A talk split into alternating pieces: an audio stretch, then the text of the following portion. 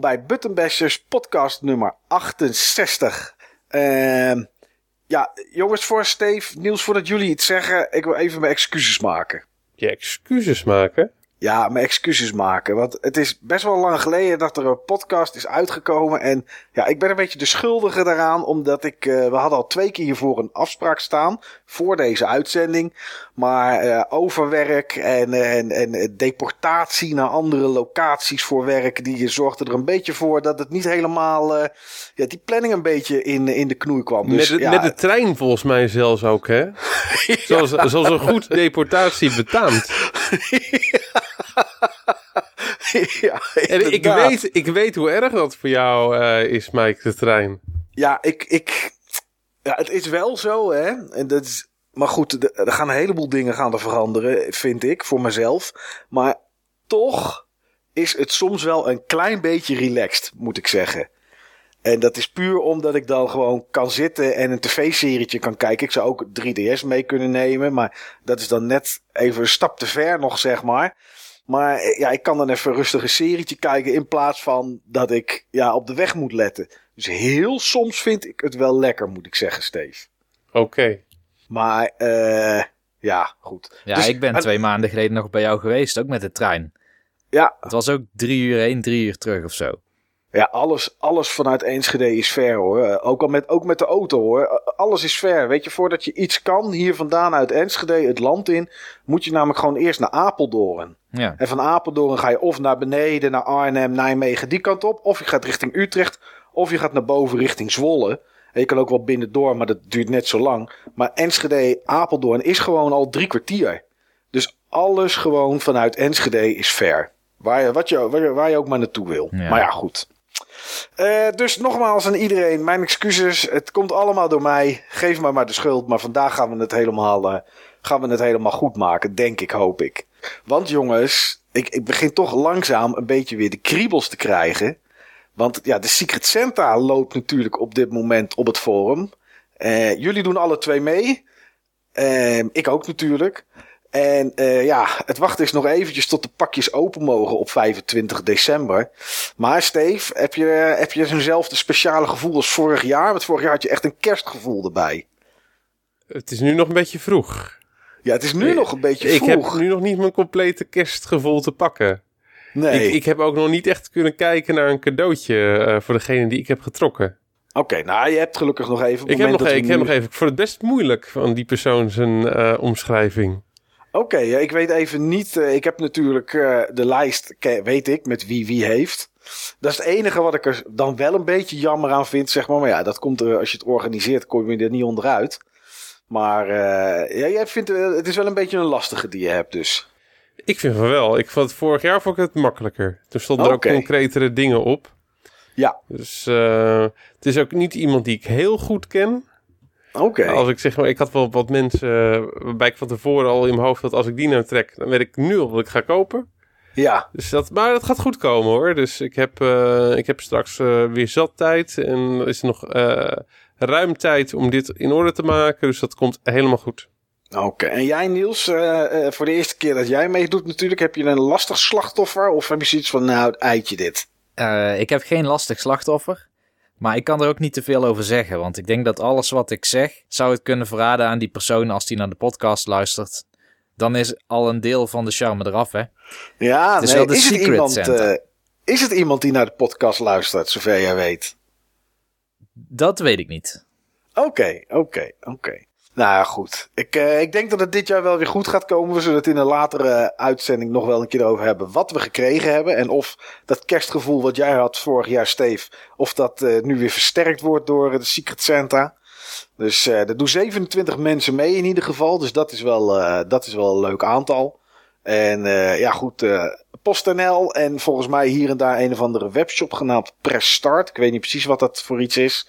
Die schijnen daar druk mee te zijn in ieder geval met uh, alles wat besteld wordt en wat rondgeleverd wordt. Dus, dus dat is wel... uh, volgend jaar door, dit, door deze actie naar de beurs te gaan. Oké, okay, oh zo. Oeh, ja. Nou, dat is niet verkeerd zeg. Ja, de, de, gamebeurs. Oh, de gamebeurs. Oh, de gamebeurs. Ja. oh ja, hun eigen gamebeurs in dit hun geval. eigen gamebeurs in dit geval, ja. Dat was inderdaad de grap. Ja, ja, oh, het valt nog een beetje slecht. Ik moet weer even inkomen, jongens. Mijn we zijn excuses. allemaal een beetje roestig. Ja, ja, ja, ja. Wat volgens mij niet roestig was, Steve, waren de oude flipperkasten in het pinballmuseum waar jullie naartoe zijn geweest. Nee, die waren in perfecte staat. Hoe is dat eh, geweest? Want ik, ik moest helaas verstek laten gaan omdat mijn dochter hier was. Nou, dat is altijd lastig. Ja. Maar ik, ja, dat is een plek. Het is in Nederland en ik, ik wilde nog steeds een keer naartoe, maar het komt er elke keer niet van. Maar jullie zijn er geweest. Ja. Je was trouwens niet de enige die je verstek moest laten gaan. We waren met een kleinere groep dan ik, ehm, dat ik verwacht had. Uiteindelijk waren jullie met negen man of tien man? We waren met negen man, waarvan het grootste deel van de dag met zeven personen. Oké, want Niels was laat. Ja. Correct. Ja.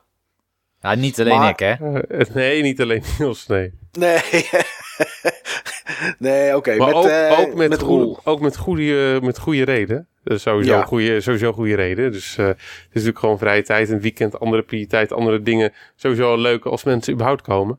Ja. Dus eh, het was heel gezellig hoor, dat wil ik eh voorop stellen. Maar op een gegeven moment hadden we zeg maar meer dan twintig inschrijvingen. Dus dan was de club wat kleiner dan ik in eerste instantie had verwacht.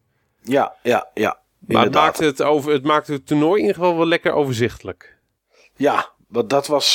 wat, wat hebben jullie voor toernooi gedaan? Met een verschillende kasten of zo, toch? Je mocht gewoon, zeg maar, samen, je kreeg gewoon zeg maar een kaartje. Waarop Ja. iedereen een nummer had. En je moest gewoon je, met je zes opponenten een afspraak maken. Ja. En dan zet je, zet je een kruisje of een vinkje, afhankelijk of je had gewonnen of verloren. Je koos gewoon samen een kast uit. Oh, dat is wel cool. Ja, dat was, eh, was wel leuk. Ik, eh, ik had drie geworden, drie verloren. Oké. En, en, en, en had je een favoriete kast waar je dan dat op speelde? Of heb je alle zes de potjes op een andere kast gespeeld? Andere kast. Eh, bewuste, bewuste keuze. Dat was, eh, was iets waar ik echt expres voor heb gezorgd. Eh, ze hebben zulke gave kasten daar. Ja, oh, nou maak me maar een beetje lekker dan. We gaan er gewoon een keer samen naartoe, Mike. Ja, dit is, ik, ik wil dat echt een keer. Daar kom, ik je dat gewoon, echt een daar keer. kom je gewoon een weekendje crashen. Gaan we allemaal toffe dingen doen. Gaan we eindelijk eens een keer al die bordspellen spelen. En dan gaan we hier naartoe. Geen gezeik. Oké, Ja, Ja, ik punt. was laat bij dit museum, maar ik heb meer pinball gespeeld dan in heel de rest van mijn leven bij elkaar. ja. Ja, perfect toch? Het, Ja. het zou ook raar zijn als je zou zeggen: Ik heb meer broodjes bal gegeten daar op, een, op Nou, die middag dan ooit. In Heb ik, bij de jou, heb, ik jou eens, bordspellendag. heb ik jou eens verteld over die bordspellendag, eh Mike? Ja, ja, ik weet dat daar hele goede broodjes bal zijn, heb Ja. ik toen gehoord van jullie. Ja, Dat klopt inderdaad, ja. Ja, die, maar, viel, die viel het de laatste keer een beetje tegen. Oh, oh, waren misschien dezelfde ballen als van die keer ervoor. maar even terug naar Pinball Museum. Wat, wat moet ik me erbij voorstellen? Is het een kleine ruimte waar, eh, waar tien kasten staan? Is het groot? Of wa- wat, hoe steekt het in elkaar? Het is precies goed. Het is een, eh, het is een loods. Ehm, het- zijn voor de mensen die het kennen, het is eh, onderdeel van de Phoenix loods in Rotterdam. Dat is een oud loodsencomplex bij Kaartendrecht. En al die loodsen hebben een hippe nieuwe functie gekregen. Oké. Het is, eh, het is een van de hipster plek- plekken binnen, eh, binnen Rotterdam. Ja. Ehm, eh, Kop van Zuid, precies tegenover eh, Hotel New York. Je gaat eh, de loopbrug die daar, ehm, die daar eh, gemaakt is twee jaar geleden, die ga je over. Eh, de Katendrecht eh, trave- traverse, in de volksmond de hoerenloper. oh, En eh, ja, dat klinkt al goed. ja. En die, die ga je over. Je staat eigenlijk precies voor dat, eh, voor dat museum. En dat museum is een en al sfeer. Oké, Dat- dus niet, het- ondanks de loods klinkt natuurlijk kaal en koud. En dan denk ik gelijk aan eh, het Bonami Museum. Maar dat is het dus niet. Nee. Nee, niets kan minder waar zijn. Oké, Het oh, is, dat is goed. eh, het is meer Awesome Space dan, eh, dan Bonami Museum. Maar Awesome Space is dan eigenlijk nog een beetje een, eh, ja, een ondoordachte, gezellige retro chaos. ja, En hier zit echt gewoon een, een hele duidelijke gedachte achter.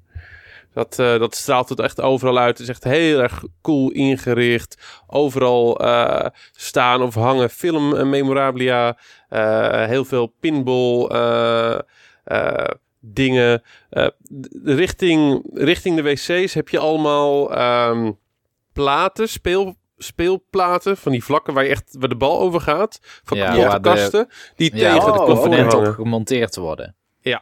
oh, ja. dat is wel gaaf. Ja, en dan hebben we het niet over een paar of zo, echt een stuk of 20, 30. Oké, Dus, dus eh, goe- echt goede aankleding dus. Ja, het is echt goed aangekleed. Het is echt goed aangekleed. Dus, ehm, het is ook echt gezellig. Twee verdiepingen Ehm, ook. Ja, twee verdiepingen. Boven staan allerlei van die hele oude kasten. Ja. Oké, Die dan niet van Williams zijn, maar van, eh, hoe heet dat andere ook weer? Bailey. Ja, maar je had er nog eentje. Eh, Sega eh, had je ook die kasten maakte. En, eh, Die documentaire gaat over Williams. Ja, die gaat over Williams. Maar daar hebben ze wel een- iets, opge En, iets opgekocht. Ja, en ze hebben het ook Stern. over een concurrent. Nou ja, maakt niet uit.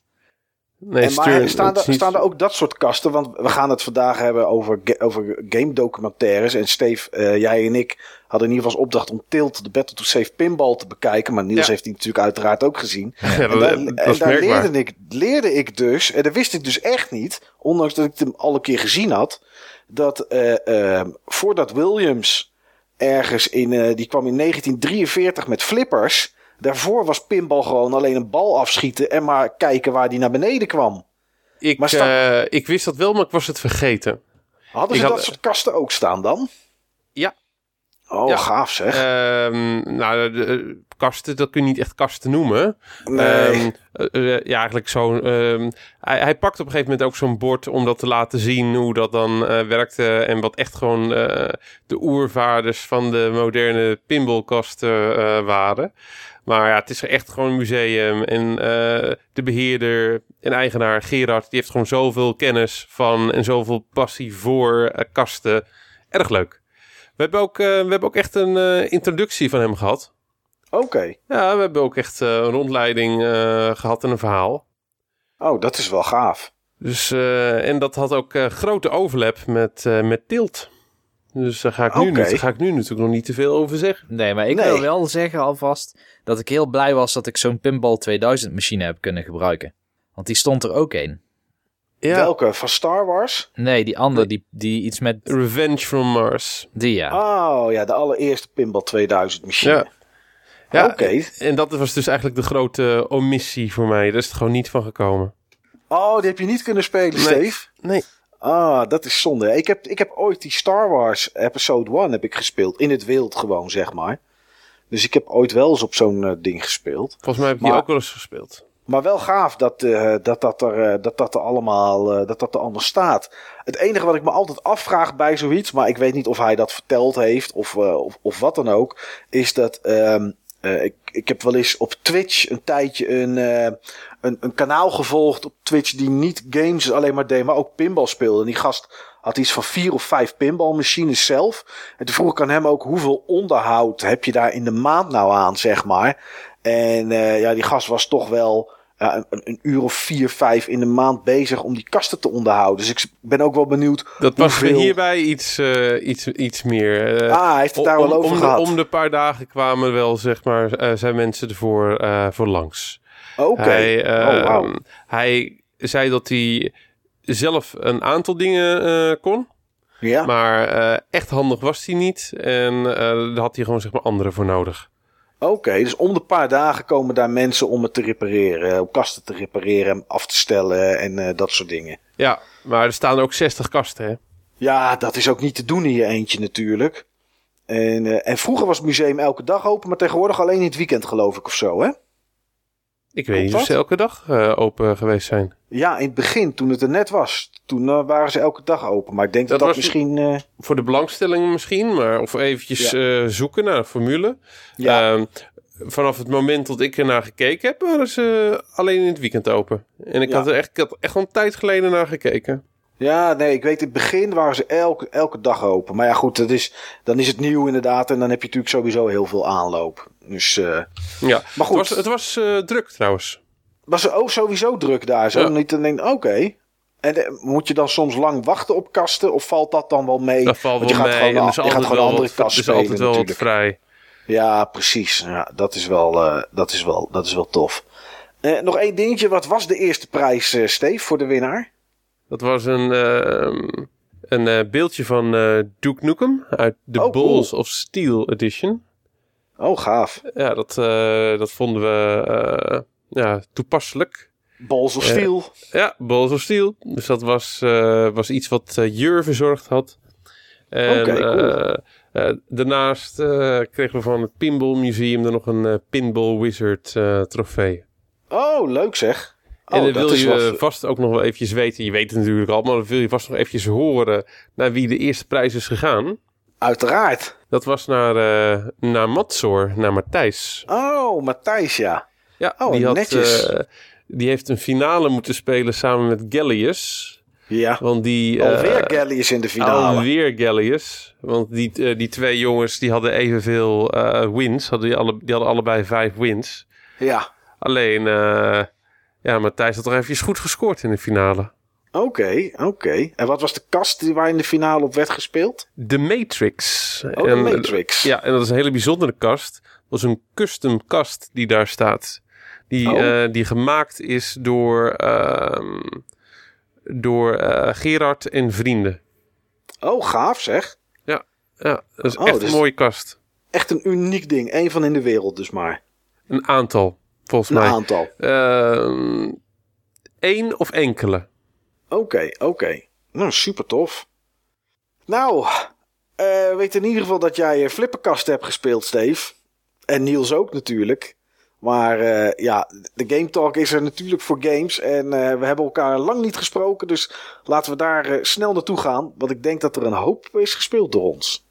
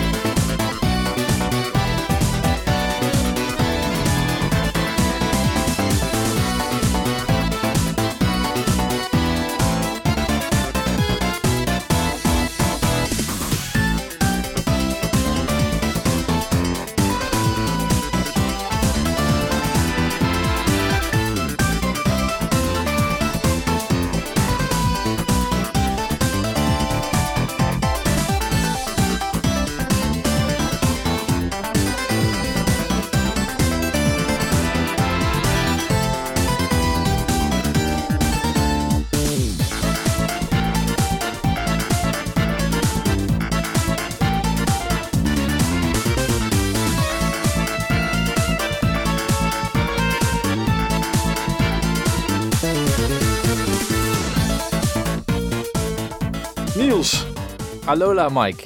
Alola. ja, Alola, Alola. Niels. Ja, ik weet niet of we het daarover moeten gaan hebben nu al. Maar eh, ik denk dat jij ook Youngster Joey al eh, verslagen hebt, hè? Ehm, ik, moet, ik heb wel Youngster Jimmy ben ik tegengekomen. Ja, Joey ook. Die staat nog helemaal in het begin bij die school. Uh, Heb dan, af. heb ik die, dan heb ik die eh, verslagen. Maar goed, eh, ja, Niels heeft het over Pokémon Moon of Sun. Ja. Jij hebt Moon, geloof ik, Niels? Ik heb Moon, ja. Ja, ja, ik heb ook Moon. En ja, ik heb er nu pas, want ik heb hem sinds eergisteren. En ik heb gisteren eigenlijk pas, heb ik echt ouderwets op de bank met heel veel kussens en een dekentje. En een glaasje drinken en een bakje chips. heb ik Pokémon op de bank liggen spelen. Maar ik heb er nu pas anderhalf uur in zitten, moet ik zeggen. Dus je ja, gaat misschien. er zo voor zitten. En dan ga je maar anderhalf uur spelen. Eh, ja, want om eh tien uur moest ik een andere game gaan spelen, verplicht. Dus ik, ik, ik had maar heel even. En dit is, ja, we zitten nu op 26 november met opnemen. En ik heb volgende week surprise gedoe. En ik heb nog helemaal niets gedaan. Dus ik moet deze week, waarin ik geloof ik drie avonden maar heb, nog surprise maken. Dus het komt een beetje rot uit. Ja. Het komt een beetje rot uit. Maar ik weet niet hoeveel tijd jij er inmiddels in hebt zitten. Ik heb 2,5 uur pas erin zitten. Ja, dan moeten we die misschien bewaren voor een volgende keer. Maar Mike, Ja. hoe kwam dit nou? Ah, ja. Jij en dit- Pokémon. Ja, ik en Pokémon. Eh, ja, ik wil dit eigenlijk bewaren voor het jaaroverzicht. Om, om, omdat ik ehm, eh, voor mezelf een, een voornemen heb gemaakt. En eh, voornemen is niet om alle Pokémon games te gaan spelen. Dat is het niet. Want ik heb nooit, ondanks dat ik een aversie had tegen Pokémon Go. eh, heb ik niet voor de rest een aversie tegen Pokémon. Alleen, ik, ja, ik heb ooit Red gespeeld, of Blue misschien, of Yellow. Een van die drie, drie eerste. Ehm, en daarna eigenlijk nooit meer. Maar dat, ja, het kwam er gewoon, zeg maar, niet van. En ehm, ik heb de laatste tijd eh, een aantal games gespeeld. Eh, Gears of War 4 heb ik gespeeld, samen met, met Niels. Ehm, ik heb Watch Dogs 2 heb ik een tijd zitten spelen. Ik heb Mafia 3 heb ik even gespeeld. Ehm, en ik ben eigenlijk een beetje helemaal klaar met de default AAA games. En dat komt omdat... Oh ja, logisch dat je een Pokémon gaat spelen. Nou, ik vind Pokémon niet een default AAA game. En het woordje default is denk ik waar het hem, waar het hem hierin zit. Ja. Ehm, als ik kijk naar wat ik het afgelopen jaar heb gespeeld, eh, bijvoorbeeld eh, Tomb Raider, dan maak, de, eerste moest ik nog spelen, heb ik een stukje zitten spelen. Ik heb Deus Ex gespeeld, ik heb dan Mafia gespeeld, ik heb Gears of War 4 gespeeld, ik heb Watch Dogs, heb ik net al gezegd, of Mafia, die heb ik gespeeld. Ik heb Uncharted 4 heb ik gespeeld. En eigenlijk zijn al die games allemaal hetzelfde. Het is allemaal dezelfde meuk die je aan het spelen bent. Dan was Gears of War heel erg goed. Maar het is allemaal dezelfde meuk. Achter een muurtje zitten, een beetje schuilen, een beetje schieten. Eh, en bij Deus Ex kan je dan nog een beetje stealth doen of hacken. En bij Watch Dogs kan je dan ook een beetje hacken. Maar het is allemaal hetzelfde wat ik aan het doen ben. Echt allemaal hetzelfde. En ik ben daar eigenlijk gewoon een beetje klaar mee. Ik merk gewoon dat dat soort games boeien me een anderhalf, twee uur. Dus het is, ik vind ja, voor mezelf schouderklopje dat ik negen uur Watch Dogs 2 heb gespeeld. Ehm, maar het is allemaal hetzelfde. En dan kijk ik naar volgend jaar wat er uitkomt. Dan kijk ik naar eh, Scalebound. Ben ik bang dat het ook een beetje hetzelfde iets gaat zijn. Ik kijk dan naar ehm de nieuwe God of War. Die is, ik, ja, ik weet niet wat daarin gaat gebeuren. Maar goed, daar twijfel ik nog een beetje over. Horizon Zero Dawn. Ook Is zo'n soort game. Zo'n soort inderdaad. game. Het, Ja. het is allemaal hetzelfde. En ik vind het niet erg om in een jaar één of twee games te spelen die heel goed zijn. Net zoals Gears of War 4. Dat, die was echt heel goed. Maar Ja. als er dan omheen zoveel andere titels zitten die allemaal een beetje hetzelfde doen. Ja, weet je, dan, dan ben ik er eigenlijk wel een beetje klaar mee. En dat, en dat verpest best wel een hoop plezier om dat soort games eh, te gaan spelen. Ehm Ja, dan moet je gewoon inderdaad af en toe iets radicaal anders gaan spelen. nou, ik denk meer radicaal anders en heel af en toe eh, Ja. dat, soort standaard, dat soort standaard games. Ik heb ook eh, ehm, Infinite Warfare, Call of Duty, heel even gedaan. Ja, ga je ook achter een muurtje staan om te schuilen en dan ga je schieten en dan weer schuilen, want anders ga je dood. Ja, het is een first-person shooter, maar het, het komt allemaal eigenlijk een beetje op hetzelfde neer wat ik aan het doen ben. Dus ik, ik ben eigenlijk naar andere soorten games aan het kijken op dit moment. En dat wil ik ook volgend jaar blijven doen. En eh, nou goed. eh, ik heb bijvoorbeeld twee of drie weken geleden heb ik de Forza Horizon 3 demo even gedownload op PC. En ik hou helemaal niet van race games, behalve als het zoiets als Mario Kart. En ik ben er ook eigenlijk niet echt goed in. Maar die demo kon je nou, misschien een uurtje, anderhalf uur spelen of zo. Misschien iets langer. Ik heb dat echt met heel veel plezier zitten doen. Eh Inside heb ik laatst gespeeld en uitgespeeld in één ruk. Eh, toch even weer een ander soort game. Heb ik me prima mee vermaakt. En ja, goed. Dan zit nu te kijken naar wat er nu allemaal uitkomt en, en is. Eh, en daarvoor heb ik Dishonored 2 bijvoorbeeld gedacht van... Nou weet je, dat komt later wel. Is ook met een beetje cover nemen en schieten of, of soort krachten uitoefenen op tegenstanders. Het, het, het komt voor mij allemaal op hetzelfde neer. Ik heb zelfs zitten kijken de afgelopen week of twee weken om Stardew Valley te kopen. Nou, dat is echt heel wat anders. Dat is, dat is een soort eh, Harvest Moon. Ja. Maar ja, ik wil gewoon iets anders doen dan die standaard default AAA meuk, zeg maar, die ik de afgelopen jaren allemaal gedaan heb. Dus eh, ja, vandaar dat ik dacht van oké, ik wil een ander soort game. Eh, ja, ik ga gewoon Pokémon Moon kopen. Dus dat is de reden dat ik hem gekocht heb. Oké. Ja, dat, eh, het, is een, het is zeker een heel ander soort game. Ja, En eh, van de hele korte indruk van 2,5 uur die ik ervan heb gemaakt, is het ook echt een hele goede uit de serie. Nee, ik lees het ook bij ons op het forum. Uh, reviews heb ik het zien staan. Daar heb ik wel even op gewacht. ik, ja, ik zie mensen zeggen dat dit de beste Pokémon game is die ze ooit gemaakt hebben. Dus uh, ja, ik ben blij dat ik, dat ik deze zeg maar uh, instap, om het maar zo te noemen.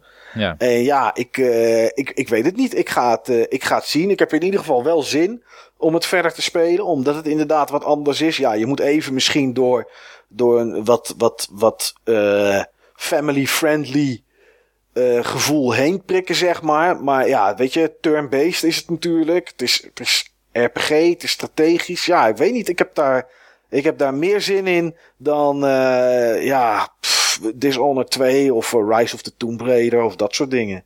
Ja, een paar dingen die nu meteen opvallen is. Ten eerste die nieuwe camerastand.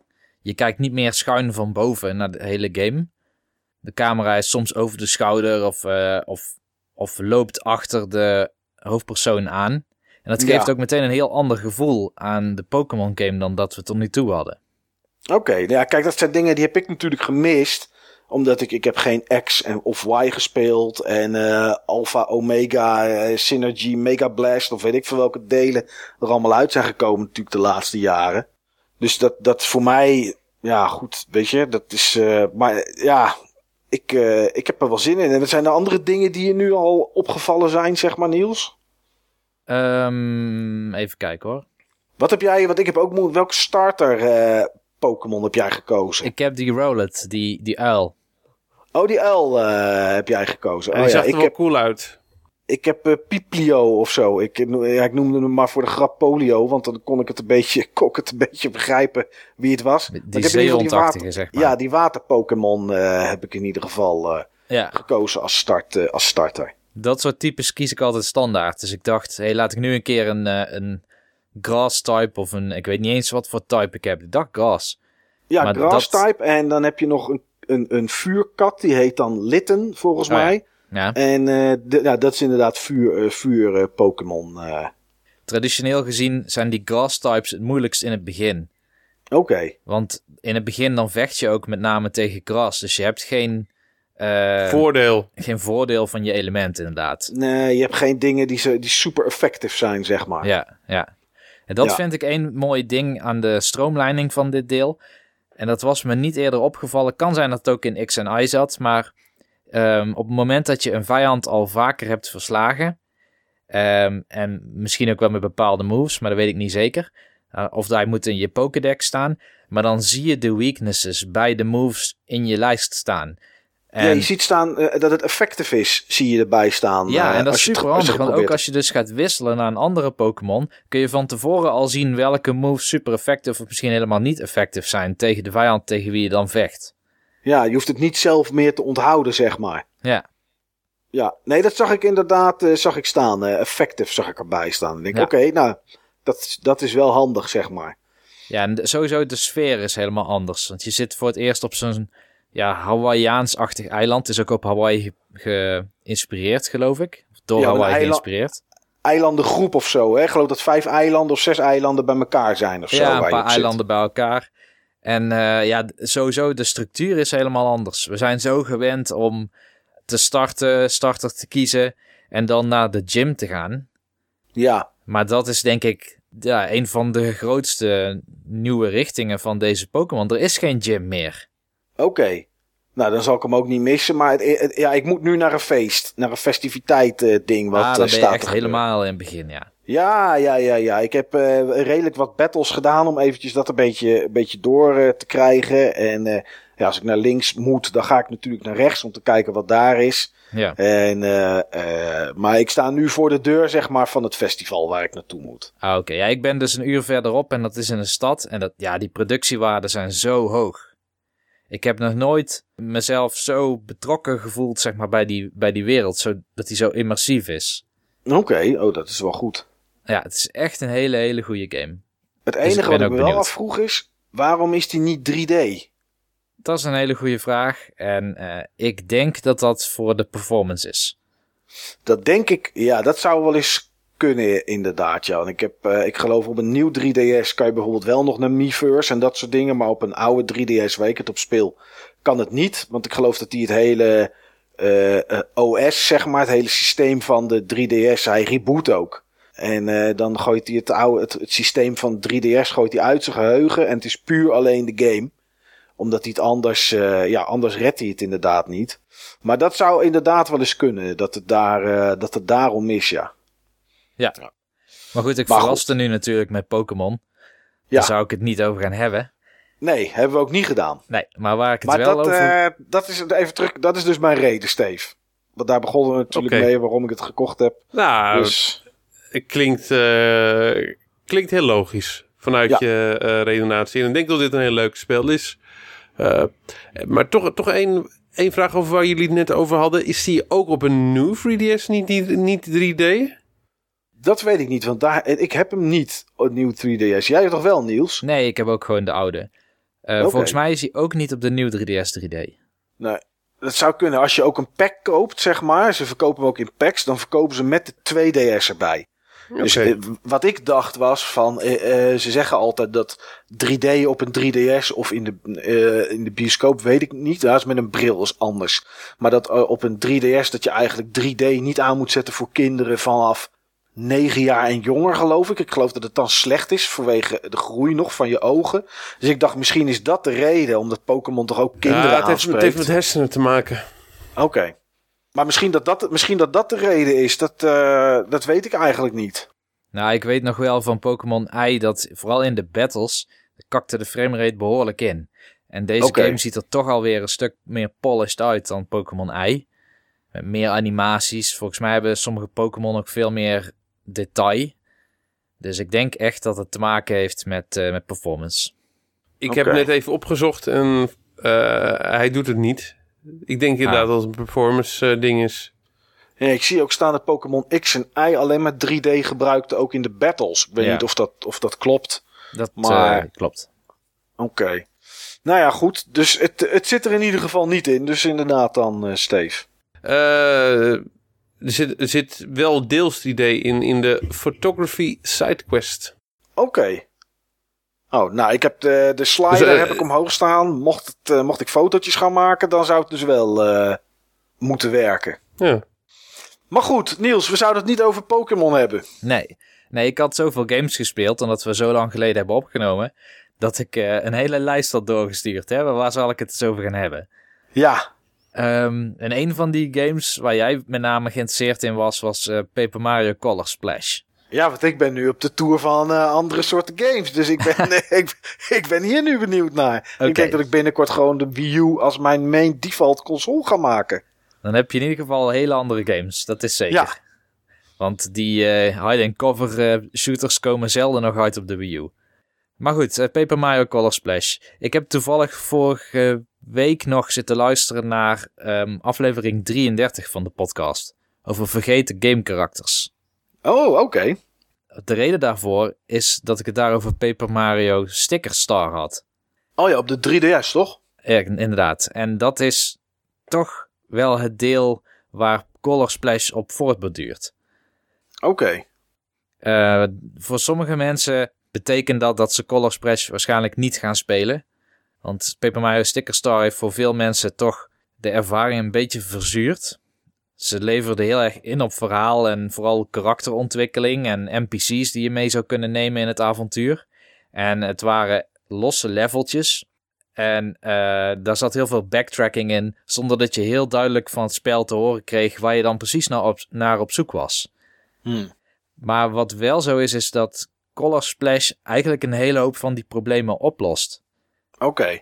Er zit heel veel verhaal in dit deel. Het is ook een hele lange game trouwens. Ik zit nu op 18 uur. Ik ben iets over de helft. Dus het, eh, ik vermoed dat het toch zeker over de 30 uur gaat duren voordat ik het spel echt heb uitgespeeld. Maar ehm, iets wat heel erg opvalt is dat dat verhaal dat we gewend zijn bijvoorbeeld van de Thousand Year Door, dat zit hier weer wel in. Er zit meer structuur in, er zit een soort overkoepelend verhaal in, maar ook elk level los heeft ook een verhaal. Het is dus nog steeds verschillende levels waar je op een world map naartoe loopt. Maar in plaats van dat het gewoon generiek level 1.1 is en level 1.2, hebben alle levels nu wel namen. En ehm, elk level heeft een, een mini-verhaal en een soort uitdaging. En daar probeer je iets in op te lossen. Oké. De eerste vraag die eigenlijk op mijn lip is, eh, ligt is, is het leuk? Het is zeker leuk. Het is, Maar, eh, nou, er zitten een paar lastige dingetjes aan deze Paper Mario. Eh een van de dingen is, als je nog steeds vasthoudt aan wat Paper Mario ooit was, vooral die eerste twee delen, ja. dan denk ik dat je jezelf niet makkelijk gaat vinden in het battlesysteem van deze. Want net als in Sticker Star is het niet zo dat je een, een move selecteert uit een lijst, zoals we gewend zijn van, van Paper Mario, Mario en Luigi games. Ja. Maar je hebt een, een sticker in een soort album op je gamepad. En die kun je maximaal 100 bij je hebben. Tenminste, waar ik nu ben, kan ik er maximaal 100 bij me hebben. 100 verschillende stickers? Of is het eh, van elke of 100 stickers in totaal? Dus dat je van één ook meerdere kan bij je hebben. In totaal. Oké. Er zijn heel erg veel verschillende stickers. Bijna elke vijandtype is ook een sticker op zichzelf. Maar ehm, ja, het idee is dat je een, een aantal stickers in je collectie opneemt die je denkt veel te gaan gebruiken in de toekomst. Ja. En die stickers die kun je kopen in een winkeltje of je verdient ze als je een vijand van een bepaald type eh, verslaat of ze komen uit vraagtekens. Er is geen tekort aan die stickers in ieder geval. En mocht je echt een tekort hebben aan stickers, dan kun je tijdens de battle ook nog met een soort roulettewiel een random sticker krijgen. Oké. Maar het nadeel van die battles is dat je eigenlijk niet echt iets te winnen hebt. Je krijgt geld waarmee je misschien nieuwe stickers kan kopen. Je verf vult aan. Dat is de, ja, de gimmick van, van deze Paper Mario. Je hebt een hamer en die kan ook verf splashen op de wereld. En zo kun je weer delen inkleuren. Een soort Splatoon. Ja, een beetje een hele light Splatoon inderdaad. Het hele thema van deze Paper Mario is ook dat Bowser en de Koopalings en de minions die in dit geval de Shy Guys van Super Mario Bros. 2 zijn, dat die kleur aan het stelen zijn uit de wereld. En er is een of andere fontein, een kleurfontein. En daar moet je zes kleursterren voor verzamelen, zodat alle kleur weer terug kan komen. En ondertussen verf je stukjes wereld. En soms doe je dat omdat er dan iets verschijnt. Soms doe je dat omdat je dan weer iets activeert. Of een karakter, een toad of zo. Die helemaal wit is. Op het moment dat je die weer inkleurt, dan, eh, dan, dan doet hij het weer. Dan praat hij ook weer. Maar ehm, Klinkt niet heel erg origineel, moet ik zeggen. Er zijn echt heel veel games die dit soort dingen... Ik denk gelijk aan Epic Mickey bijvoorbeeld. Ja, maar het is heel erg als Epic Mickey. Oké. Ik denk dat dat een hele goede vergelijking is. Tenminste voor dat verfgedeelte. Maar het is echt een bijding, dat verven. Dat is niet de hoofdzaak. Eigenlijk is bijna niks de hoofdzaak in Paper Mario eh, Color Splash. En dat maakt het denk ik ook dat niet iedereen zich kan, zal kunnen vinden in eh, wat Paper Mario geworden is. Dus je hebt het verven, wat je Mhm. eh, in heel veel gevallen optioneel kan doen. Je hebt het vechten, wat je eigenlijk ook in heel veel gevallen optioneel kan doen. Want het enige waar je mee opschiet is dat je misschien een sticker krijgt. Je krijgt geld waarmee je roulette of zo zou kunnen doen of nieuwe stickers kan kopen. En je krijgt, ehm, ja, ik denk dat het kwastjes zijn of zo. En daarmee kun je meer verf in je container straks hebben. Dus dat is het enige wat je levelt, zeg maar. Hoeveel verf je mee kan nemen. Maar als dat optioneel is, die gevechten... Wat, wat is er dan nodig om progressie te maken in de game? Nou, dat is denk ik het, het grote. Dat is denk ik de grote vernieuwing van deze Paper Mario. Je moet het niet meer zien als een RPG. Waarin ze een verhaal hebben wat je, waar, wat je meemaakt. En waarin je je karakter ontwikkelt. Zodat je de uitdaging aan kan gaan. Maar het is eigenlijk meer een soort adventure.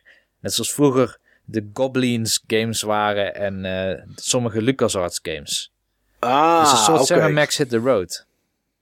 Ja, ja, ja, ja, ja. Die Goblin games waar- die, je- die, je- die je omschrijft, daar heb ik dan wel een beeld bij, zeg maar. Je komt in een level en je moet een soort puzzel iets oplossen om door het level heen te komen.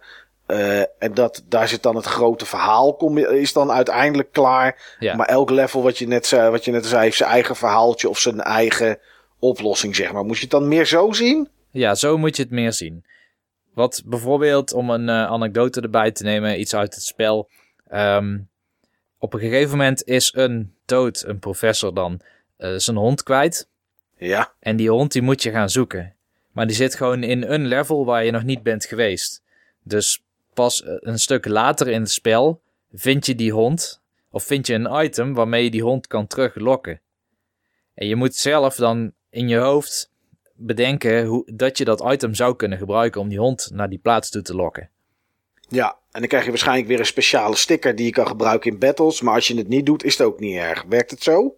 Nou, die hond die moet je volgens mij uiteindelijk wel hebben voor het verhaal. Oké. Maar het is heel vaak dat je een, een sticker hebt. Die stop je in je inventory. En dat is eigenlijk hetzelfde als bij LucasArts Adventures. Dat je items in je inventory had. Ja. Want die items moet je dan weer ergens anders in het spel toepassen om iets voor elkaar te krijgen. Ja, precies. En wat het dan voor mij in ieder geval fris houdt, deze Paper Mario, is dat elk level wel een ander type uitdaging biedt. En eh, niet alle levels gaan over het vinden van de ster door je een weg door het level heen te banen of zo. En door schakelaars of zo te activeren. Maar ehm, er was ook een level en daar zit je in een hotel. En dat hotel is, ja, daar zitten spoken in. En die spoken die moet je vinden. En je moet uitvinden waarom die spoken eh, er een rotzooitje van maken en de situatie oplossen. En dan krijg je ook een verfster. En later in het spel waar ik geweest ben, dan ga je met een piratenboot mee. En je moet stukjes uit ehm, het logboek van een legendarische oude kapitein moet je vinden. LeChuck? Het, het soort LeChuck, maar het is weer een dood natuurlijk. ja. En eh, je vindt dan een stuk of vijf van die, van die notes van het logboek. En die beschrijven dan ook hoe je naar een bepaald eiland komt. En, Ah, oké. en dat moet je dus ook doen wanneer je op die boot zit. En dan ben je eigenlijk weer meer met kanonnen aan het schieten. En de boot op tijd een kant aan het, in aan het sturen. Dus dan heb je een hele andere core gameplay dan, eh, dan dat je verwacht vanaf het begin van het spel. Ja, zo klinkt het ook wel inderdaad. Alsof ze overal wat vandaan hebben. Want als je het hebt over boten en kanonnen schieten, dan denk ik aan, eh, aan Assassin's Creed Black Flag. Ja, Eh, maar als je het hebt over, eh, eh, ja, over items verzamelen, dan denk je inderdaad aan Avengers, welke dat dan ook mogen zijn. ja het voelt hoofdzakelijk dus als een adventure. Oké. En tussendoor had ik, want het is een vrij lange game zoals ik al zei. Tussendoor heb ik Tearaway Unfolded nog gespeeld. Daar heb jij het Ja. ook over gehad een tijdje terug. Ja. En dat was ook echt een hele erg goede game. Ja. Hij was heel goed. Ik vind hem minder leuk dan Paper Mario. Vind hem vooral heel creatief en goed. En het spel blijft je verbazen met wat ze allemaal kunnen verzinnen met papier in de game. Zeker. En Ja. ik heb ook zo'n zo'n camera hè, voor de PlayStation. Dus dan Ja. zit je zelf ook in de game. Je zit dan in de zon. Ja, dat klopt inderdaad, ja. Maar eh, vooral richting het einde wordt het eh, echt heel interessant wat ze allemaal hebben kunnen verzinnen. En echt wel een spraakmakende game wat mij betreft. Maar ik had wel gedurende het hele spel van wanneer eindigt het nou eindelijk? Terwijl Ja. het een vrij korte game is. Ja, ik heb hem nooit uitgespeeld. Ik weet ook niet waar ik precies meer ben. Dus echt eh, een jaar of misschien nog wel langer geleden met Tearaway dan. Ja. Maar eh, eh, ja, ik ken dat gevoel. Dat had ik laatst bij eh, Brothers, wat ik toen vertelde, Tale of Oh ja. Two Sons. Ondanks dat die game maar vier uur duurt, of eh, vijf uurtjes, had ik daar ook inderdaad halverwege van, ja, weet je, het mag, mag nu best wel afgelopen zijn. Ja. En dat vond ik heel erg raar, want het is een vrij narratieve platformer. Ja. Ja, het, het gaat echt aan één stuk door. Ik vond het een beetje journey-achtig qua structuur misschien ook wel. Dat je toch door een hele, een soort hele reis doormaakt door een grotere wereld. Ja, Ehm, maar misschien is dat wel hetgene waar ik op een gegeven moment een beetje moe van werd. Want de Vita-versie is iets eh, compacter. En letterlijk, er zit wat minder content in, maar dat zorgde er wel voor dat de pacing van de game heel goed en natuurlijk aanvoelde. Je voelt toch dat de PlayStation 4 versie, dat ze daar iets extra's in moesten doen, wat er eigenlijk niet in thuis hoort en wat tijd rekt. Ja, gewoon puur het verlengen van. Ja, Ja, maar het- zonder meer, vooral het einde, er zit echt wel een heel sterk einde in. oké. Ja. En het wordt veel creatiever nog dan dat het begin van het spel laat zien. Ik vond het wel een beetje een wazig verhaal. Ondanks dat het wel zoiets is van er zit een scheur in de, in de, in, in de hemel of zo. En daar eh, komt de, ja, een soort kleurloos papier of zo geloof ik uit. Ik weet het echt niet meer. Een soort kranten iets. En dat moet allemaal weg Ja. om weer kleur aan de wereld te geven. Eh, maar hele Hey, vaag. kleur aan de wereld geven. Ja, nou ja, toen je het er net over had, moest ik er ook aan denken inderdaad.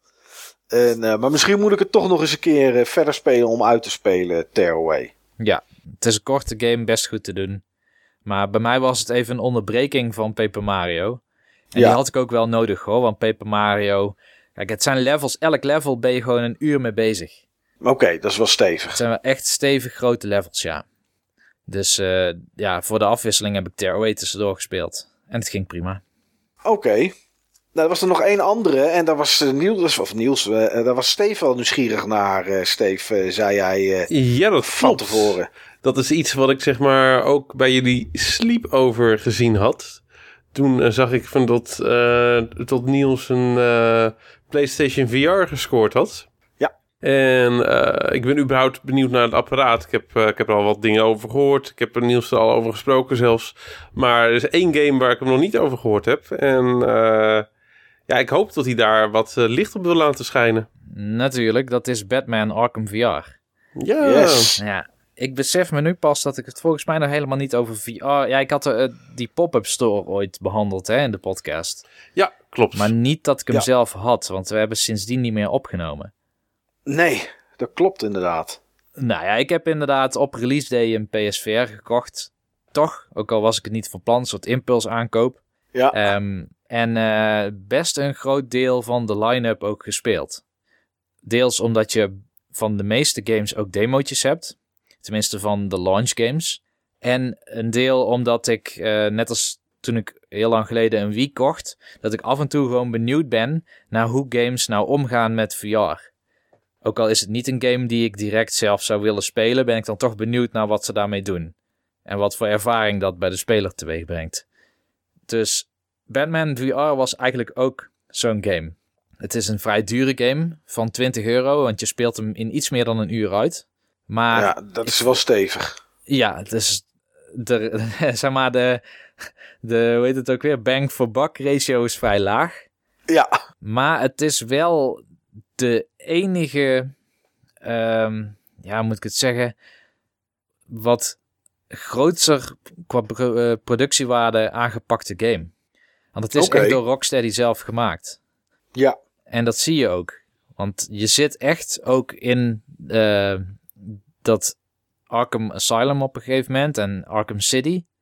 In eh, omgevingen die ook in de normale games hebben kunnen zitten. Ik denk niet dat ze eruit gehaald zijn, want ze moeten wel gedownscaled worden voor VR.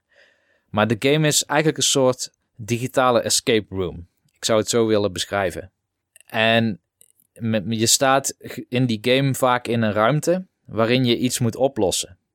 Bijvoorbeeld ergens halverwege het spel ben je in een mortuarium. En eh, je wilt daar wat lijken onderzoeken. Alleen één lijk kun je niet bij, want die zit in, in een soort kast en die kast zit op slot. Dus dan moet je de sleutel vinden, maar die sleutel die zit in een kluis. En daarvan moet je de code weer achterhalen. En je moet dus goed rondkijken in je omgeving om achter, erachter te komen wat dan die code zou moeten zijn. Heeft iemand van jullie ooit een escape room gedaan trouwens? nee, nog nooit. Eh, ik ook niet. Het lijkt me wel heel leuk. Ja. En ik heb wel ooit een keer Escape Room The Game gespeeld.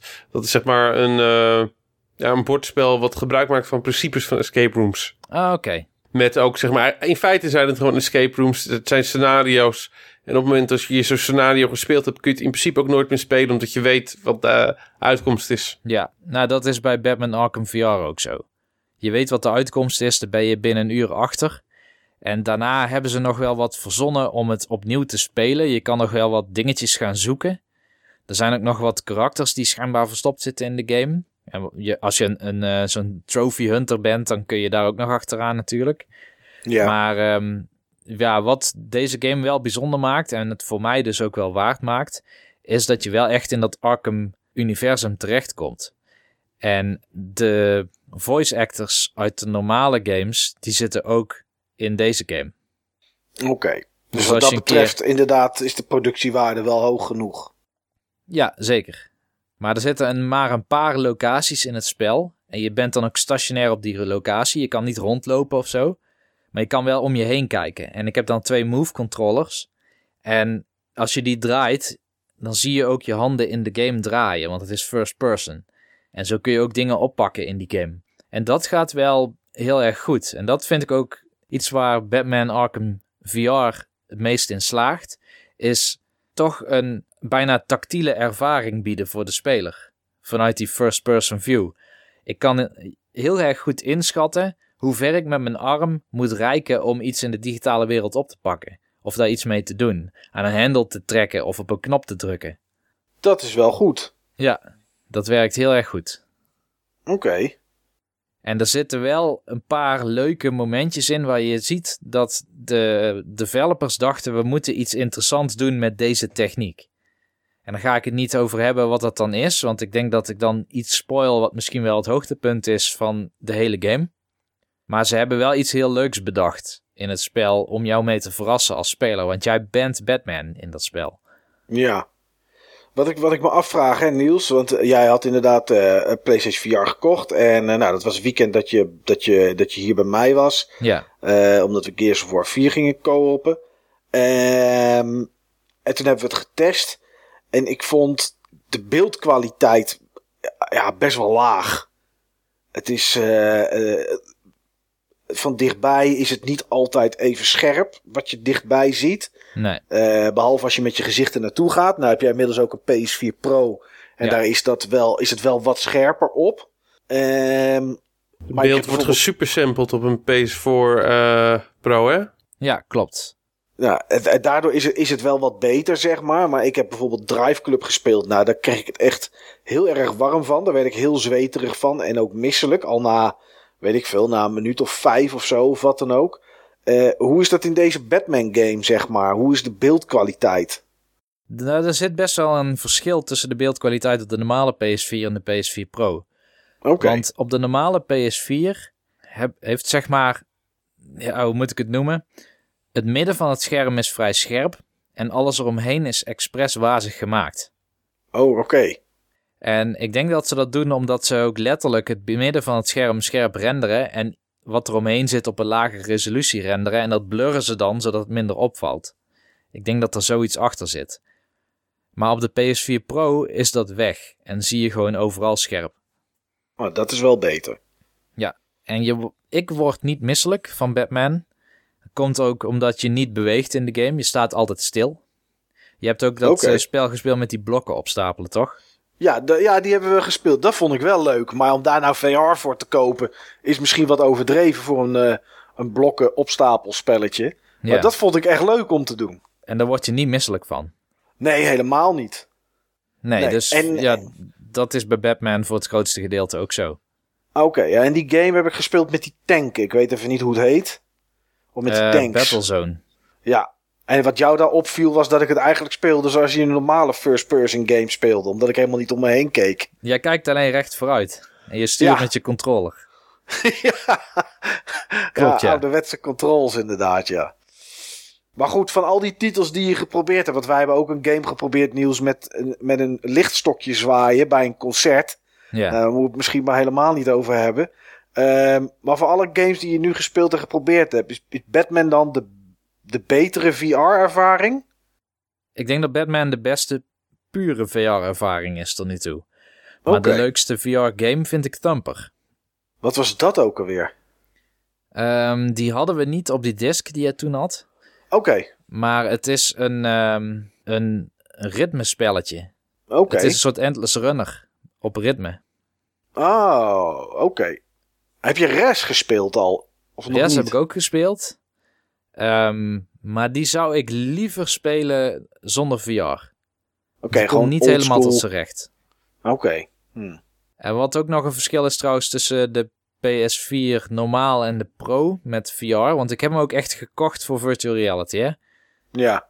Ehm, ik had natuurlijk de PSVR gekocht en eh, ik had bij jou uitvoerig gespeeld. Ik heb thuis nog even gesetupt en daarna heb ik hem twee weken niet aangeraakt. En toen heb ik hem weer eens aangesloten. En op een gegeven moment wilde ik iets meer eruit halen. Want ik heb toch steeds het idee dat de games wel gemaakt worden zodat ze draaien op de normale PS4. Maar ehm, dat het toch iets beter moest. Ja, om mij geïnteresseerd te houden in, Ja. eh, in de technologie. En eigenlijk is dat een hele stomme gedachte. Want ik stond vandaag nog met Emiel Kampen te praten van GameKings. En hij is ook eh, best wel fan van eh, de PSVR. Alleen hij koopt expres geen Pro. Want hij vindt dat het daar niet over moet gaan, over die beeldkwaliteit. Maar dat het om de ervaring moet gaan van de game. En dat snap ik heel erg goed. Want op het moment dat ik bijvoorbeeld ehm, eh, Batman speel op de normale PS4 en ik heb dan die wazige randjes. Ja. En daarna speel ik op de Pro en dan zijn die randjes weg. Dan ben ik meer bezig met, oh moet je kijken, nu zijn de randjes wel scherp, dan met het spelen van de game. ja, maar is dat niet alleen in het begin? Want ik ja, bedoel, misschien. Op het moment dat je, dat, je- dat je virtual reality op je hoofd hebt, is het de bedoeling natuurlijk deels dat je echt in die wereld zit. Dat is het gevoel wat ze je moeten geven. En dat kan ik meer hebben als alles scherp is, zoals ik dat nu ook om me heen zie, dan dat ik alleen recht naar voren kijk en mijn monitor op een bepaalde plek scherp zie en alles eromheen wazig. Dat voelt voor mij. Het lijkt mij toch ook dat, dat dat een natuurlijkere ervaring oplevert. Totdat Ja. je er gewoon meer in zou moeten zuigen. Ja, ik denk in de praktijk dat het maar heel genuanceerd is. hmm, Dat het voor de meeste gebruikers niet zal uitmaken. Ik denk vooral mensen die een Vive gewend zijn. Ja, daar komt een PS4 Pro met PSVR ook niet echt bij in de buurt. Nee, maar mijn wereld, als ik nu naar voren kijk, is aan de zijkanten. Is, ja, goed, weet je, je focust, als je ergens naar kijkt, focus je op één punt natuurlijk. Dus dat daar omheen zie je misschien wat minder scherp. Ja. Maar, ehm, Nou, maar zo Als- ga je het ook spelen dan, hè, Batman. Je gaat dan ook je hoofd meer bewegen om ergens naar te kijken. In plaats van dat je alleen met je, je, ogen. Precies. Maar ja, dan moet ik dus, omdat de PSVR het op die manier aan mij eh, presenteert, moet ik mijn, mijn manier van kijken aan gaan passen, zeg maar. Kijk, als ik nu naar links kijk, dan doe ik dat gewoon met mijn ogen. Omdat, ja, weet je, hoef ik, hoef ik heel mijn hoofd niet te draaien. Het is toch een soort automatisme. Maar dan kan je wel zeggen van ja, ik, ik ga niet voor een pro, net zoals Emiel Kampen dat dan zeg maar doet. Omdat hij vindt dat het niet over de beeldkwaliteit moet gaan, maar over de beleving. Maar voor mij is juist de beleving, als ik naar links kijk met mijn ogen, dat ik het net zo scherp zie als recht vooruit, zeg maar. Ja, maar zo groot is het verschil ook weer niet, hè? Want ik weet niet of je nog herinnert, maar eh, het is niet alsof je echt helemaal in die wereld zit. Want Nee. de bril heeft een soort duikbril-effect. Klopt, er zit een zwarte rand omheen. Ja. Ja, dat is zo. Maar ja, goed, in een duikbril als ik naar links en naar rechts kijk, zie ik ook alles even goed, zeg maar. Dus ja, ja ik vind dat wel een, een lastige. Maar het is wel goed om te weten. Ah, Steve, Ja, wat heb je gespeeld, vriend? ik heb iets gespeeld. Ik heb iets gespeeld wat zo hardcore is. En eh, zo methodisch. Ehm, dat het zeg maar al jullie ervaringen met, eh, met Bloodborne, met, ehm, Dark Souls. met Dark Souls laat verbleken. Oh, Ik heb de- Cooking, Cooking Mama. Ik heb de oervader van dat genre gespeeld. De oervader. De oervader. Legendary X of zo. Nee, nee, nee, nee. Nee, nee, nee. Veel meer hardcore dan Legendary X. Oh.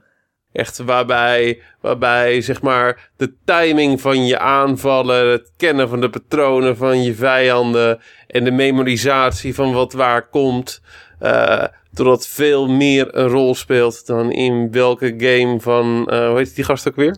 From Software. Dan in welke game van From, From Software dan ook.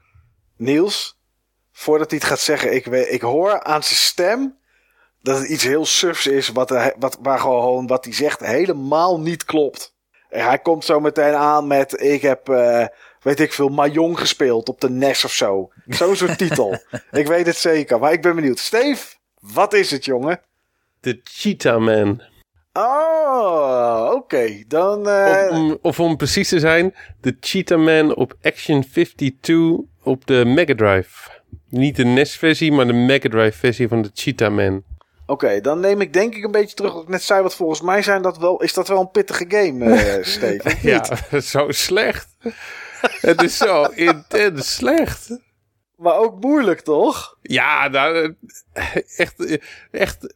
Ik heb ooit een filmpje gezien eh, over de scrolling implementatie van Super Mario World. Dat is een van mijn favoriete filmpjes op, op gamegebied. Daarin wordt heel heel uitgelegd waarom de camera, de scrolling van Super Mario World zo briljant is. Ja. Ik heb werkelijk waar nog nooit zulke slechte scrolling eh, meegemaakt in een game als de Cheetah Man. je, moet, je moet echt gewoon helemaal aan de rand van je scherm eh toe, toe lopen. En op het moment dat je twee pixels, zeg maar, zo'n beetje verwijderd bent van de rand van het scherm, dan scrolt het scherm gewoon mee. Oh. Je en dan loopt komt je, je een loopt je, tegenstander vij- aan. je loopt je vijanden gewoon echt tegemoet. Ja. Ja, dat is eh, een bekend klassiek probleem, moet ik zeggen. Ik heb laatst de Turrican nog eens een keer gespeeld. Ja, Daar loop je op 75% voor aan het scherm, zeg maar. En dan pas gaat het. scrollen. Nou, nee, met- bij Turken heb je gewoon mijlen en mijlen nog over voor je in vergelijking met een Cheetah Man. En Turken, Turken heeft gewoon een wapen wat gewoon direct schiet. Ja, Bij de Cheetah Man wacht heb je, bij de Cheetah Man heb je, een, heb je een punch en dat duurt gewoon drie seconden ongeveer voordat hij zeg maar hit. waarom ben je dit gaan spelen dan, Steve? Ja, ik, was, ik, had, eh, ik had vandaag Bamilolly over de vloer van, eh, van het forum, Michiel. Ja. En die had een, uit, die had een uitdaging voor me. En eh, het klonk al heel eh, ja, on, onheilspellend. En Ja. dat bleek ook gewoon zo te zijn. Want het was gewoon level 1 doorkomen van de Cheetah Man op de Mega Drive. Oh. Is het Dat je was- gelukt? was hem nog nooit gelukt. En jou? Ja. maar je wil niet weten hoe... eh, op een gegeven moment was het echt gewoon puur masochisme. En- maar en- het is me wel gelukt. Oké, oké. Nou, dat is in ieder geval netjes. spel is zo... Het is gewoon waar. Dat spel is zo intens slecht. En ook gewoon... eh, ja, hoe je klimt, eh, hoe pixel precies dat moet zijn. Of beter gezegd, hoe random eh, dat, dat is. Het is gewoon alsof elke hitbox van elke ladder... of wat zeg maar dan een ladder is, zijn lianen... dat het gewoon anders geïmplementeerd is. Oh, wat slecht. Ja, echt. ja. Nee, het is. Ik. ja, dat maakt wel heel veel goed, inderdaad, ja. Nee, maar ik, eh, ik had nog nooit een game gespeeld van Action 52. Ik kende die game natuurlijk wel. Ja. Ehm, de legendarische eh, ja, non-licensed Nintendo game die je voor 200 dollar of zo dan via mailorder kon bestellen. Een koopje natuurlijk. 52 Tuurlijk. spellen, twee, eh, 200 dollar. Nou, niet voor deze kwaliteit. Hey, dit is zeg maar het Mega Drive eh, eh, alternatief. 16-bit, next gen ten opzichte van de NES. Nog beter natuurlijk. Nou, Was het geluid wel beter? dat wil nog wel eens op de Mega Drive beter zijn dan... eh, dan Nee, ja, dit ja, is... is, dit- één, er is één geluid. Dat, dat zit echt gewoon volgens mij tot het einde der, der tijden gewoon in mijn, in mijn hoofd geramd. Ja, Ehm, aan het begin van het level spont die Cheetah Man half in de lucht. En dan valt hij gewoon random gewoon naar beneden, naar de vloer. Pomp. Pomp. Gewoon die, die tomp van het raken op het moment dat hij die vloer raakt. Ja, dat, eh, dat zal ik niet snel vergeten. oké, ja, ik zie, Ik heb, aardig zie wat die- pogen, ik heb aardig wat pogingjes nodig gehad. Laten we daarop houden. Maar ik ben, eh, ik ben volhardend geweest. Ik, eh, ja, als, als je weer zo'n uitdaging op het eh, forum gaat plaatsen, eh Mike. Welke, Ja. game, welke game moet ik gaan spelen? Ik hoop dat iemand, zeg maar, aan deze podcast gewoon herinnert. En denkt van, joh, eh, Mike die moet leiden zoals Steve gele- geleden heeft. Die moet Cheetah Man gaan Die spelen. moet Cheetah Man gaan spelen. Ja, ik zie het hier nu een stukje. Het lijkt me echt verschrikkelijk. Het lijkt me echt verschrikkelijk. Nou ja, wel stoer dat je het gedaan hebt, eh Steven. En Dat je- geflikt, hè, geflikt. Ja, gedaan en Ja, geflikt ja, ja. inderdaad. Hoeveel levels heeft het? Weten we niet. Willen we niet weten. Je had niet zoiets van, eh, nu ik een beetje de hang of het heb, eh, moet ik het verder gaan spelen? Ja, laat ik zo zeggen.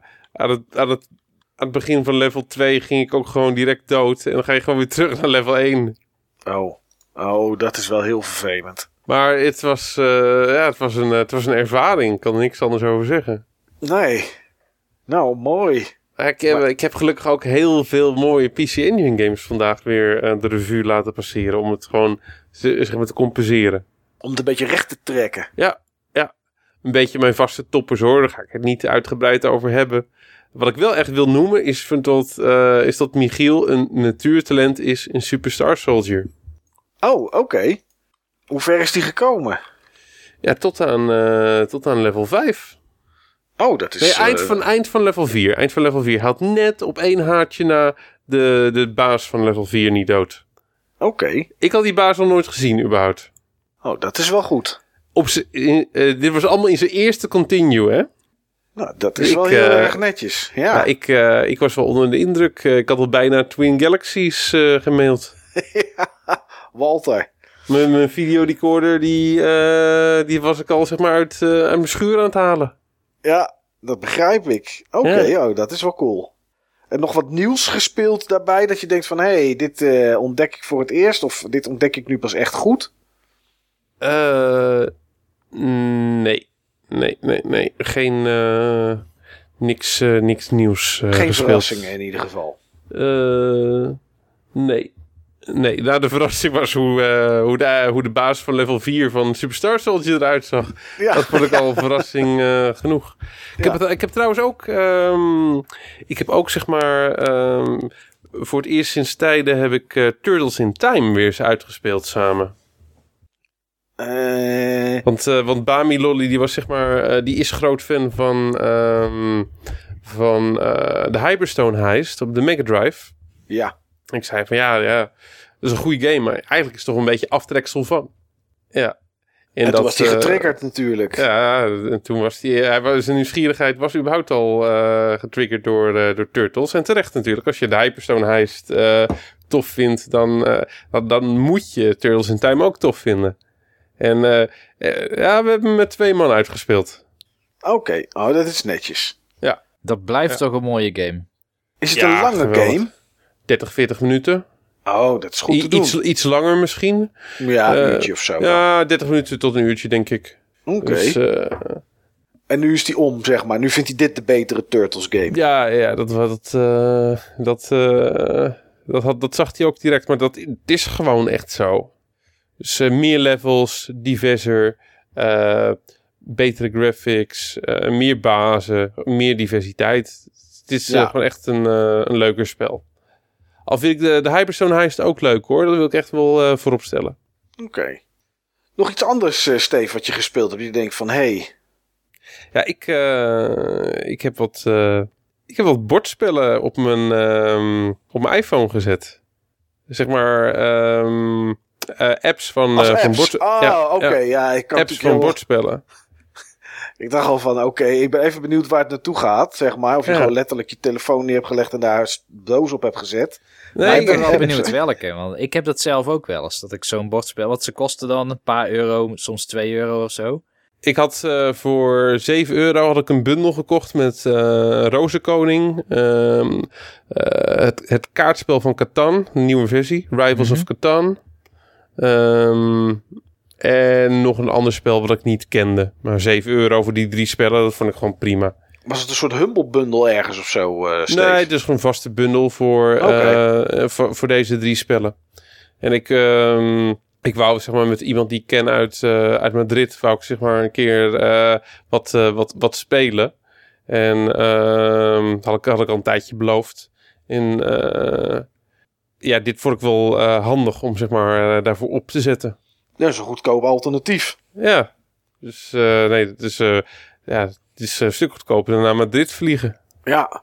En, is het, en, en kan je ze ook single spelen of is het dan tegen Ja. AI? Ja, dat is tegen AI, maar eh, ja, de- ik- ik- dit soort dingen moet je toch niet tegen, tegen AI spelen, vind ik. Nee, vind ik ook niet hoor. Maar hij gewoon, was gewoon even benieuwd of het kan.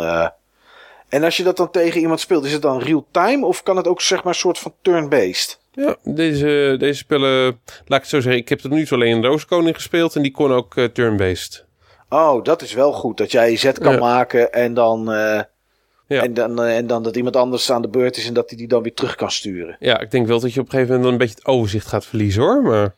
Ja, dat denk ik ook wel. Ja, iemand heeft ooit geprobeerd mij Small, Small World 2 op die manier te gaan laten spelen. Ah, Small World, leuk.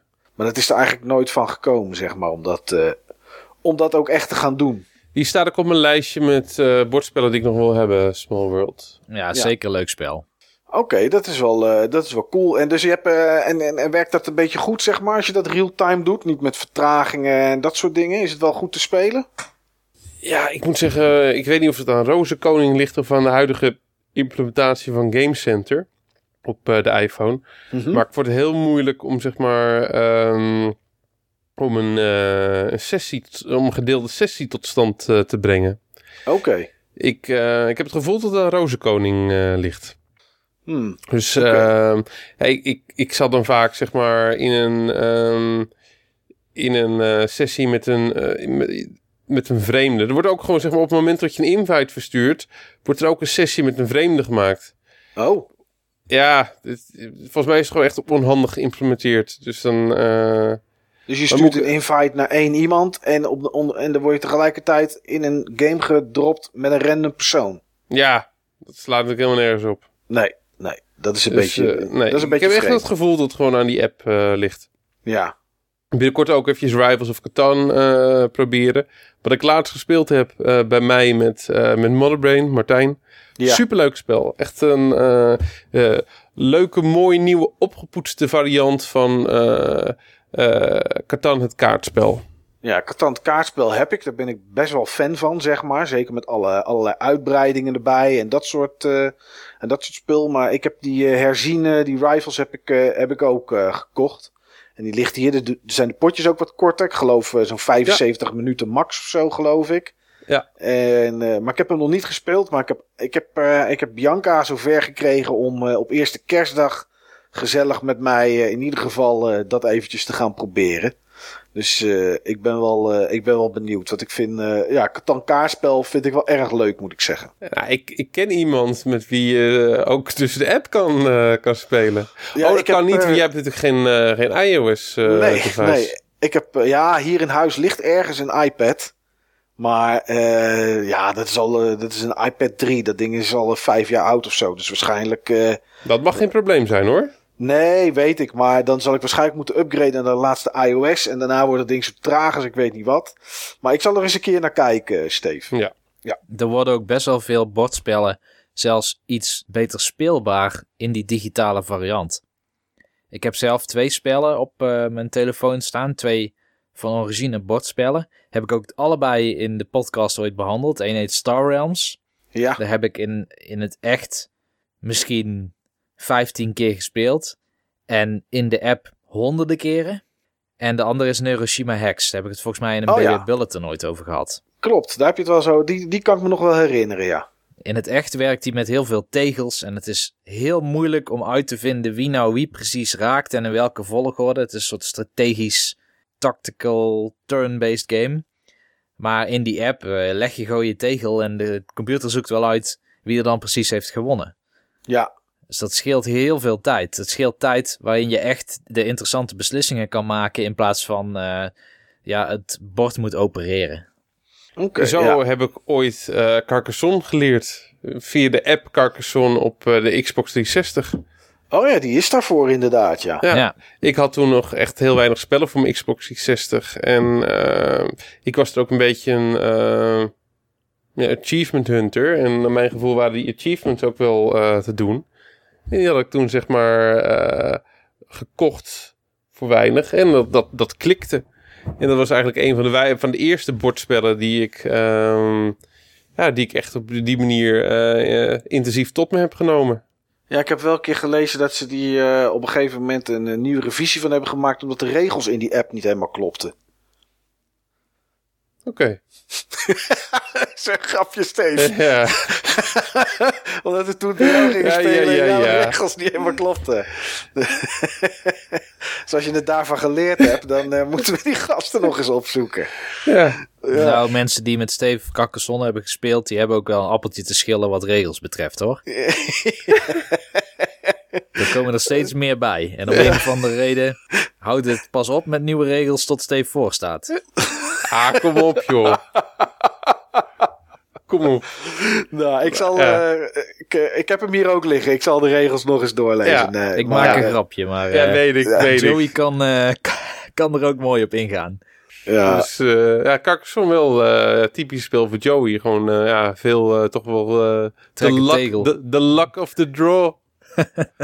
geluk, uh, geluk gebaseerd. Ja, typisch, uh, typisch Joey. Ja, Ja. daarom voelde het ook zo goed dat ik in Pokémon Moon al binnen het eerste half uur zag... Apel beat youngster Joey. Ja. ja, helemaal goed. Uh, helemaal dat goed. is wel lekker, ja.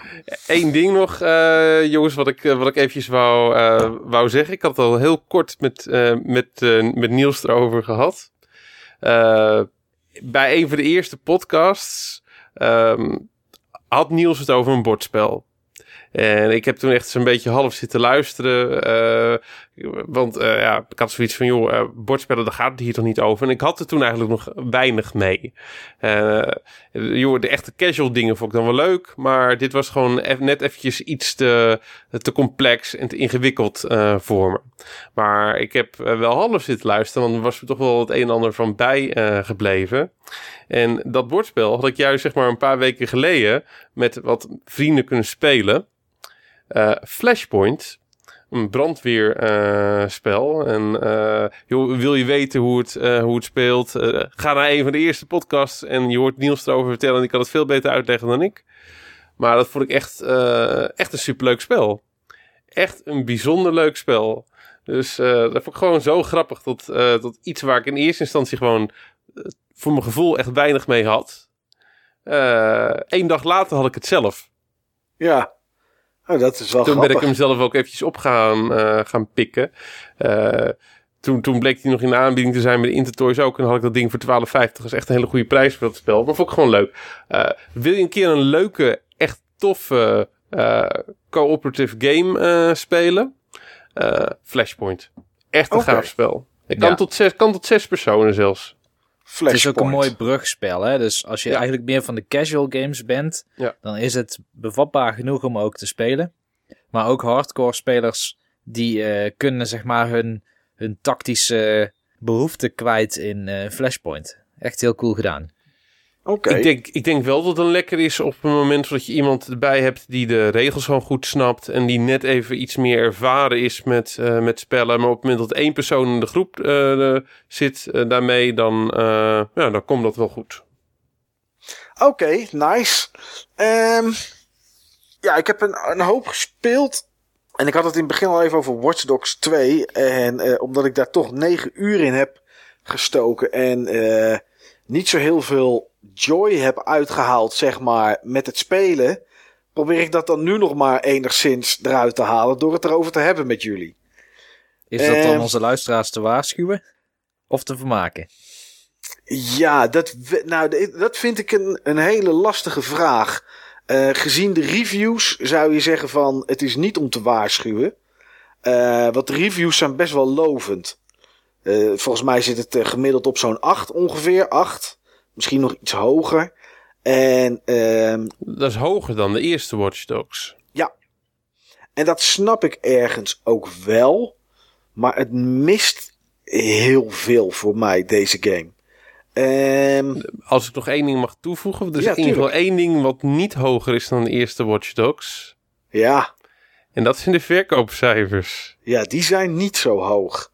Die vallen echt Ehm, enorm tegen. ja, Ubisoft zelf verwacht dat dat nog wel recht gaat trekken in de komende twee, drie weken richting Nou. eh, de kerst. Ik verwacht van niet. Ik ook niet. Nee, ik ook niet. In En- Engeland is er een tiende, een tiende eh, verkocht van, eh, van Watch Dogs 1. Ja.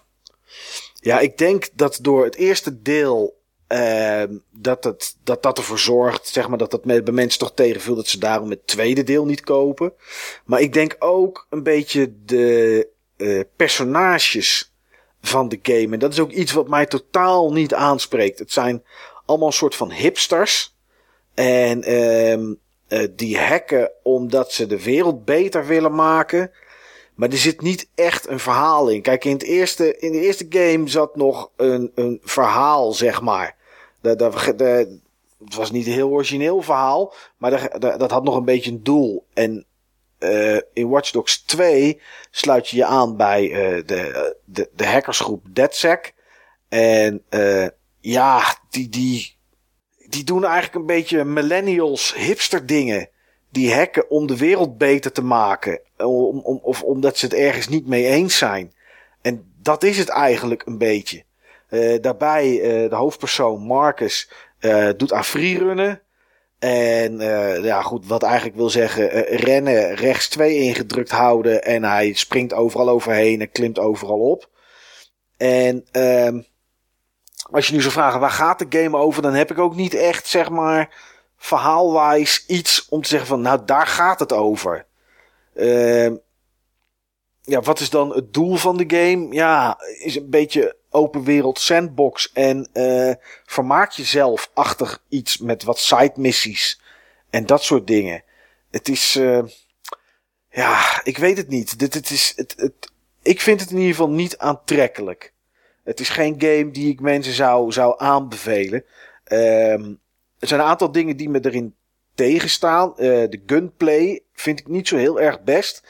En die heb je toch nodig, ondanks dat je een hacker bent. Je komt er bijna niet onderuit om ook te schieten. Ehm dat wil zeggen dat eh, je een hoop met stealth en hacken kan oplossen. Maar ja, weet je, zeker in het begin ben je gewoon niet bekwaam genoeg. En heb je niet genoeg skills om alles op die manier op te lossen. En naarmate je richting het einde van de game komt en je genoeg skills hebt, hoef je eigenlijk helemaal niks meer te doen. Want dan kan je namelijk een skill unlocken dat je eh, tegenstanders vals bewijs kan eh, toebedelen. Dus eh, wat er dan gebeurt is, je hebt een, missie van, nou haal deze en deze documenten uit dit gebouw. Nou, daar lopen dan guards en weet ik wat allemaal, die als ze jou zien, jou, hè, jou, jou aanvallen. Ehm, en dan kan je van een afstandje kan je bijvoorbeeld een camera hacken en dan eh, kijk je naar een persoon en dan dien je die vals bewijs toe. ehm, van eh, bijvoorbeeld een, misdaad of wat dan ook. En wat gebeurt er dan? Dan komt er of de politie, of als het een security firm is van een, beveiligingsbedrijf die, die bij een ander pand rondloopt, dan kan je er eh, bewijs toedienen dat ze een gangmember vermoord hebben. En dan komen dus die gangs, of de politie, of de security firm, er zijn zeg maar drie groeperingen, komen daar naartoe en gaan met elkaar knokken en roeien elkaar helemaal uit. En daarna is het gebouw gewoon eigenlijk helemaal vrij voor jou om doorheen te lopen. Nou, En- spannend. Ja, nou, als je die skill richting het einde dus unlockt, ja, dan, dan wordt het allemaal heel makkelijk. En eh nou zeg ik niet dat je binnen negen uur die ik gespeeld heb aan het einde ben, maar ik had een speciale testversie waarbij ik alle skills kon, kon unlocken. Dus ik heb alles kunnen, kunnen doen, zeg maar. Ik had ook een soort van onbeperkt geld, waardoor ik elk wapen kon 3D printen. Eh, want dat wapens koop ik natuurlijk niet, die print je 3D. Hè, want dat is hip. Ehm en dan, ja, dan is de game eigenlijk niet zo heel erg leuk meer richting het einde. Eh, wat ik zei, de personages zijn allemaal hip. eh zijn allemaal hipsters en allemaal jong. En eh, ja, totaal geen affiniteit mee. Helemaal niet, helemaal niet boeiend. En de wereld, ja, je kan alle gebouwen op. En dat is ook wat je heel veel moet doen in de side missies. Eh, gebouwen omhoog klimmen of via camera's jezelf omhoog hacken om daar een telefoon eh, leeg te, te maken of wat dan ook. Of eh, om een stukje bewijs op te halen. En ja, dat, dat is het wel zo'n beetje, zeg maar. Eh, de online modus, die vind ik op zich, er zitten wel grappige dingen in. Eh, wat bij de eerste game kon, is dat je zomaar ergens een andere speler kan hacken. Eh, nou, dat kan hier ook. Je kan eh, iemand zijn telefoon hacken en dan moet je in de buurt blijven en moet je onopvallend gedragen en die andere moet dan zoeken wie je bent. Ehm, het kan zijn dat er iemand probeert te ontsnappen van de politie, maar de politie lukt het niet om die, eh, om die persoon staande te houden. En dan ga jij daar zeg maar ook op af. Ja, ik had een soort van rocket launcher had ik eh 3D print. Dus op het moment dat er iemand aankomt, ja, je richt met je wapen en je schiet en die auto ontploft. En de politie denkt, oh prima gedaan joh, bedankt. En dan, eh, nou ja goed, dan is die modus is weer, is weer afgelopen. Maar ja, ik haalde er niet zo heel veel joy uit, zeg maar. En, Klinkt niet heel boeiend. Nee, ik vind van niet. Nee, het, is, het, het mist iets om je te drijven om die story missies te gaan doen. Ik, ik, ik, weet je, ik steun ook Greenpeace niet. Eh, niet omdat ik vind dat ze slecht werk doen. Maar ja, weet je, ik, ik, ik heb ook geen postcode loterij of wat dan ook met, met goede doelen. En ik heb dan ook niet zoiets van. eh, er is bijvoorbeeld een, een hoofdmissie dat iemand van een groot bedrijf heeft een eh, artiest miljoenen betaald zodat dat album wat hij eigenlijk uit zou brengen alleen voor hem is, voor die, voor die eigenaar. Ja, en daar worden dan deze hackers, zijn daar dan niet blij mee. En die gaan dan, die directeur gaan ze dan een hak zetten, omdat die uh, ja, de rechten heeft gekocht van het album. En hij alleen degene is die dat album mag beluisteren. Ja, dat, zijn, dat is niet voor mij een beweegreden dat ik denk van zo. Nou, daar hebben ze gelijk in zeg. We gaan die gasten eens eventjes uh, pak rammel geven digitaal. Ja, weet je, het, ja, dat ja, een voor beetje. mij klinkt de premisse al veel minder interessant dan het origineel. In het origineel was je dan tenminste nog een soort lone wolf. En jij maakte wel uit wat je belangrijk vond. En ik weet niet dat dat zo is, want ik heb het nooit gespeeld. Maar zo kwamen de trailers wel op me over. Nou ja, was ook zo. En er was natuurlijk, er was, in het eerste deel was er iemand ontvoerd volgens mij of zo. Het zoontje van je zus, of ik weet niet meer wat het was, zoiets. En daar ging je dan achteraan, zeg maar. Ja. En dat, dat is hier niet. Nou ja, hier ben je dan sowieso dat team. DeadSec heet het, geloof ik. Ja, klopt. Je speelt één personage daarvan, zeg maar. Jij komt daar nieuw bij. En in, in de uh, tutorial moet je jezelf bewijzen. En dan moet je dan een hack doen. En uh, ja, goed, als je daar goed mee wegkomt, dan, dan mag je je aansluiten. Nou ja, goed. En uh, dat gebeurt dan ook. En dan ga jij ja, voor dat team, zeg maar, om het grote doel, wat dan een beetje zweverig is, uh, om dat dan te bereiken. Ja. Die story missies zijn ook niet zeg maar dat ze op elkaar volgen om verder te komen. Er is gewoon een bepaald uh, bedrijf met een bepaalde CEO of een bepaald bedrijf met bepaalde bedoelingen. En ja, DedSec, jouw groep heeft zoiets van ja, dit willen wij helemaal niet en dat is, dat, dat is niet goed dat dit gebeurt. Nou, en dan ga je dat oplossen en heb je dat stukje van de story missie gedaan, dan is die story missie over. En dan is er nog een andere die ook beschikbaar is. En dat is het een beetje. Dus. Ja, ik. Uh, ja, negen uurtjes. En dat was echt uh, negen uur genoeg, zeg maar. Maar goed, uh, ja. Ik heb het wel gespeeld. Heb je ook iets gespeeld wat je wel leuk vond, Mike? Ja. Ja, ja, ja. ja. het is weer zover. Oh, dat komt er heel moeilijk uit. Ja, ik heb ooit gezegd van over deze game ga ik het nog één keer hebben als ik hem uit heb gespeeld. En dat heb ik uh, twee dagen geleden gedaan. En dat is Dark Souls 3. En dit is dan ook de laatste keer dat ik het erover ga hebben. Want DLC ga ik waarschijnlijk toch niet kopen. Uh, ik heb Dark Souls 3 uitgespeeld. En uh, ik baal ervan dat ik het uit heb gespeeld. Maar ik ben er ook blij mee. Ik vond het een geweldige game. Maar er zitten ook een paar mindere dingen aan. En onlangs was er op het forum een klein beetje gesprek over wat is nou beter, Dark Souls 3 of Bloodborne. Toen was ik heel erg stellig dat het Dark Souls was, maar daar ben ik het, kom ik toch een beetje op terug. Oké. Okay. Um, laat ik bij het begin beginnen. Ik heb Dark Souls 3 uitgespeeld. Ik moest een week geleden moest ik nog een optionele baas, genaamd de Nameless King, moest ik nog verslaan. Die uh, bestempeld wordt als de hardest boss in the game. Ik moest uh, één eindbaas verslaan voor het verhaal, zeg maar, voor de progressie. Of een baas en dan de echte eindbaas. Voor de rest had ik alles gedaan. Had ik alle optionele gebieden bezocht en vrijwel allemaal uitgekampt. Maar deze drie dingen stonden nog op het programma om te doen. En uh, Niels, jij hebt het er al een keer over gehad. Dat je op een gegeven moment Dark Souls 3 was gestopt. Omdat je de gameplay op dat moment zeg maar een beetje beu was. Dat je daar niet zo'n zin meer in had. En um, ik bemerkte dat bij deze drie eindbazen, waarvan ik er één solo heb verslagen, zeg ik, zeg ik erbij, dat was de Nameless King. Dat voor die andere twee ik eigenlijk geen zin had om daar uren en uren meer in te steken. Dus ik heb de laatste twee uh, de, de laatste baas voor het verhaal en de progressie en de eindbaas heb ik co-op online uh, met andere mensen heb ik die verslagen. Dat is niet hoe ik het wil spelen. Heb ik ooit ook een keer tegen mensen op het forum gezegd van ja, moet je niet doen, want dat verpest toch een stukje ervaring. Het is, uh, weet je, je voelt je heel goed als je dat alleen lukt.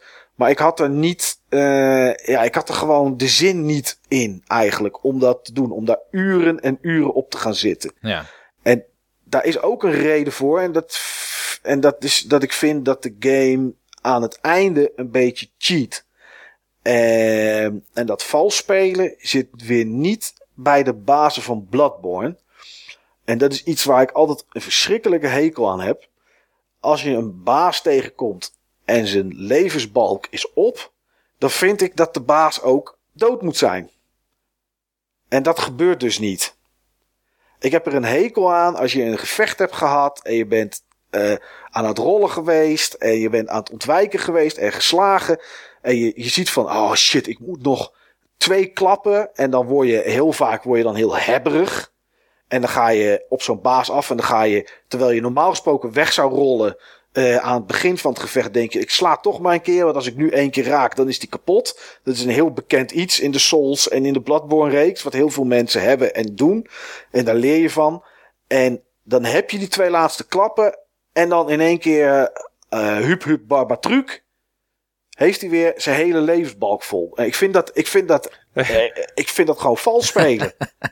Welke game het ook is. Maar dan denk ik van, ja, weet je, had dan iets anders verzonnen. Ik vind het heel goedkoop om het op die manier op te lossen. Ja, ja. Um, maar goed, omdat ik daardoor eigenlijk er niet zo heel veel zin meer in had, dacht ik van, nou, ik ga online, want ik heb heel de game offline gespeeld, maar ik ga offline en ik, ik haal er gewoon één of twee mensen bij en we verslaan het en dan ben ik klaar met die game. Weet je, dan is het ook genoeg geweest. Ik heb er pff, 38 uur in zitten, denk ik.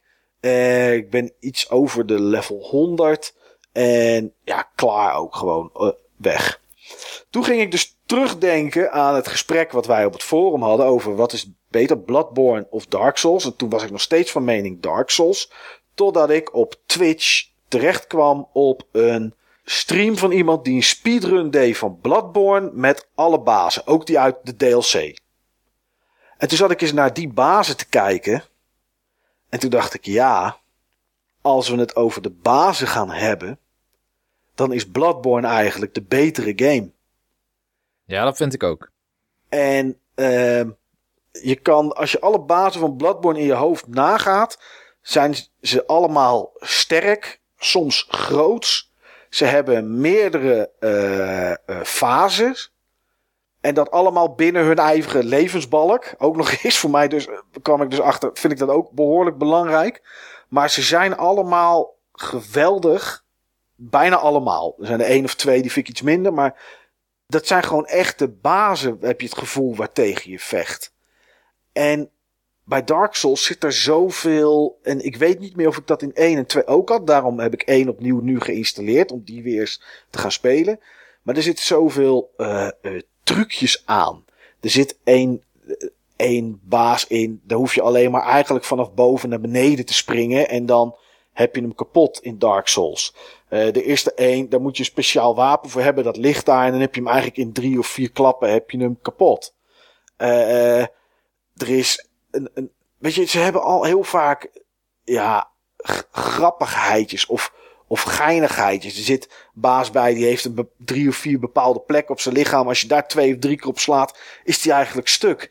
Uh, dan zijn die bazen wel gaaf. Maar ik vind ze niet. Weet je, ik heb niet het gevoel dat ik beter word door die bazen te verslaan. Nee, het is inderdaad wel zo dat, dat bij Bloodborne moet je alle bazen ook verslaan doordat je heel goed het combat systeem beheerst. Ja. En dat is niet per se in Dark Souls 3. Nee.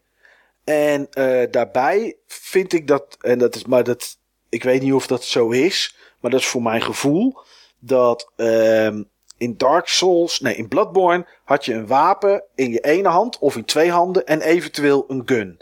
En met die gun, als je op het juiste moment schoot, dan was de tegenstander even uh, ja, staggered. Dus hij stond even stil. En dan kon je een, een, een, een, ja, een aanval doen waarbij je je hand in de, in de tegenstander stopt en een soort van ingewanden eruit trekt.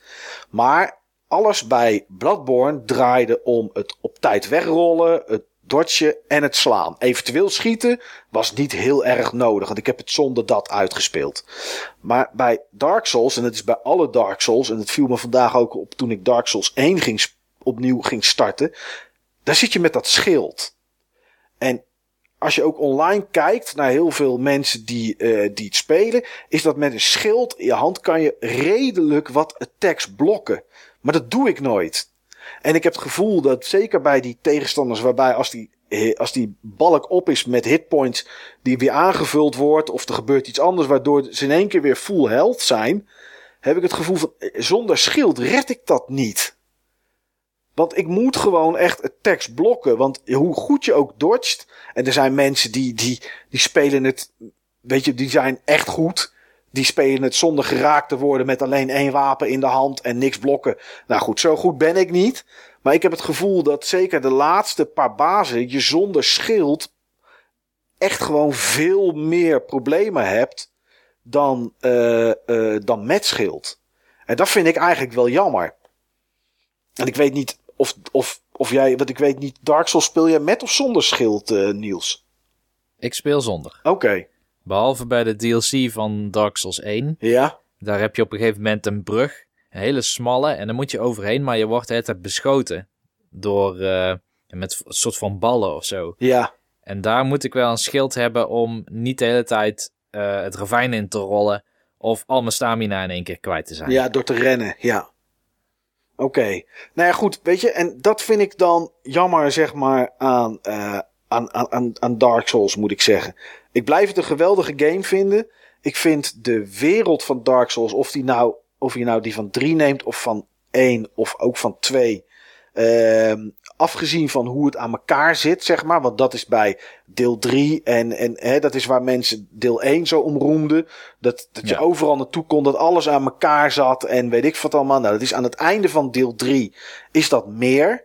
Dan zitten die laatste drie areas, drie, vier areas, echt allemaal aan elkaar. En ga je met een lift, sta je in één keer weer terug in een ander gedeelte zo. Maar dan nog vind ik de wereld van Dark Souls interessanter. Omdat die, uh, bij Bloodborne is alles donker, want het speelt zich af in één nacht. Dat is, dat, dat is, dat is het idee. Hè, de nacht van de hunt. En ja, in de nacht is het donker, maar alles is daar donker. En ik vind het toch wel tof wat je dan bij uh, Dark Souls ziet dat je op een gegeven moment ook gewoon overdag in een bos kan lopen. Of, uh, of, of ja, met de zon. En, en, en dat het gewoon licht is. En dat niet alles donker moet zijn. Want dat is, vond ik aan Bloodborne dan weer minder, zeg maar. Ik vind de wereld van Dark Souls 3 toffer dan die van Bloodborne. Maar ik vind de bazen van Bloodborne vele malen toffer dan die van Dark Souls 3. En of ik ze ook toffer vind dan 1 en 2, dat weet ik niet echt meer. Dus daarvoor ga ik nu in ieder geval weer deel 1 spelen. Die heb Ja. ik uh, vandaag geïnstalleerd op mijn PC met fix erbij en een HD texture pack en een uh, een of andere mod om, uh, om lettertypes scherper te maken. En er is nog eentje die gras en omgevingen en zo HD text texture pack overhaul geeft. Eentje Dus, die de eh, framerate zeg maar van 30 frames optrekt naar 60 frames. Ja, ja, dat is de basis. DS Fix inderdaad, dat is de belangrijkste. Die, uh, die trekt hem inderdaad naar 60. Meer dan 60 moet je niet doen. Maar uh, 60 inderdaad gaat, uh, gaat prima. Dus ik ga beginnen aan Dark Souls 1. Ook omdat ik gewoon de gameplay Dark Souls zeg maar wel mis nu 3 uit is. Ik heb nog wel wat online, nadat ik hem uitspeelde, heb wat online actie gedaan. Gewoon me inschrijven zeg maar voor co-op. Om wat eindbazen te verslaan. En dat is dan wel, dat is dan wel fun om eventjes te doen. Uh, maar goed, ja, dus op de vraag van welke game vind ik beter, omdat het daar toen op het forum over ging. Ja, de, de eindbazen van Bloodborne vind ik vele, vele malen beter dan die van Dark Souls. Uh, maar ik vind de wereld van Dark Souls 3 in ieder geval leuker. Ik zal niet zeggen beter, maar leuker en meer te ontdekken dan die van Bloodborne. Ja, ik was een paar weken geleden in uh, Glasgow, Schotland. Ja. En ik was daar samen met een uh, professor van uh, Oxford University. En we hebben het urenlang over Dark Souls gehad. En Bloodborne. Oké. Okay. En um, grappig genoeg zagen we het best wel hetzelfde. En, en volgens mij zie jij het ook wel zo. Want hij had ook een grote voorkeur uh, voor de eindbazen in Bloodborne. Ja. En uh, wat ook wel leuk is aan Bloodborne, vooral mensen die nog nooit een Souls game hebben gespeeld, is dat je, je zegt net het speelt zich af in één nacht, maar het is ook een hele kleine omgeving. Ja. Waar het zich in afspeelt. Ja, het is, het is een vrij uh, corridor, zeg maar. Het is, dat bedoel het is je, of vrij niet? corridor, Ja. maar het is ook... Um, je hebt ook het idee dat die wereld daar ook zo is. Uh, je hebt Central Yarnum en Old Yarnum. Ja. En dan kom je op een gegeven moment op zo'n plein uit. En je kan dan het bos in. Of uh, weer ergens anders naartoe. Maar het sluit op een bepaalde manier aan. En dat vond ik jammer bij Dark Souls 3. Um, daar vrijwel in het begin ga je dan naar het tweede gebied. Ja. En je ziet niet wat daar dan precies de verbinding tussen is. Nee. Ben je blijkbaar ingevlogen of zo. Ja, die is, die is er niet. Je begint in een, eh, eh, bij een soort kasteelachtig iets begin je. Ehm, waar je later dan nog een keer terugkomt. En dat is dan het einde speelt zich ook in dat gebied af. Dus dan zit het wel weer geconnect aan. Ehm, Ja, Maar tussendoor ga je eigenlijk heel ergens anders naartoe. En eh, ja, kan het zomaar zijn dat je van op het ene moment in een bos loopt. En dan in één keer naar een dorpje. Wat niet echt aan dat bos zit. En dan in één keer loop je weer in een kasteel. Wat, waarvan je niet het gevoel hebt dat dat bij dat bos of dat dorpje hoort, inderdaad. Precies, ja, het ging van de hak op de tak. En het is leuk voor de afwisseling, want er zit heel veel afwisseling in. Ja. Maar we hadden het daarna ook over, en heb ik zo nooit gezien, maar ik krijg nou ook alweer zin erin, over Dark Souls 2. En zijn favoriet is eigenlijk Dark Souls 2. Oké. Van alle Souls en Borns. En dat is wel raar, want dat is meestal dat mensen zien als ja, misschien wel de zwakste in de serie. Ja. Waarom vond hij die dan geweldig? Eigenlijk twee redenen. A, 60 fps op de console. Ja. Ja, als je, En- Schooler, ja, als, je, 60. als je Schooler of the First Sin hebt op de PS4. Ja, Ja. klopt. En dan is hij ook geen 60, maar in ieder geval hij is wel merkwaardig vloeiend vergeleken met Bloodborne en eh, Dark Souls 3. Ja. En B, de wereld zelf is super eh, open vergeleken met de andere games in de serie. Oké. Ruim vanaf het begin al, ik denk dat je binnen een half uur bent op een soort plaats en daar kun je misschien wel zes richtingen op. Ja, dan kom je, ik weet even niet meer hoe het heet, maar dan kom je op die soort, eh, op dat soort, ja, verzamelplek, zeg maar, de hub. Eh, als je met Dark Souls 2 begint, dan, dan kom je langs het tutorialgebied en daarna loop je naar een, een weggetje richting een soort heel grote open plek. En daar zit voordat je bij die plek bent links al een afslag waar je nog niet direct moet zijn. En dan kom je zeg maar op de soort van hub waar dan eh, de, de blacksmith is. En daar kan je sowieso inderdaad drie kanten op. En er is een, een put waar je naar beneden kan. Op dat moment nog niet. Maar later, later wel. Daar ben je dan nog te zwak voor. Dus je hebt inderdaad daar iets van vier of vijf kanten waar je op kan. Ja, dus het voelt meer in eh, Dark Souls 2 alsof er een wereld voor je open is Ja, om je doorheen te vechten. Dan, eh, ja, dan Bloodborne en in zekere mate ook Dark Souls 3, waar je een heel lineair pad afloopt. Dark Souls 3 is vrij lineair, inderdaad. Er zijn één of twee plekken waar je, eh, waar je twee kanten op kan. Maar er zal er altijd eentje van de twee doodlopen. Ja, Ja, dat klopt. Ja, nou ja, goed. Ik ga weer aan de 1 beginnen. Gewoon eh, voor de lol. En Ja. eh, eh, om te kijken wat ik daar nog een keertje van die, van die bazen vind. Want dat is toch eigenlijk waar het wel een beetje om, om lijkt te draaien voor mij.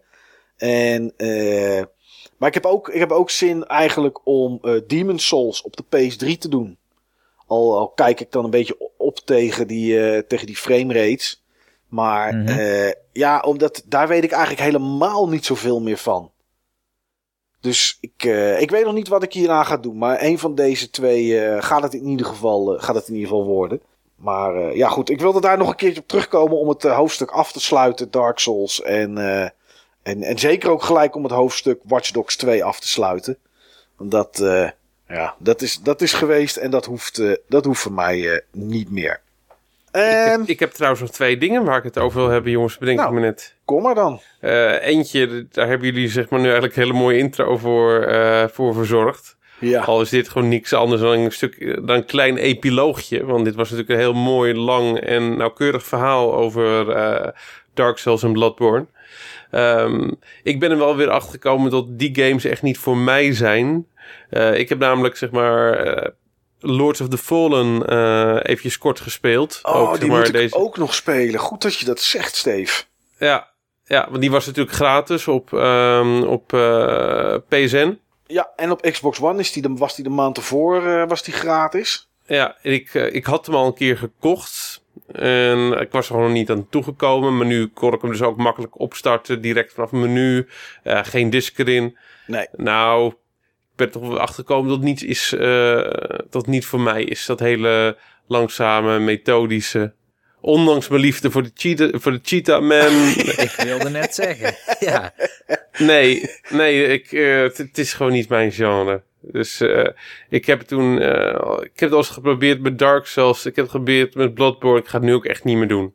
Nee, nee. Het is ook wel echt een niche, hè? Ik vind een het niche die bij een bepaalde doelgroep super populair is.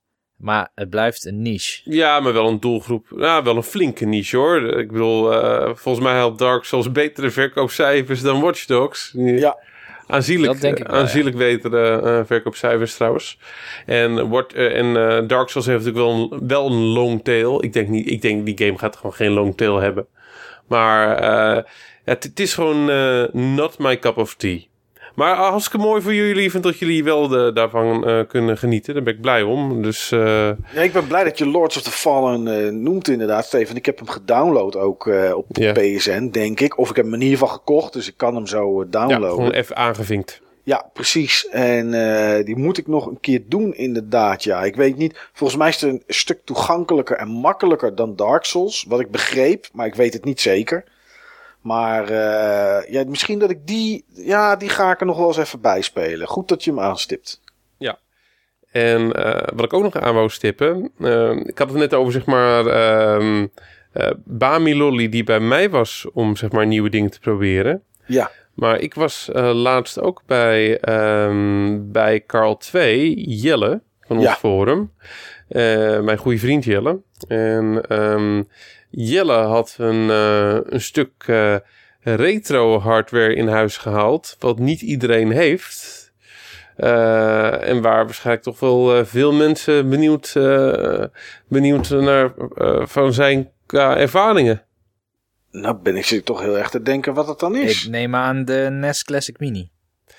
Eigenlijk had ik het over die Sega, die Sega emulatieconsole. Oh, met die 80 games erop. Ja, met 60 games erop. Oh, 60 games erop. Ja, ja, ja, ja, ja. En, uh, Nooit geweten dat er maar één iemand was die daar benieuwd naar was. Vast wel. Maar ga vooral verder. Vast wel. Nou, ik ben toch stiekem wel benieuwd. Want wat ik gehoord heb, is dat er, geloof ik, 10 games op zitten die goed zijn. En de rest is allemaal een soort eigen productiemeuk of zo. Van het bedrijf het, wat het ding gemaakt heeft. Het zijn, uh, het zijn uh, 60 games. En uh, 30 games, dat zijn gewoon echt ja, een beetje de vaste titels. De, de Sonics, de Fantasy Stars, de uh, Golden Axe uh, uh, games. Dat soort, dat soort dingen. qua aanbod is het, is, het, is het gewoon prima. het is ook een leuk compact dingetje, dat, dat apparaat. Hoe de battery life is, weet ik niet. Maar man, man, man, ik vond, ik vond het geluid vond ik echt slecht. Ja, dat heb ik gehoord inderdaad, ja. Ja, dat was slecht echt slecht. Echt, echt hele slechte emulatie.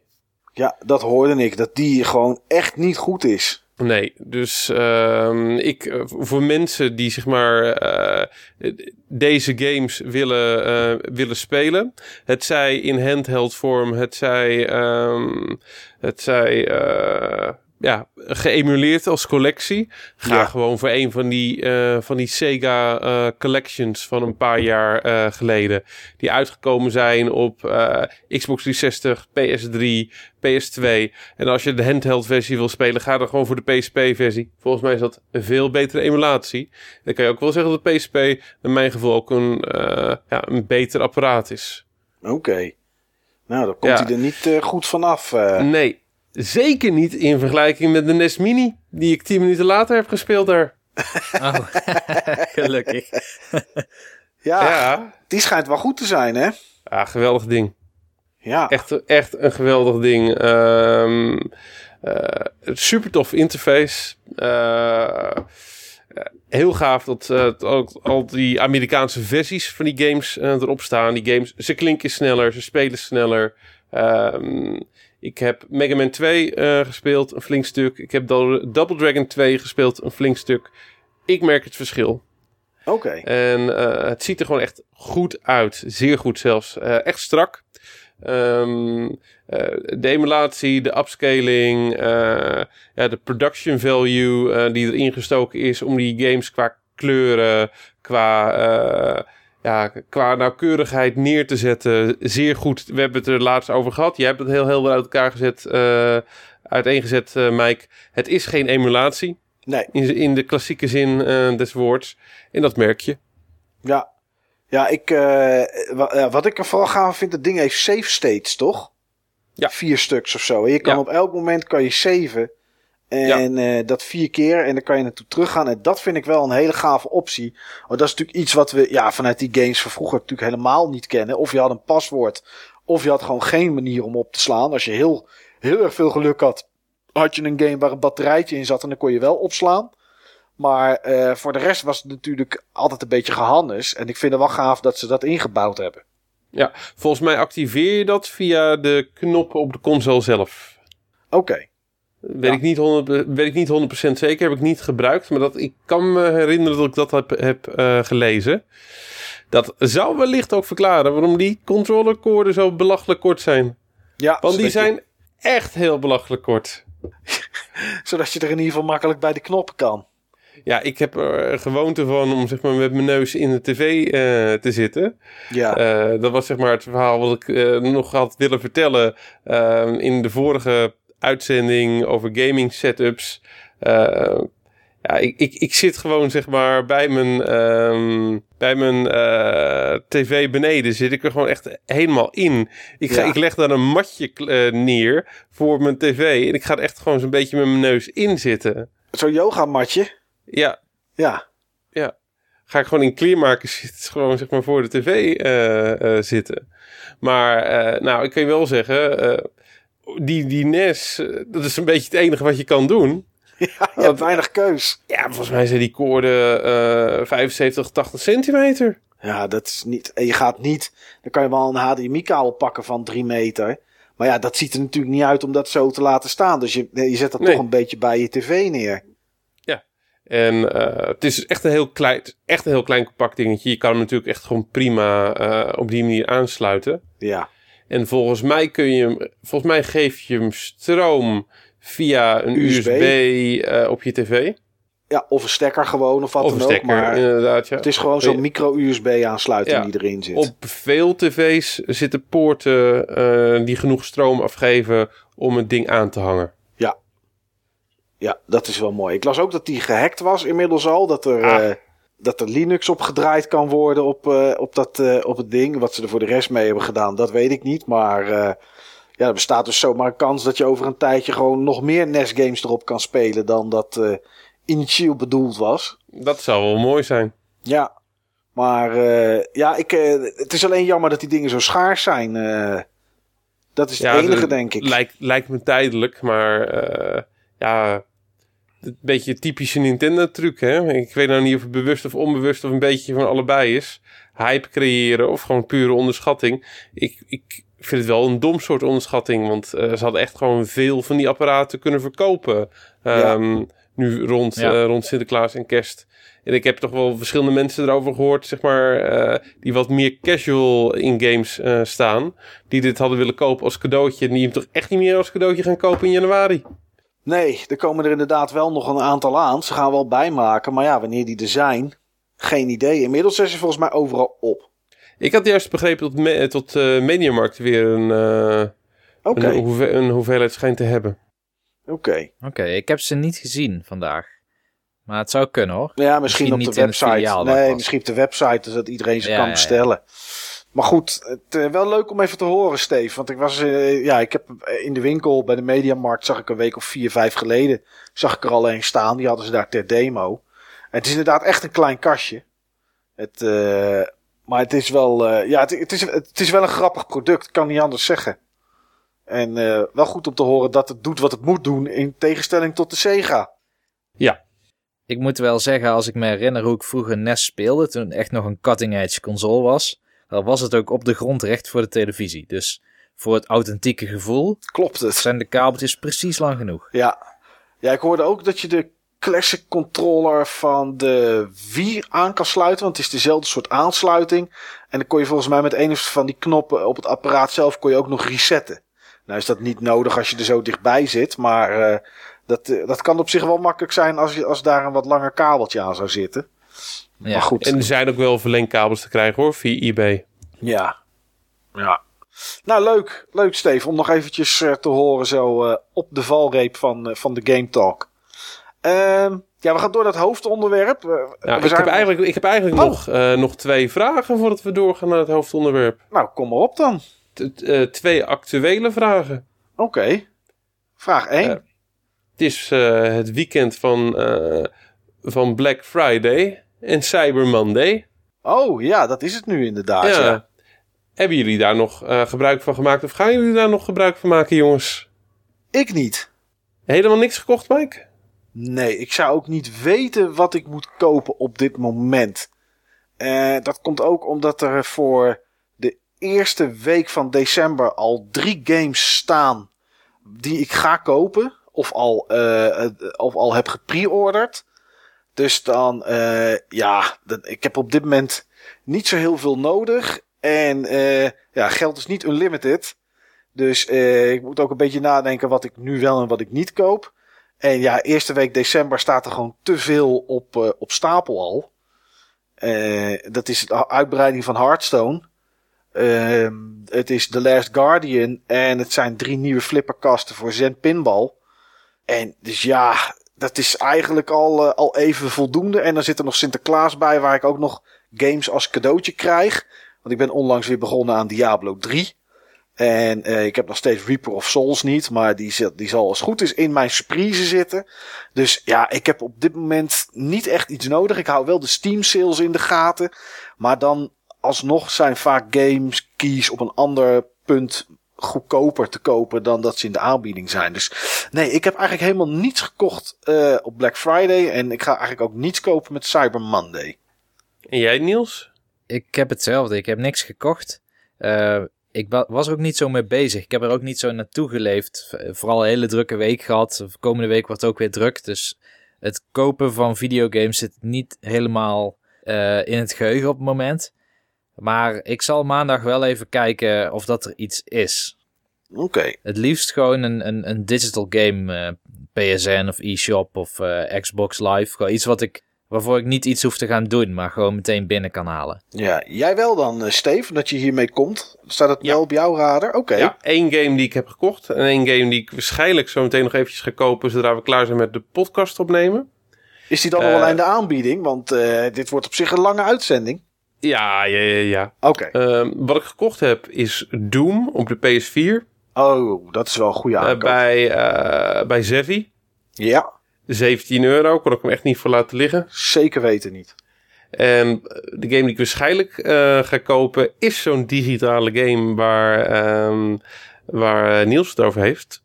Eh, Mhm. Life is Strange. De Season Pass kost nu 6 euro bij eh, de PSN eh, store. Oké. Oh, dat is heel goedkoop.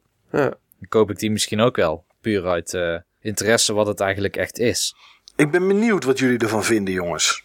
Ik ben... Ja, jij hebt al een keer verteld wat jij ervan vond. Ja, ik heb de eerste drie episodes volgens mij gespeeld. En heb je een kleine opfrisser wat je er ook alweer van vond, Mike? Ik vond het verschrikkelijk. Oké. Nou, daar heb ik een goede, goede hoop eh, voor dat ik hem wel leuk ga vinden. Ja, heel veel mensen vinden het eh, geweldig, op het forum ook. Maar ik vind eh, de core gameplay mechanic die erin zit, vind ik gewoon niet leuk. En dat is, is geen verrassing, maar dat is het terugspoelen van tijd. En op het moment dat jij dus een keuze maakt en je krijgt de uitkomst en je denkt, oh, dit vind ik toch eigenlijk geen leuke uitkomst, dan spoel je de tijd terug en dan kies je iets anders. En als je denkt, nou, deze uitkomst vind ik eigenlijk toch minder leuk dan die andere, dan spoel je weer terug. En dan kies je die andere optie. En eh, daarnaast vind ik het wat. ehm, vind ik het meer iets voor meisjes. En een beetje te emo. Oh, nou, ik, ben, eh, ju- ik ben juist weer begonnen met de Vampire Diaries. Dus Nou, kijk eens even. Dan, eh, ja, dan. ja, ik, ik zit toch al gewoon een beetje in die flow. ja. Ik Maar vind goed, het zo, ik Ik vind hoor nog het wel. steeds... Ik koop voor die 6 euro wel gewoon twee McFlurries. Ja, dat, is, eh, dat zou je ook kunnen doen. En, en, en, en, en jou, Steve, kan ik dan True Blood nog aanraden als je die nog niet gekeken hebt, die serie. Dat is ook zo, eh, dat is met vampieren. En dat is eh, ook, ook lekker emo-achtig. Nee, ja, eh, dat, is- dat is, dat is, dit is wat ik ervan vond, jongens. En weet je, ik. Ja, het was, gewoon niet, het was gewoon niet mijn ding. Maar ik weet dat er mensen op het forum zijn die het wel geweldig vonden. Dus Ja, misschien. ik ga hem toch, je- toch wel proberen hoor. Ik bedoel, ik heb, ik heb Steins Gate gespeeld op de Vita. Snap ik, maar dat was misschien nog vrij mannelijk. Het klinkt al vrij mannelijk. Nou, Oh. nou ja, goed. Ik, weet je, ik verwacht niet dat ik hem zo leuk ga vinden als de Wolf Among Us. dat weet, nou, als, als je dat wel leuker vindt dan de Wolf Among Us, Steve, dan snap ik het. Zou ik het niet snappen. Maar aan de andere kant, voor 6 euro zou ik wel snappen dat je het probeert. Want Ja. het is natuurlijk niet duur. En dat, is- dus, dat snap ik ook wel. Spullen van eh, de Action zijn ook niet duur. En dat is ongeveer dezelfde kwaliteit. Helder. Over, over diezelfde kwaliteit gesproken. ja. Ik had twee vragen. Oh ja, dat zei je, ja. Dit was Ja. nog maar één. Zou de Nintendo Switch een eh, product kunnen zijn van de Action, Mike? Nou, dat heb ik wel het vermoeden als je hem zes keer in elkaar klikt en het dan wat stroever gaat, zeg maar. En dat is waar ik een beetje bang voor ben bij de Nintendo Switch. Eh, ja, jeetje, wat moet ik hier nou op zeggen, jongens? Ik, ik, eh, Wat, wat vind je van de Nintendo Switch, eh, Mike? Want hij is natuurlijk, zeg maar, tussen onze laatste podcast en deze podcast... is Ja. die dan echt gereveeld? Is die onthuld? ja, middels een eh, vier minuut durende trailer vol met hipsters. Eh, weet je, op het moment dat die onthuld werd, vond ik het helemaal niets. Ik zit nog steeds in diezelfde hoek. En de reden waarom ik het niets vond, is dat ik bang ben dat het dezelfde weg gaat bewandelen als de Wii U. En de reden dat ik dat zeg is eh, eh, puur vanwege de kracht die waar. En we weten het niet, maar ik ben bang dat de kracht te weinig is in het apparaat om mee te kunnen met alles wat er nieuw uitkomt. En dan, hoef niet, en dan wil ik niet zeggen dat het allemaal op zijn mooist eruit moet zien. Al ben ik als eh, up-to-date PC-gamer wel heel erg geil op alles wat er heel mooi uitziet. Ik wil niet gelijk zeggen dat het dan goed is, maar het helpt wel mee. Voor mij in ieder geval. Maar ik ben bang dat het, eh, ehm, doordat het anders is qua specificaties, want het is gebaseerd natuurlijk op een mobiele chip van Nvidia, eh, Op de Tegra. op de Tegra 2 en dan een aangepaste, als het goed is. Dus hij is, eh, het zal vast krachtiger zijn dan de Tegra 2. Maar ik ben gewoon bang dat Skyrim, hebben ze laatst iets over gezegd, Bethesda, dat dat er vast straks prima op draait. Maar dat zoiets wel de max is, zeg maar. En dan kan Nintendo er van alles anders uithalen. Doordat die, eh, dat zie je maar aan de Wii U, best goed daarvoor kunnen programmeren. Maar ehm ja, ik ben, ja ik, ik ben gewoon bang voor een herhaling van de Wii U. Eh, dat is één. Het tweede is dat ik eh, nu toevallig op de 3DS Pokémon speel. Maar ik totaal geen portable gamer iets ben.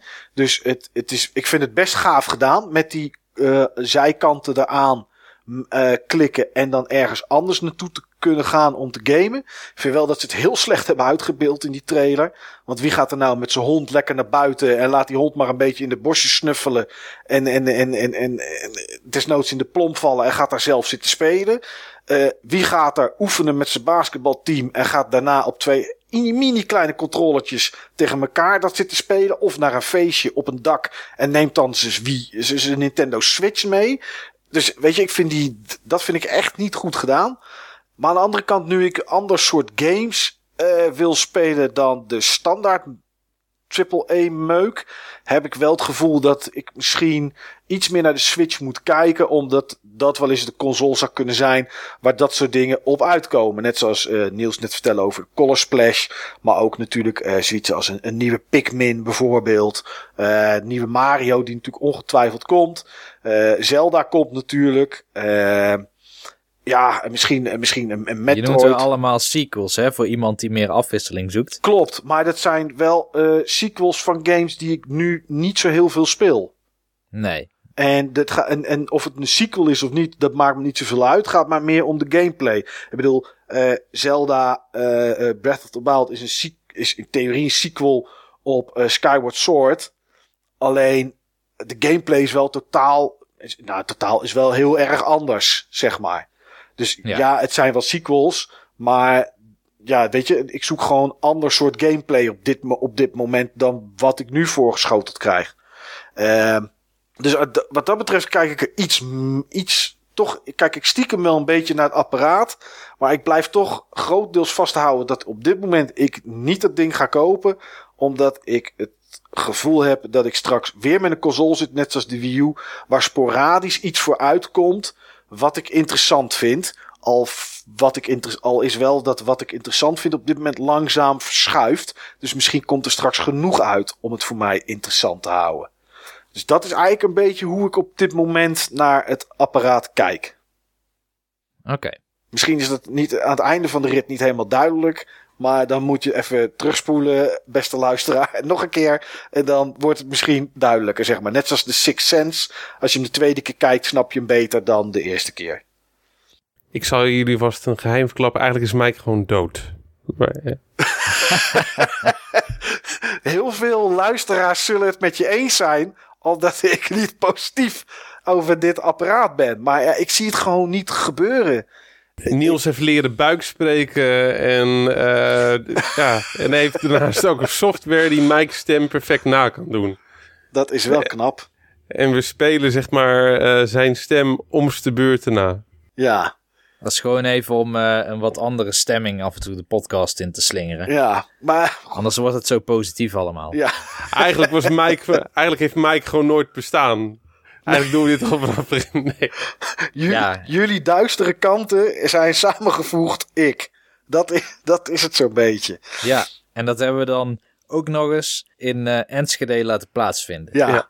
Ja, ja, Ver weg. ja, zodat je er niet zoveel mee in aanraking komt.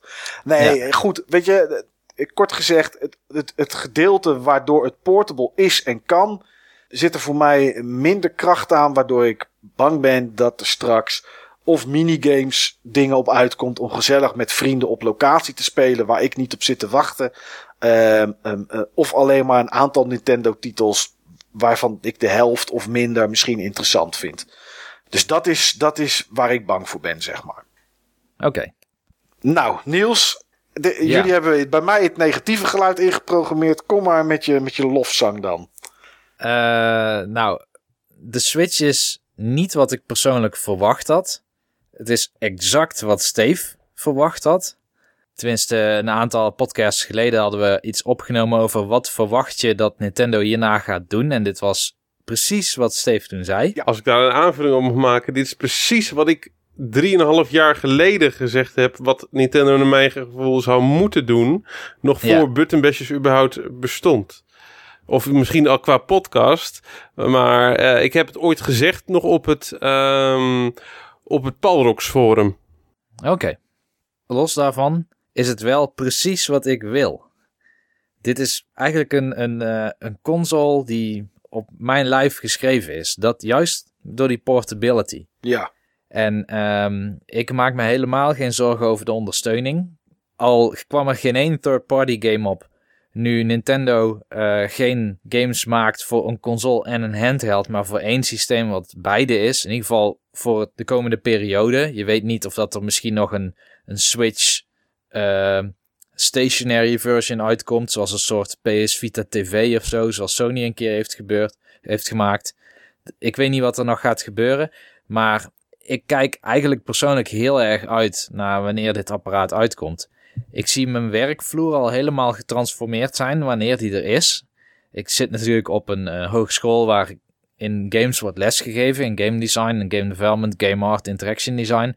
Daar zitten heel veel mensen die, ehm, ja, die zich heel erg aangesproken zullen voelen door wat de Switch is. Juist door het gedeelte wat jou dan niet interesseerde, waarin je je eigen Switch mee kan nemen om zo tegen elkaar te spelen. ja, Eh, wat ik nu heel vaak zie op mijn werk is dat mensen een Gamecube hebben meegenomen of een Xbox One. En dan zitten ze splitscreen Call of Duty of zo te doen.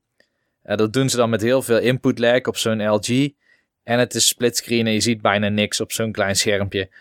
En om wel gewoon ja, in alle pracht en praal, zeg maar, en, eh, games tegen elkaar te kunnen spelen, zie ik in mijn persoonlijke omgeving wel heel erg aanslaan. In jouw persoonlijke omgeving of voor jou persoonlijk? In mijn persoonlijke omgeving. Oké, dus voor jou. Het is ook voor het eerst sinds lange tijd dat mensen de trailer hebben gezien die al sinds de GameCube geen console meer hebben gekocht. Of sinds het PlayStation 2 tijdperk, ongeveer die eh, generatie, Mhm. die dit zagen en vroegen wat denk je dat die ongeveer gaat kosten. Ja, Dus het, het spreekt kennelijk wel veel mensen aan met het concept ervan. nou, dat snap ik ook wel, want het is, het is wel weer iets anders. Dat moeten we Nintendo nageven. Ja. Dus jij bent eigenlijk wel positief. Ja, vooral omdat in ieder geval voor het eerste jaar lijkt de ondersteuning van een Nintendo gezien wel goed te zijn. Veelal ports heb ik begrepen Ja, van, eh, van Wii U games. Eh, maar dat zijn games waar ik op de Wii U al richting de 200 uur in heb zitten per game. Ehm, en die ik ook al was er een compleet ander type console gekomen en geen vervolg op die games, dan had ik ze nog steeds heel lang gespeeld. Dus ik zie me ook wel upgraden naar zo'n Switch versie om het ook bij iemand anders te kunnen doen of op mijn werk of misschien met de additional content die erbij uitkomt. Om Ja, voorbeelden te noemen, Splatoon en Mario Kart 8. Ja. dat zijn ook de twee dingen die ik dan, waar ik dan het meest aan denk. Eh, Smash schijnt ook nog in ontwikkeling te zijn. Super Mario Maker zie ik wel gebeuren. En wat mij vooral heel erg aantrekt hieraan. eh, bij de Wii U heb ik in het begin Off TV nog best wel vaak gebruikt. En ik vond het ook een hele slimme feature. Alleen als jij helemaal alleen woont en je hebt je televisie altijd alleen voor jezelf, dan is die feature niet per se heel erg belangrijk. nee. Alleen de Wii U werd nooit portable, want je kon je gamepad niet meer dan 15 meter van je televisie af nog gebruiken. En dat is hier nu wel. Dus ik kan nu hier beneden op mijn televisie een game spelen, dat dan weer naar mijn slaapkamer meenemen, daar nog eventjes doorgaan.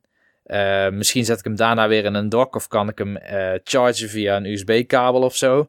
En dan kan ik ook weer, als ik met de trein naar mijn werk ga, weer doorgaan met die game. Kijk, die trein naar je werk snap ik. Maar ik snap niet als je beneden een game bij een tv zit te spelen en het is 11 uur en niet iemand anders moet gebruik maken van die tv. Dat je denkt, oh zo, ik ga alvast naar mijn bed en dan ga ik in mijn bed nog even doorspelen. Waarom zou je dan niet gewoon een half uur langer bij tv blijven zitten en doorspelen?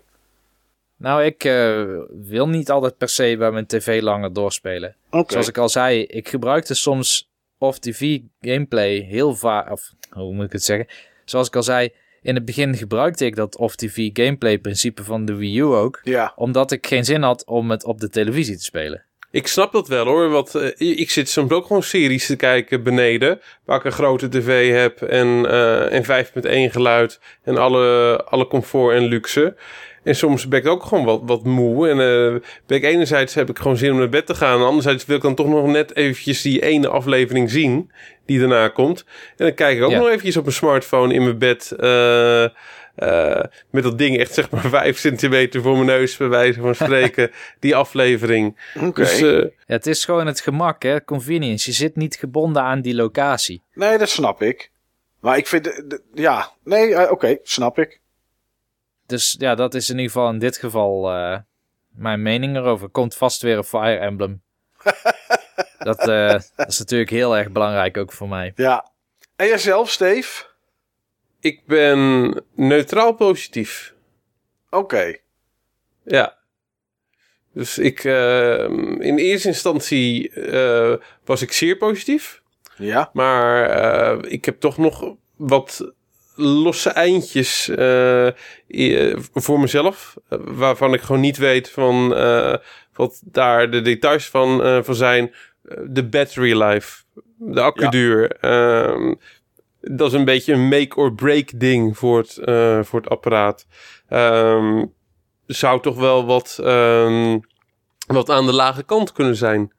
Eh, de... Ja, wat ik heel gaaf zou vinden als ik hierop aan mag vullen, is als het een eh, USB-C charger heeft. Zodat je gewoon je powerbank zou kunnen gebruiken. Dat hoop ik dan voor ze. Ja, Ja. Nintendo kennende, acht ik de kans groot dat het niet het geval is. Maar eh, Nee. hoop, Ja. hopelijk kan je dat gewoon als, ja, hopelijk kan je gewoon alsnog dan een kabeltje kopen waarmee je hem dan gewoon in je charger kan gooien. ja. Maar eh ja, Nintendo is altijd een beetje van de proprietary dingen. hè. Dus, eh, maar we, gaan we gaan het zien. Eh, inderdaad, de specs, wat, eh, wat Mike eh, aangeeft. Eh, misschien is het een ding wat net overal iets te ver, tussen, eh, iets te ver tussen zit. En ehm, ja, en daarnaast, eh, ik ben toch wel benieuwd eh, van hoe het ding zich gaat verhouden ten opzichte van de DS-lijn. En of er echt geen, eh, geen handheld meer komt verder. Want je mist dat tweede scherm. Ehm, ik weet ook niet in welke mate touch gebruikt wordt. Volgens mij zit touch er wel in. Maar dat is toch wel anders dan met, met twee schermen. Ze hebben toch best wel veel games gehad die daar toch op aardig wat mee deden. Zoals Ja. bijvoorbeeld Fire Emblem. Ja, je hebt daar gelijk in. Eh, dat is ook de feature die ik denk het meeste gaan missen bij eh, zeg maar de handheld component van het systeem. Het touch. Als het er niet in zit. Het, nee, het dual screen. Het dual screen. Ja, want bij de, bij de tv met de Wii U vind ik het hinderlijk. Omdat je, hè, dan moet je gewoon elke keer naar beneden kijken naar wat je in je handen hebt en weer terug naar je scherm. Maar met een 3DS, zeg maar, of met een DS ook, da- da- zit toch in één oog op, opslag heb je het. Weet je, je hebt daar, daar zijn twee schermen niet zo heel erg, want je hebt het toch in je handen. Je hoeft alleen maar je ogen eventjes te bewegen, zo van boven naar beneden. Je kan alle twee redelijk tegelijkertijd in de gaten houden. Maar ja, ja ik, ik weet het niet, eh, jongens. Dit, ik, ben, ik ben wel benieuwd naar de line-up, waar ze verder nog mee komen. En, eh, en de prijs. We hebben dingen gehoord. Ik heb, ik heb 200 of 250 euro gehoord. Of het was pond, volgens mij. 200 pond voor, eh, voor een standaard model. En dan 250 voor een met meer opslag en een game erbij. Nou, ik hoop toch niet dat het waar is. Dat ze niet hetzelfde gaan doen als met de Wii U. Dat je weer eh, krijgt een met 8 GB en een met 32. Dat lijkt me echt, eh, dat, dat lijkt me echt de verkeerde keuze. Ehm, ja, en die batterijen eh, duren, Steve, wat jij zegt. Kijk, eh, als je het meeneemt, het is een groter schermpje dan op een DS. En, en, en ja, er zit dezelfde kracht in als dat hij in een dock staat. Althans, dat is wat tot nu toe gezegd is. Het zou zomaar kunnen zijn dat in die dock toch nog iets van technologie zit. Dat het op je tv 1080p is. En als je het oppakt op je schermpje 720. Dus dat er toch nog iets in die dock zit. Dat weet ik niet. Maar dat eh, zullen we vast nog wel achterkomen. Eh, maar ja, het, het zou dan best wel wat kracht vergen als je mobiel eh, Skyrim bijvoorbeeld zou kunnen spelen. En ja, Ja, hoe lang doet hij het dan? Inderdaad. Als hij het vier uur doet, denk ik dat het te weinig is. Nou ja, 4 uur is toch ook ongeveer wat de 3DS doet als je je 3D altijd aan hebt staan in eh, hoge brightness. ik verwacht dat het aan die kant zal zitten.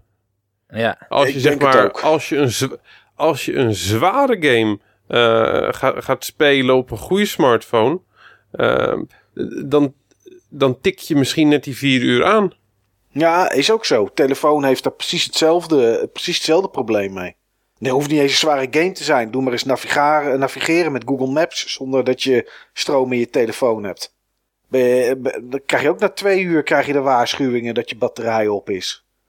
Eh, ja, dat is wel een nadeel van iets wat mobiel is.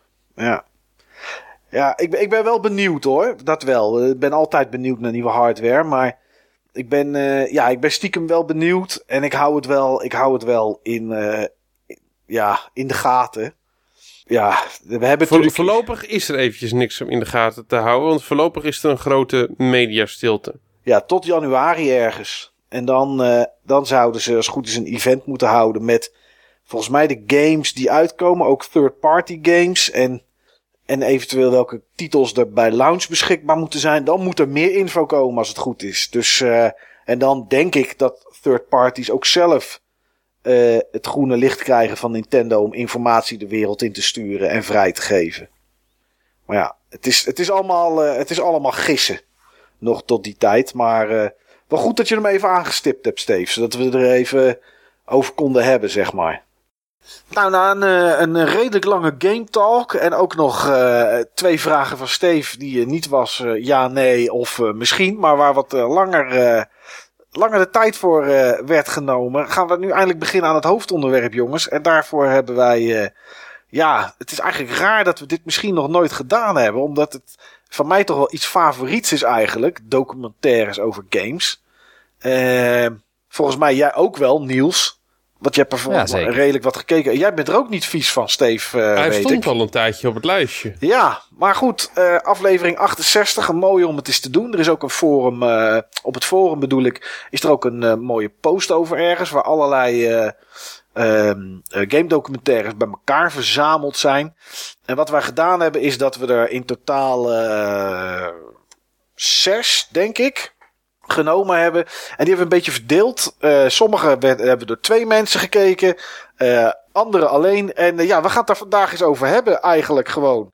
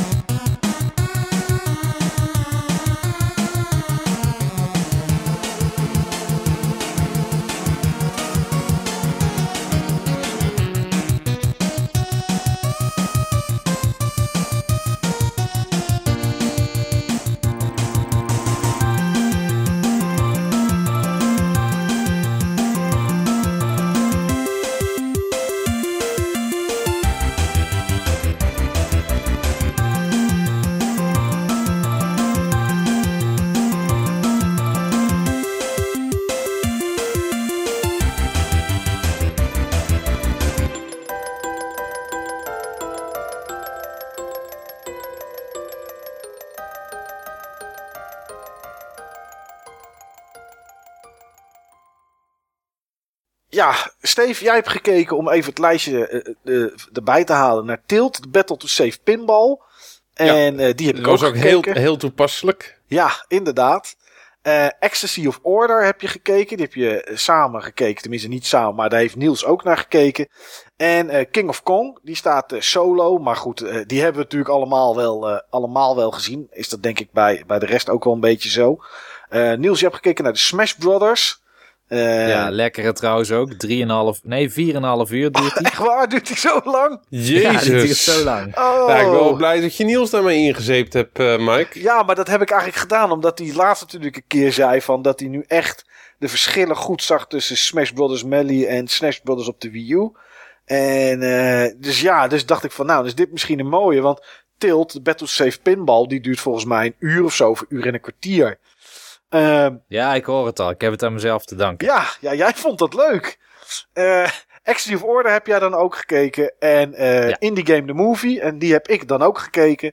Uh, net als dat ik Tilt heb gekeken. En Solo Chasing Ghosts Beyond the Arcade. Maar volgens mij is de enige die ik niet gezien heb is Smash Brothers. En voor de rest heb ik eigenlijk alles, alles gezien. En ja, Steve, laten wij, maar Niels heeft volgens mij ook, ook gezien, maar eens beginnen met Tilt. Uh, gezien uh, jouw pinballavonturen van onlangs en waar je het ook al natuurlijk over had uh, toen je vertelde over de, over de pinbaldag in het Pinbalmuseum. ja, Tilt, de Battle to Save Pinball. Ehm, ja, waar ging het over? Om daar maar eens mee te beginnen. Over de laatste adem van de pinball divisie van Williams. Ja. De mannen over de, oh, Ik zou bijna willen zeggen over de Death Rattle. Nou, dat was het inderdaad. Ja. Het is... Uh, uh, ja, het gaat dus inderdaad over Williams. Het grootste bedrijf die ooit flipperkasten heeft gemaakt. Ja, die waren op een gegeven moment echt marktleider en synoniem met flipperkasten. Vooral in de jaren 80. Vooral in de jaren 90. Uh, ja, en, en 70, sorry. Inderdaad, 70 en daarna in 90. En... Uh, in 80 was dat even wat, wat down vanwege de videogames die opkwamen. En vooral legden ze in die, in die documentaire uit. Uh, omdat videogames kon je ook met twee tegen elkaar spelen tegelijkertijd. En dat is iets wat, wat flipperkasten natuurlijk niet hebben. Ja, en dat, dat werd, om en om natuurlijk. Ja. Ja, er stond een kast hè. In het Rotterdam Pinball Museum. Ja. Dat je met twee spelers tegen elkaar kon spelen. Tegelijkertijd flipperen? Ja. Oh, Maar wauw. je zit tegenover, tegenover elkaar. Een afwijkende kast ten opzichte van veel andere flipperkasten hoor. Ja, is ook. Maar was die wel gaaf? Of viel het ik wat vond tegen? het wel. Oké. Ik vond hem, Ik ik heb vond hem niet super. Oh, ik heb zeker minimaal een uur erop gespeeld. Oh, zo. Oké. Tegen verschillende mensen van het forum ook. Oh, dat is wel, eh, dat is wel gaaf. Oh, dat wist ik helemaal niet. Nee, goed, dat is in ieder geval wat ze in die documentaire zeggen. Dat Hij is wel zeldzaam. Is ook kast. gezegd door, eh, door Gerard. Oké. Nou ja, dat is in ieder geval waar Williams op een gegeven moment last van kreeg. Ja, plus eh Ja. arcadekasten. Je kon zeg maar in een arcade... kon je per vierkante meter meer arcadekasten kwijt. Ja, ja, ja. er, werd dat is meer ook op, zo. eh, er werd meer op gespeeld. En ja, de, de footprint was letterlijk en figuurlijk gewoon kleiner. Ehm, waardoor, eh, waardoor ze gewoon rendabeler waren. Ja, meer dollars per vierkante meter. En wat ook nog in die tijd was, was dat je makkelijker door de PCB-borden te vervangen je arcadekast kon updaten naar een nieuwe game. Ja. En de artwork kon aanpassen op de kast zelf. Ja, gewoon door eh plexiglasglazen eh, platen erin te schuiven natuurlijk. Ja, Al waren Ja. volgens mij veel kasten dedicated. Jawel. En die werden natuurlijk op een gegeven moment gewoon vervangen. Maar goed, eh, het was ja, in- inderdaad ook vooral die ruimte. Ja. En ehm, ja, die, de, de, de, de, documentaire Tilt, de Battle to Save Pinball, gaat eigenlijk... eh, nou, je krijgt... Hij duurt iets van een uurtje. En in het begin krijg je zeg maar een beetje history van hoe het kwam tot de jaren 80, 90. En dat was waar we het er net over hadden, Steve. Dat ik... Ja, ik had hem al een keer wel eerder gezien, maar het was bij mij niet blijven hangen. Jij was het ook even vergeten dat flippers dus pas in 1943 kwamen. Ja. En daarvoor was het dus inderdaad balschieten en kijken wat er gebeurde. Dan, dan kon je alleen met het afschieten van de bal, kon je daar nog enige invloed van hebben. Hoe lang, hoe hard je die zeg maar eh, eh, wegschoot. Ehm, maar Williams heeft dus de flippers bedacht in 1943 en de tiltfunctie. Ja, de tilt was namelijk bedoeld om ervoor te zorgen dat dronkenlappen eh, zo'n kast niet sloopten. Ja, en dat mensen niet de kast op gingen tillen om de bal terug te laten rollen. Ja. En eh, dat laten ze niet in deze documentaire zien. Maar ik, ik weet niet, heb je wel eens van binnen gezien hoe die tiltfunctie eruit ziet, eh Steve? Heb ik niet gezien, maar dat is me wel heel precies uitgelegd in het Flipkastmuseum. Oké, oké. En wat, wat, wat hebben ze daarover verteld? Ja, dat het, volgens mij is het met sensoren en een soort met van eh, ja, waterpas. Oké, oké. Nou, ja, misschien dat dat bij de nieuwere anders is. Maar wij hebben op het, op, bij ons op het werk staat een flipperkast. En ehm, eh, nou, die hebben we wel eens open gehad natuurlijk om van binnen te kijken. We zijn toch techneuten. En daar was het in ieder geval in dat er ehm, in de kast hangt een stukje eh, stuk ijzerdraad. Met daaraan een, een, een, een stuk lood in de vorm van een eh, tol, zeg maar. Dus ja, dat is, het, dat is het inderdaad. Ja, zo, zo werkt het, sorry. Ja, en dan is het eh, als je. eh, en die hangt dan zeg maar in een ring. En als je de kast te veel beweegt, dan tikt hij tegen die ring aan. Nou ja, dan maakt hij contact. En dan weet hij van: oké, weet je, dit is niet oké wat je doet. En eh zo, tenminste, zo werkt het in ieder geval bij die, eh, bij die kast.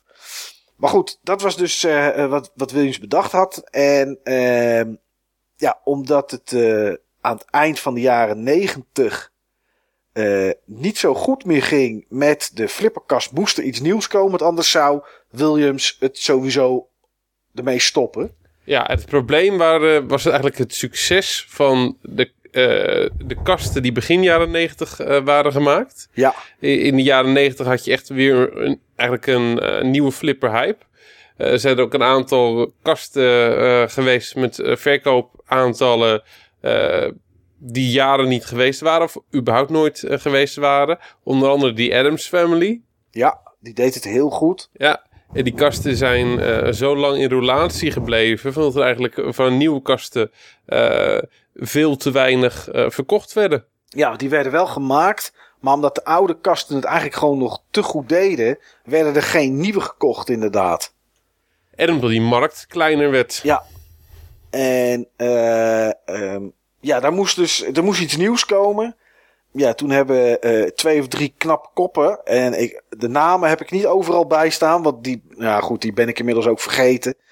Ehm, Nou, die zijn ook niet zo interessant. In de, deze documentaire gaat ook niet om de namen. nee, nee. Maar die hebben toen Pinball 2000 bedacht. Ja, in eerste instantie, eh, er was zeg maar een groot project van Williams om zeg maar te komen tot, eigenlijk was Pinball 2000 eh, een naam voor eh, een concept wat op dat moment helemaal nog geen concept was.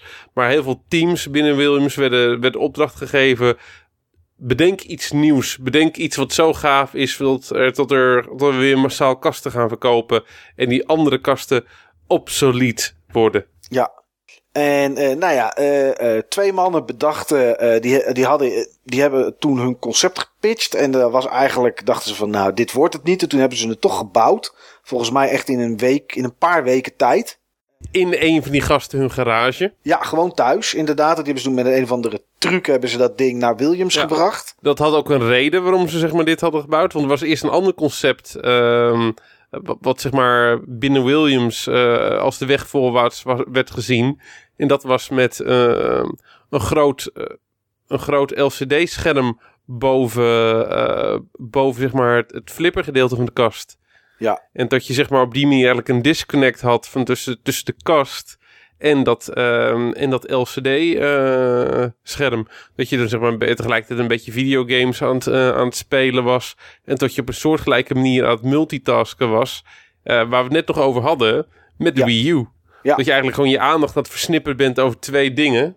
Ja, dat klopt. En zo, zo, er waren wel één of twee van die kasten. Die lieten ze ook zien met Pac-Man, zeg maar. Ja, Dat je- oudere, oudere kasten zijn dat. En dat werkte gewoon niet. Nee, er was je beneden aan het flipperen en dan was er boven was er een videogame, maar je moest eigenlijk tegelijkertijd op alle twee letten. Ja, dat was, dat was, dat was inderdaad niks. Ik heb Eh. toevallig wel eens op zo'n kast gespeeld. Bij het Bonami Bonami Museum stond hij? Volgens mij. Ja. Ik, vond hem niet, ik vond hem niet leuk. Nee, nee, dat was ook niet, eh, dat, wa- dat was ook niet tof. Eh, ja, wat men toen bedacht was een scherm in de flipperkast, maar waar je niet naar keek, maar die eh, projecteerde, zeg maar, door gewoon beeld te geven, dat projecteerde op de glasplaat die bovenop de flipperkast zit. Dus niet op het speelveld, maar die projecteerde dat naar de glasplaat die, ja, die, die er zeg maar, die altijd boven je flipperkast zit, zodat je niet met je handen de bal kan pakken of wat dan ook. En dat, daardoor kreeg je een soort holografisch-achtig eh, gevoel, eh, wat eigenlijk gewoon een reflectie was. En eh, ja, dan kon je zeg maar door poppetjes heen schieten of beestjes of aliens die erop op, op liepen op het speelveld, zeg maar. Ja, en dat werd Pinball 2000. En ehm nou, dat is waar het documentaire zeg maar naartoe werkt, naar dat moment. En dat hebben ze toen laten zien. Ja, en Williams ging daarmee, in, eh, die, die ging daarmee door, want die vond het geweldig. En wat je dan ziet in die documentaire is dat ook eh, eh, distributeurs en publiek het geweldig vindt. En negen maanden later stopten ze alsnog. En dat, is wel, dat vond ik wel apart, eh Steve, om, om, om te zien. Ja, toch niet, toch niet succesvol eh, genoeg. Nee. Eh, ze, ze schreven wel zwarte cijfers, maar eh, niet met zeg maar, het soort marges wat ze eigenlijk verwacht hadden. Er zat ook een bepaalde trend in de verkoop van die kasten. ja. Ehm, Ja, en wat, en uiteindelijk, uiteindelijk zijn er ook maar vier kasten op dat framework ontwikkeld, volgens mij. Ja, ze, ze, Eh. ze, ze vertelde in die documentaire. Want de eerste kast die ze hadden gemaakt was Revenge for Mars. En dat was een vervolg Ja. op Escape for Mars. En dat was een. eh, nou, dat is dan de kast Attack, die. eh, Attack from Mars. Attack from mij. Ja. en dat was een kast die heel succesvol was. die ze lieten zien. En daar lieten ze gelijk het concept bij zien. Kijk, die kast was duurder. Die, die, die, die prijs was iets van 3200 dollar. Terwijl normaal een flipperkast geloof ik iets van 1500 was. Ehm, om die prijs te, een beetje te, te, te, ja, goed te praten, gaven ze aan van ja, je kan het binnenwerk kan je vervangen. En hoef je niet een hele nieuwe kast te kopen. En dan kan je de, de artwork op de zijkant kan je vervangen. Ja, en dan kan je er eigenlijk een andere kast in stoppen. En dan zou je minder kosten kwijt zijn. Door de software, zeg maar, voor het, het projectie van de PC. Om door die, eh, door, door die ook dan te vervangen. Eh, zou je minder kwijt zijn. Alleen, wat, wel, wat ik apart vind aan die documentaire is dat op een gegeven moment, eh, eh, nou zeggen ze dat dit een heel groot succes was. Waar ik wel erg om moest lachen, was dat er een bug in die kast zat. Op het moment dat ze hem lieten zien op de première avond. Want na 40 minuten eh treden er een memory leak op. En dan moest die kast opnieuw gereset worden. ja, dat was nog een conceptversie. hè? Ja. Ja. En, maar wel die ze op die avond lieten zien. Dus iedereen die speelde moest, moest nou ja, na tijd moest dat ding gereset worden. En, ehm, en daarna gingen ze bezig aan Star Wars Episode 1. En dat is dus een kast waar ik ooit op gespeeld heb. Die, die kan ik me herinneren. Ja, daar hadden we net nog over gehad, kort. Ja. En, en dan eigenlijk gaat de documentaire een beetje naar een soort van vaagheid. En de mensen in de documentaire ook. Die hebben zoiets, die, die weten eigenlijk niet wat nou de exacte reden is dat ze gestopt zijn bij Williams ermee. Maar er kwamen een aantal, aantal dingen naar voren. En dat was onder andere die Star Wars kast. En dat is iets wat, wat we nog met games bijvoorbeeld, die gebaseerd zijn op films, ook vaak zien.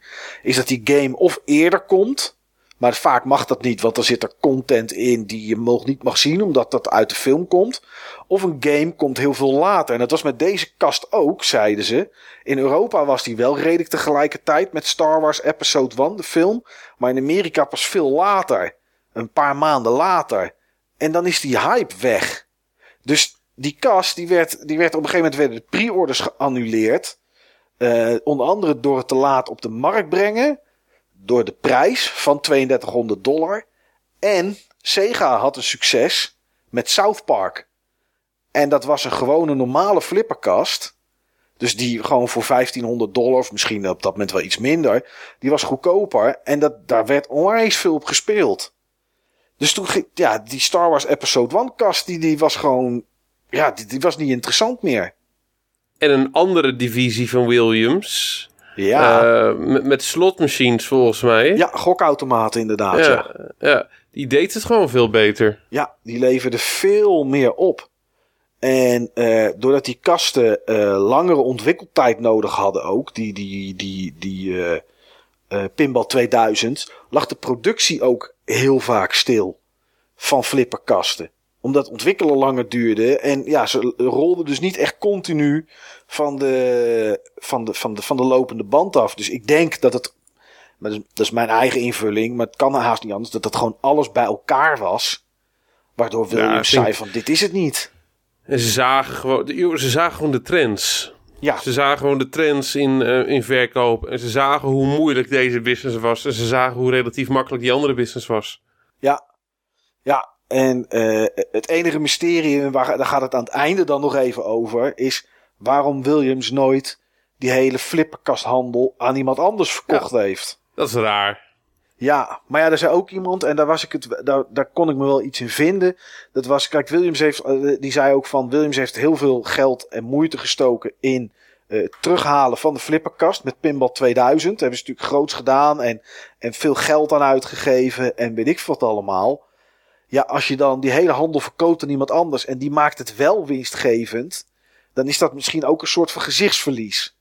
En daar Ja, daar kon ik me wel, kon ik me wel in vinden. ja, ja, dan hebben, hadden ze misschien zoiets van, dan laten we het liever verstoffen hier in ons magazijn, dan dat we het verkopen en dat iemand anders er succes mee heeft. Dus eh, ja, ik vond het wel een, eh, ik vond het een interessante, interessante documentaire, moet ik zeggen, Steve.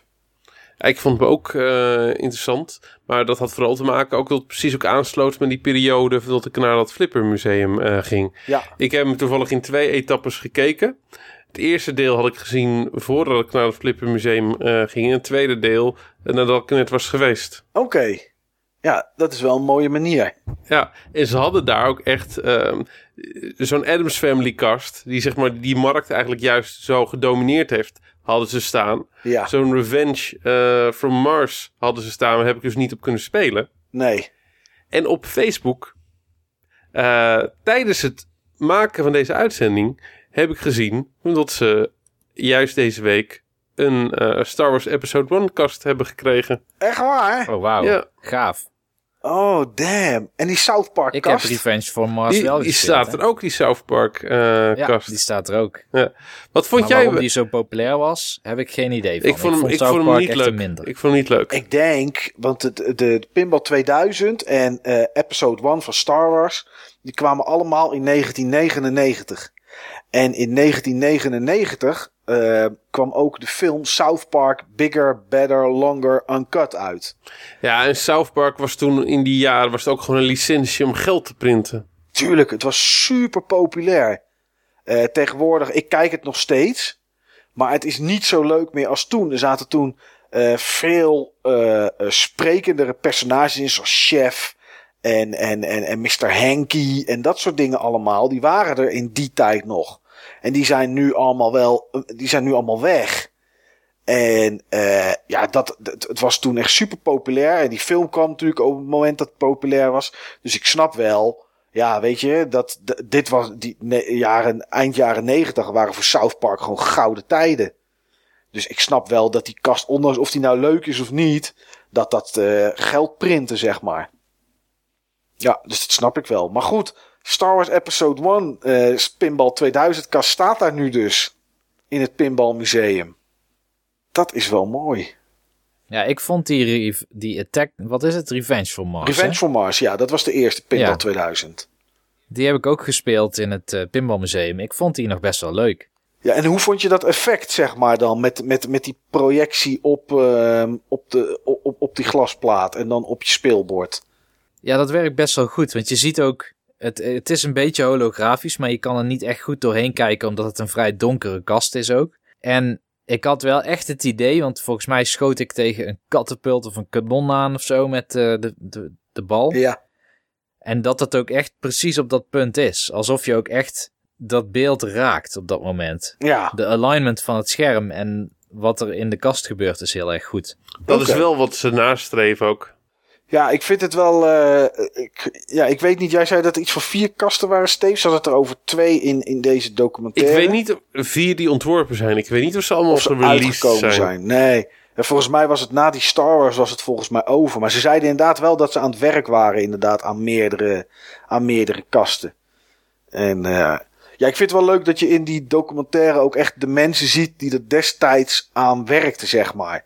Je hebt wel documentaires waar, eh, eh, eh, waar mensen vertellen over die periode, zeg maar, als journalist of als buitenstaander. Maar ze hebben hier gewoon echt de mensen die de software programmeerden, de mensen die dit bedacht hadden. de- de- iedereen hebben ze, zeg maar, opgezocht en, en doet mee aan het verhaal van deze documentaire. En dat, ja, dat vind ik wel tof.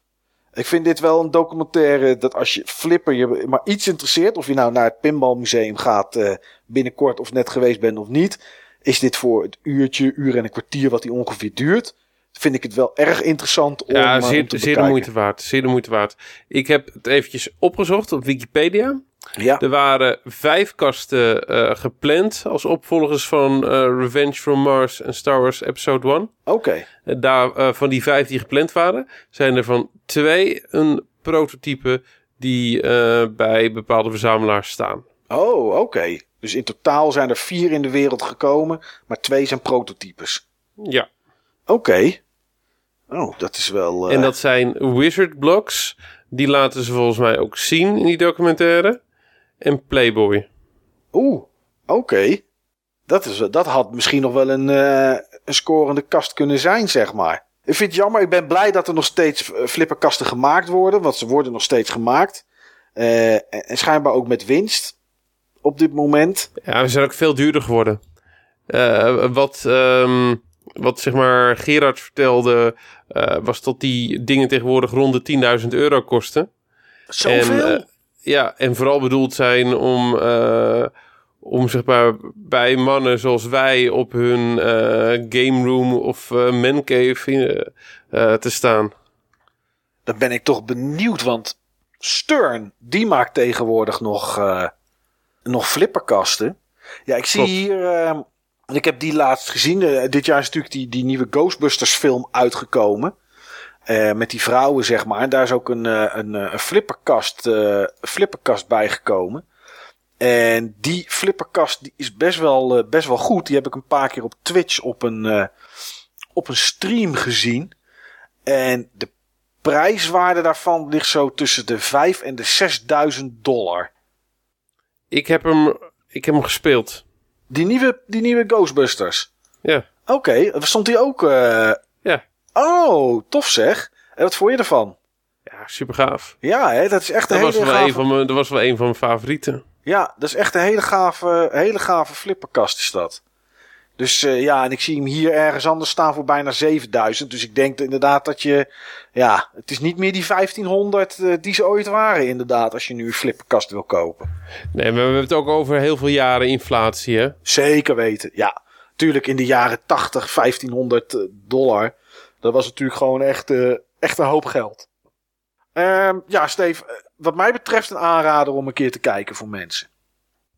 Ik denk zelfs als je geen flipper of pinball fan bent dat het nog wel leuk is. Dat denk ik ook. En dat, dat heeft iets eh, wat ik bij een andere documentaire ook vond. En dat is dat het hier meer over de mensen en een proces gaat. Dan puur over het product zelf. Ja. En dat maakt het interessant, denk ik.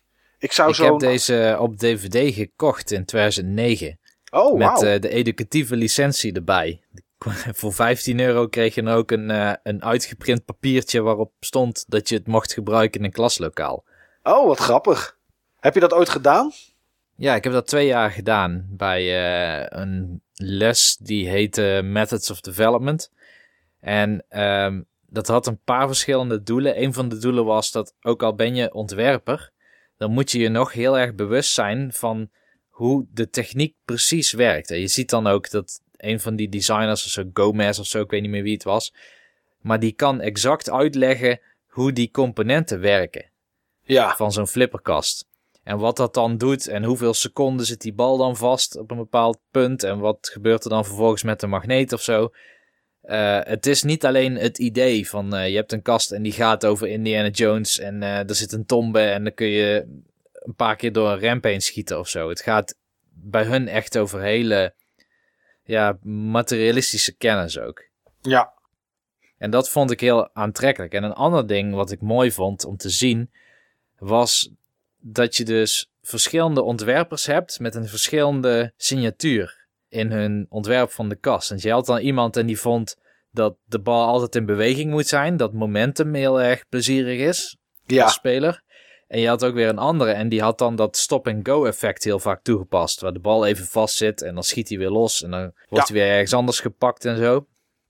En daar zit dan ook een so- soort rivaliteit tussen dat ze dan die kast volgens mij in de kantine of beneden bij de trap neer gingen zetten en dat ze dan anderen erop lieten spelen om te kijken wat hun reacties waren. En dat is ook wat er eigenlijk nu gebeurt bij mij op het werk. Dat je teams ziet die dan maanden hebben gewerkt aan een game en die zetten ze dan in wat we dan eh, vroeger Game Lab noemden, nu heet het GI Space. Daar staat er ook een soort arcade kast en daar kun je zelf ehm, je spel op een pc zetten of je laptop aan aansluiten en dan kun je ook mensen dat laten spelen en kijken hoe ze erop reageren. Oké. En dat test, vond, eh, testplek. ja, een testomgeving. En, eh, maar, maar het is wel in een openbare omgeving waar meestal 100 studenten of zo zitten.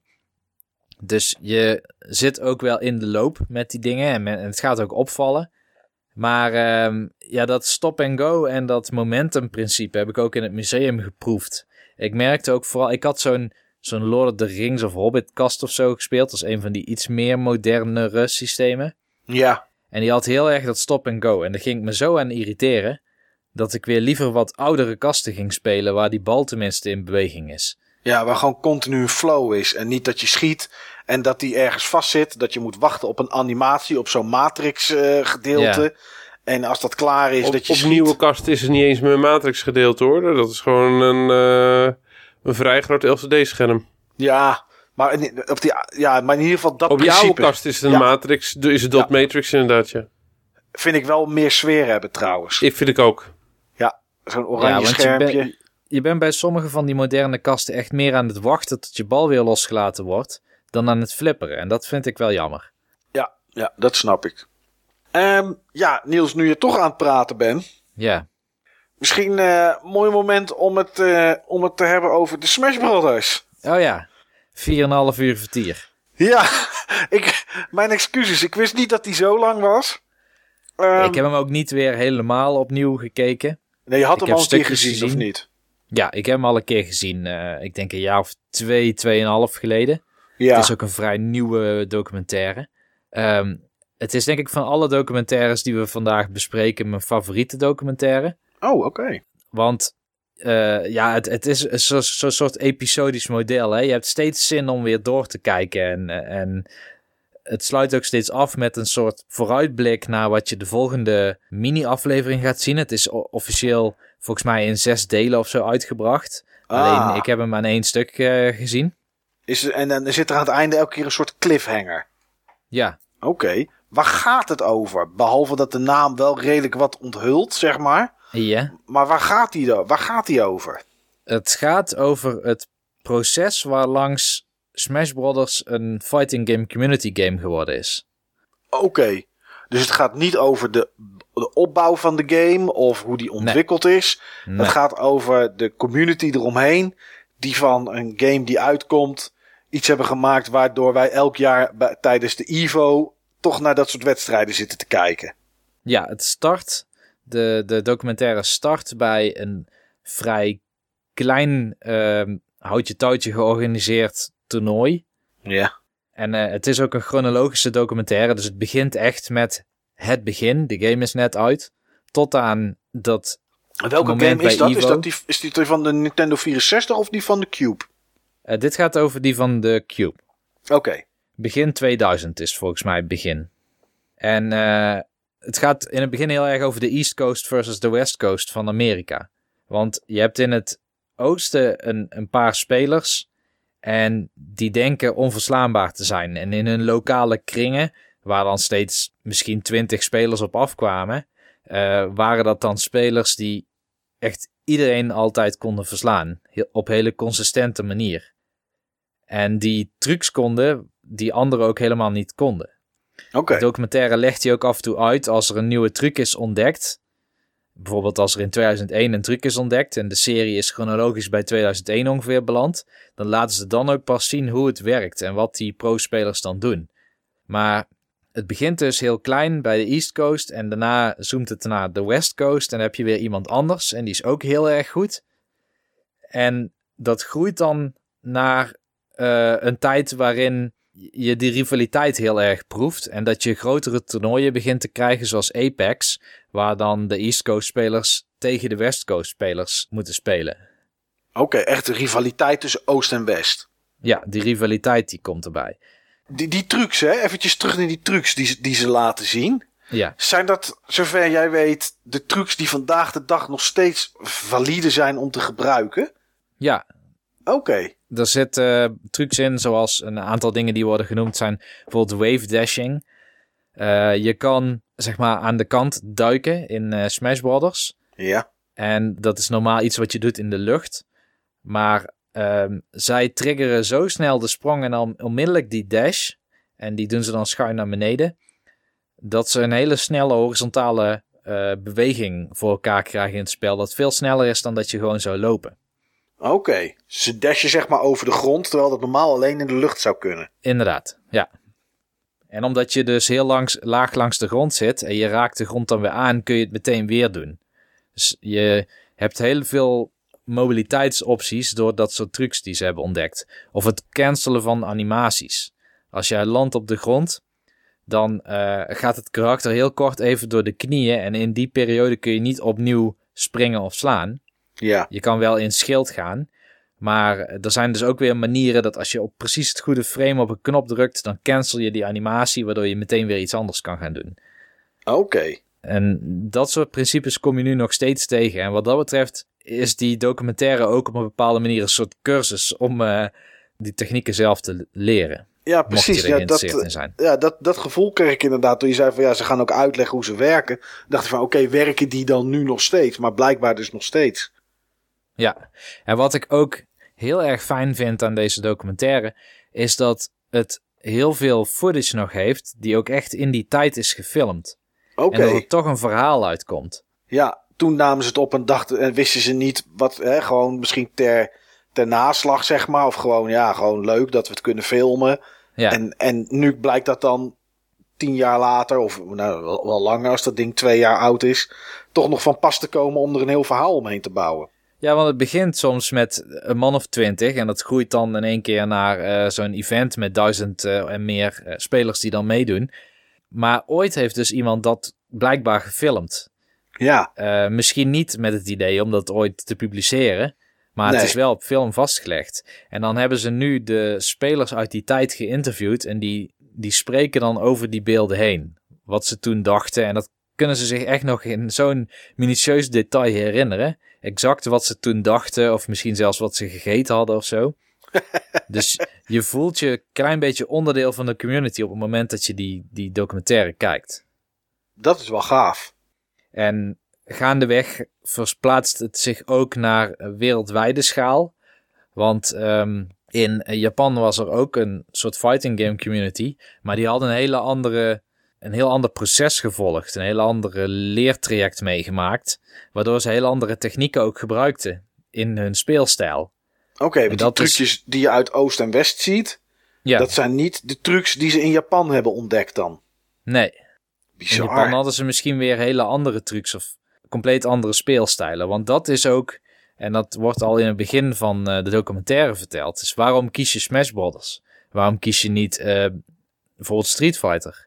Ja, En de reden dat veel mensen Smash Brothers ehm, als populairste fighting game zien, is omdat je in Smash Brothers heel veel vrijheid hebt. In beweging over de stage en in de moves en hoe je die combineert. Tot het punt waarop je zelfs aan de videobeelden kan herkennen welke speler dat dan was. Omdat je een, een hele unieke speelstijl kan herkennen in de manier waarop je karakter op het scherm beweegt. dat is wel en dat herken ik ook. Oké, ja. Ik kan dat nu bij sommige mensen ook. Ik herken bijvoorbeeld Mr. R, dat is dan zo'n Nederlandse Smash eh Wii U-speler. ja. Die heeft een hele agressieve speelstijl met zijn ehm Chic. Hij speelt Chic. En elke keer als ik een Chic gevecht zie... en eh, er staat niet direct bij welke speler nou links of rechts aan het spelen is... of, of ik zie geen beeld van wie de spelers zijn op Twitch of zo... Ja, dan heb ik toch het idee dat ik kan herkennen als het Mr. R is. Want die, die neemt heel erg veel risico. Die springt gewoon van een stage af om een trucje met een vrij lastig traject, zeg maar. En, en het is een move die niet super snel is, maar die wel jouw karakter ook nog een stukje verplaatst. Om dat dan offstage nog te doen. En omdat je dan de andere speler raakt, dat je daardoor ook weer terug op stage kan komen. Dat is echt heel bijzonder wat hij doet. En, ehm, dus ik herken die uitspraak wel van die spelers. Maar het mooie is dus dat je dan op een gegeven moment in, in die documentaire ook nog echte beelden uit de tijd ziet. Dat die mensen van East en West Coast eh, naar Japan gaan om daar nieuwe spelers uit te dagen. Met je- speelstijlen die dus hij niet kennen. En dan zie je ook echt beelden zeg maar, van de trip daar naartoe en, eh, en dat soort dingen, of niet? Ja, elke mini-aflevering probeert wel op de activiteit van Smash in te zoomen. Je, je leert niet zo heel erg veel over de mensen Oké, eh, over hun persoonlijk leven. Je komt niet bij ze thuis, zeg maar, eh, wat je wel in een serie hebt als eh Ecstasy of Order. ja. Maar het gaat dus wel echt over die toernooien die op dat moment worden gehost. Ja, hierbij gaat het echt meer over de game dan over de personen. Wat zeg maar in, inderdaad bij Axie of Order is de game bijzaak. En misschien bij Tilt, Battle to Save Pinball, is pinball zeg maar een beetje bijzaak. Dan gaat het meer over het proces eromheen. Dat is hier, gaat het echt wel meer over de game. Nee, het gaat niet over de game. Het gaat wel echt over die personen die die game spelen. Maar het niet gaat over de community. vlak. Zo moet Ja, ik het, eh, denk ik, zeggen. En Ja. de personen die vertellen na hoe zij dat vroeger hebben ervaren. Ja, En soms dan hebben ze ook nog beelden waarop zij iets zeggen tegen elkaar of, of wat dan ook. Maar ehm, je hebt wel het idee dat je die mensen een beetje beter gaat kennen. Dus nadat je die, die documentaire hebt gezien en je kijkt dan bijvoorbeeld naar Ivo, dan doet een derde van de mensen waar die documentaire over gaat nog steeds mee. oké. Oh, dat, En- eh, die zitten wel lang in het vak, om het maar zo te noemen dan. Ja, precies. Die zitten lang in het vak. En je gaat ook het idee krijgen dat je ze iets beter kent, doordat jij hun hele achtergrond op een gegeven moment kent. Ja, oké, dat is wel gaaf. Ja, dan is dit denk ik een documentaire die ik wel moet zien, of niet Niels? Ondanks dat ik voor de rest niks met Smash heb. Ik denk serieus dat jij het heel leuk zou vinden, Oké, deze documentaire. En ik weet niet of dat je daardoor Smash ook leuk gaat vinden, maar ik denk wel dat je daardoor die fighting game toernooien interessanter gaat vinden dan dat je ze nu vond. hmm, interessant. Heb jij hem gezien ooit, Steve? Nee, ik heb niet zoveel interesse erin als ik eerlijk ben. Oké. Nee, nou ja, goed. Het is, het, de game zelf, eh, die boeit mij ook inderdaad. Eh, eh, Ik ga zelf geen Smash spelen. Maar die trucjes en hoe dat allemaal is ontstaan, zeg maar. Ik heb ook, ik heb ook ooit gekeken naar Free to Play. Een documentaire die op Steam staat. Is gratis te bekijken. En dat gaat over een, een Dota 2 toernooi, de Invitational. En eh, ik heb helemaal niets met Dota 2. Ik heb het ooit wel eens een, een uur of 15 max gespeeld of zo. Ja. Maar het is wel leuk om te zien hoe zo'n team zich dan eh, eh, naar de finale toe opbouwt. En, en, en, en dat soort dingen, zeg maar. Dus dat is. goed, ik heb, ik heb die één keer maar gezien. Maar dat is misschien ook nog wel eens een aanrader voor mensen om te kijken. Hij is gratis op Steam. En eh, ja, free-to-play heet hij. En dat is, eh, gaat dus over de weg naar eh, een miljoen dollar. Om, of misschien wel meer dat het was. Om te winnen met Dota 2. Ja. Ja, bij mij had het trouwens wel dat effect dat ik juist Smash ben gaan spelen door die documentaire. Oké. Daarvoor vond ik het geen leuke game. Oh, dat is misschien een beetje link als ik dat ga kijken dan, eh, Niels. Nou ja, nee, ik verwacht eerlijk gezegd niet dat jij daardoor Smash gaat spelen. Nee, nee, maar misschien wel misschien iets meer waarderen eh, door de gameplay die ik nu, ja, waar ik niet zoveel mee heb, zeg maar. Nou, ik kan me herinneren dat eh, toen we het een keer hebben gehad over Evo 2015, misschien zelfs op de podcast, dat je wel zei dat je Smash heel leuk vond om te kijken. Ja, vind ik ook. Het is, er gebeurt heel veel. Het is heel actief. En als de zaal een beetje hype is, want de zaal is zeg maar mijn graadmeter bij zo'n game. eh, over of het bijzonder is wat er gebeurt of niet. eh, omdat ik dat zelf niet weet. Dan eh, ehm, heb ik nu inmiddels wel een beetje meer kennis om te zien wat dan inderdaad speciaal is. En als die zaal. Want dat, dat is wel zo. Dat was bij Evo 2016. Deden ze finales in een soort grote arena. eh, waarbij ja, de spelers in het midden zaten. Heel groot leeg eromheen. En dan daaromheen publiek. Dat, daardoor was het publiek minder heftig aanwezig dan bij Evo 2015. Want er zaten mensen gewoon op een podium met een groot doek. En echt eh, twee meter achter zaten de eerste, eerste publiek al. Was veel meer het publiek wat erbij hoorde. Ja, dan, dan vind ik het wel heel gaaf om naar te kijken. Want dan is er een hoop excitement en gejuich. En dan, ja, dan ga ik daar wel een beetje in mee, eh, in mee zeg maar. Ja, na, na zo'n documentaire ga je ook snappen wat die spelers doen. Ja, Eh, je herkent wat ze doen en je begrijpt ook wat het skill level dan betekent. ja, En inderdaad. dan bedoel ik zo welke bewuste acties ze doen of wat ze voor gedrag bij de andere speler proberen uit te lokken. Oké, ik eh, ben overtuigd. Ik ga, eh, ik ga de Smash Brothers ga ik, ga ik een keertje kijken. Ehm, ja, Niels, Steve, jullie hebben ook gekeken naar Ecstasy of Order. Ja, Eh, ik heb die ook gezien, ooit. Eh, wat vond je ervan, Steve? Ik heb niet opnieuw gekeken, want ik had hem al twee keer gezien. En dan, eh, dat is wel voor mij de max wat ik uit zo'n film kan halen. Ja, Maar ja, ik vind Ecstasy, Ecstasy, zo. Ik vind Ecstasy of Order echt helemaal geweldig. ja waar, ga, waar, gaat die, waar gaat die over? Wat is het, het, het verhaal van de docu? Een Tetris-toernooi. Georganiseerd door de grote gast achter eh, Nintendo Age. Of althans, een van de mensen achter eh, Nintendo Age. Ja, Ik weet niet of hij het nu nog steeds doet. dat weet ik ook Eh, niet. Robin Mihara. Ja. Is ook de producer van, van zeg maar die documentaire. Ehm een van de finalisten van het Nintendo World Championship. Het beruchte en beroemde Nintendo World Championship, inderdaad. Ja, met die hele bijzondere dure cards ehm, die daar nog van resteren. En die eh, op eBay voor hele hoge prijzen gaan. Ja. Ehm, volgens mij was dat het championship in 1990. Maar dat weet ik niet 100% zeker. Maar hij is daarin niet eerste geworden. Dat is iemand, dat is iemand anders die daar eerste in is eh, geworden. Eh Thor Akkerlund. Oh ja, Thor, ja. Ja, en ehm, hij. eh, en het leek hem leuk om zeg maar. een van de games die zeg maar. ehm, in dat toernooi gespeeld werd. Dat was Tetris. Daar was volgens mij de finale ook in. Dat was toen nieuw. Nintendo had toen net die eh, licentie. En dat was een beetje de game die ze op die manier ook eh, wilde pushen. Ehm, natuurlijk een game die voor een heel breed publiek eh, interessant is.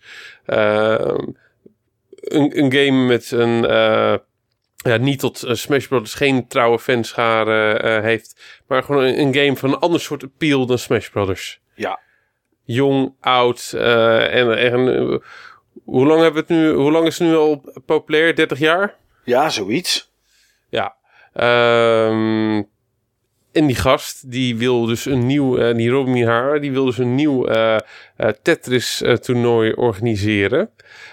Waar echt de beste mensen ter wereld ook mee, mee ja, moeten doen. Dat is zijn doel.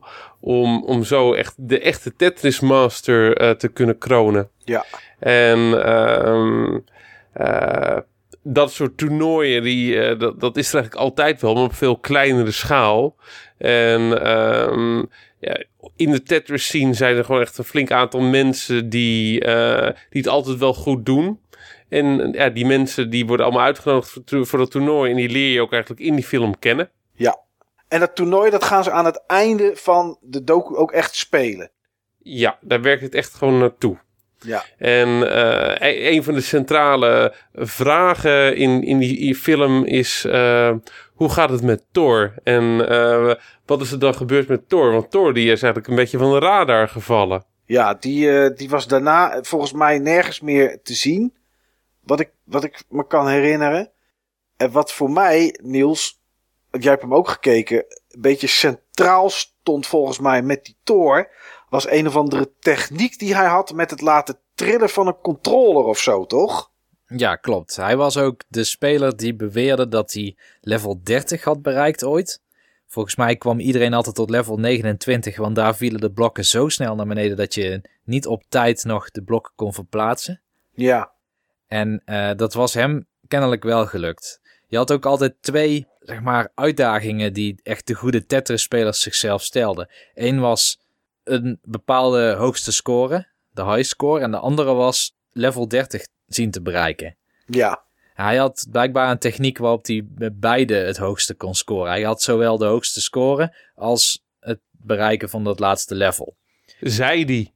Zei die. Dat was inderdaad eh, ook het belangrijke, want de andere spelers geloofden niet per se dat hij dat kon.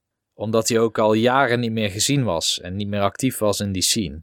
Nee, en dat was natuurlijk allemaal niet geregistreerd, want dat was zeg maar jaren negentig. En ja, dat, eh, eh, mensen hadden geen videocamera's, van die waren duur. Ja.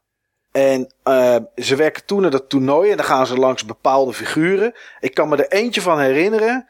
En dat was zeg maar letterlijk een gast waarvan, de, waarvan we vroeger zouden zeggen... die keek met zijn linker oog in zijn rechter broekzak. Maar die had Ja. de techniek om zijn ogen individueel van elkaar te bewegen of zo. En dan kon hij naar het speelveld kijken en met zijn andere oog naar het blokje wat er daarna aankwam, toch? Klopt, dat was zijn truc. Ja. Ik vond, En dat, heb je ook, vond dat heel apart om te zien. dan heb je, je hebt ook nog een Aziat die in de leer is geweest bij Tom. Ja, die zit met een doekje. Ja, die, die, eh, die speelt met een doekje of met zijn mouw. Ja. Ja. En eh ja, een, je een hebt ook een, eh, een meisje die dan, ondanks dat ze super hoge scores haalt, niet wist dat je ook eh, counterclockwise je blokjes kon draaien. Ja, inderdaad. Ja, die draaide altijd maar met de klok mee. Maar die wist niet dat je met die andere knop. En er zitten maar twee knoppen op een NES-controller. Ja, Dat je dan de andere kant op kan draaien. Wa- was dat die lesbienne, die lekkere lesbienne die lijkt op Scarlett Johansson? Die met dat blonde haar, inderdaad. Waar elke dag volgens mij drie Ja, bussen ja, ja. haarlak ingaan. Zo, Die, ja. die, die had van dat getoupeerde haar. was een soort van, een soort van redneck eh, nichtje van Scarlett... Van, lesbisch redneck, redneck nichtje van Scarlett Johansson. Ja, inderdaad. En ze je ziet dan ook in die documentaire dat ze bij die mensen thuis gaan.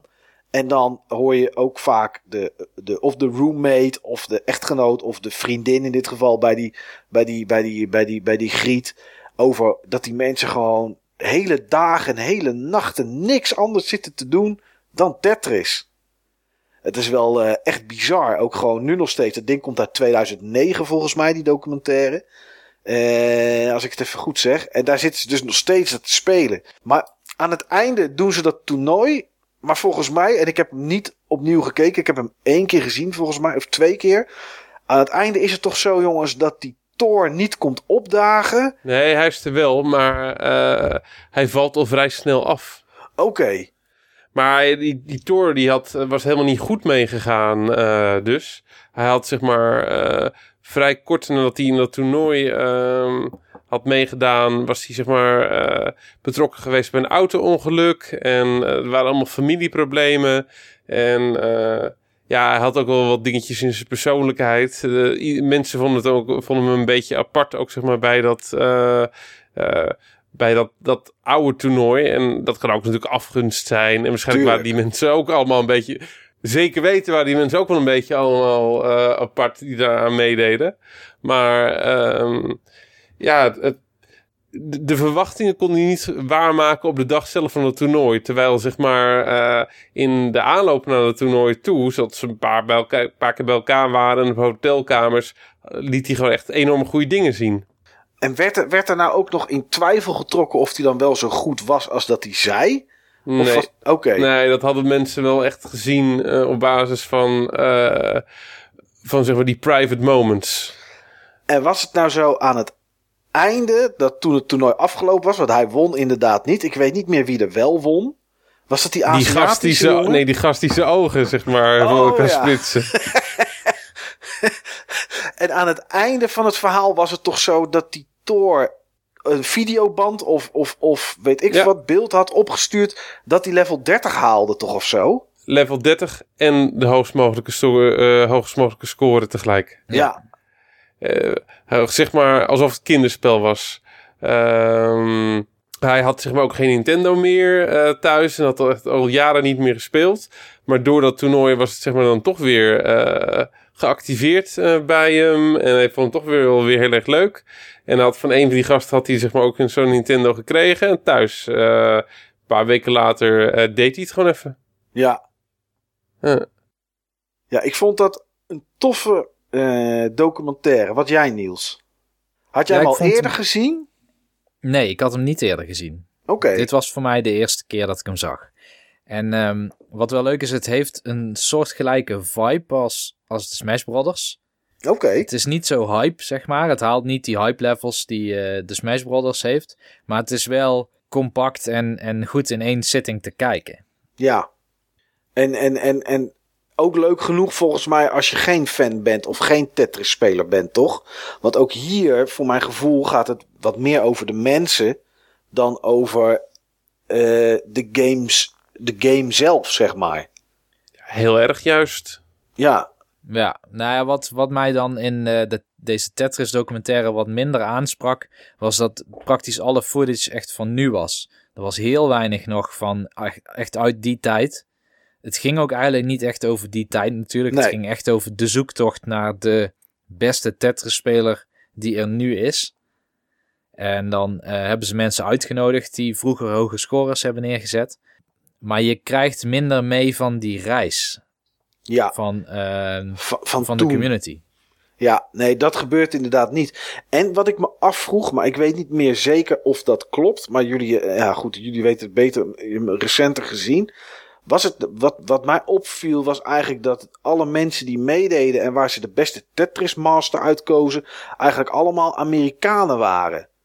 Er zat niet iets bij van uit andere landen of zo, volgens mij, toch? Dat klopt, ja. Er zit wel een Ja, Aziatische volgens- jongen bij natuurlijk. Maar dat is ook gewoon een Amerikaanse jongen. Ja, maar die, ja, precies. Dit is ook gewoon een echte Amerikaan. En dat vond ik wel apart. Kijk, ik denk dat voor die documentaire dat het gewoon te duur zou zijn als ze ook mensen vanuit Japan en misschien vanuit eh, Duitsland of weet ik wat zouden laten invliegen daarvoor. Maar eh, ik vond het wel vrij Amerikaans gericht, zeg maar, voor iets waar ze de beste Tetris Master ter wereld voor zoeken.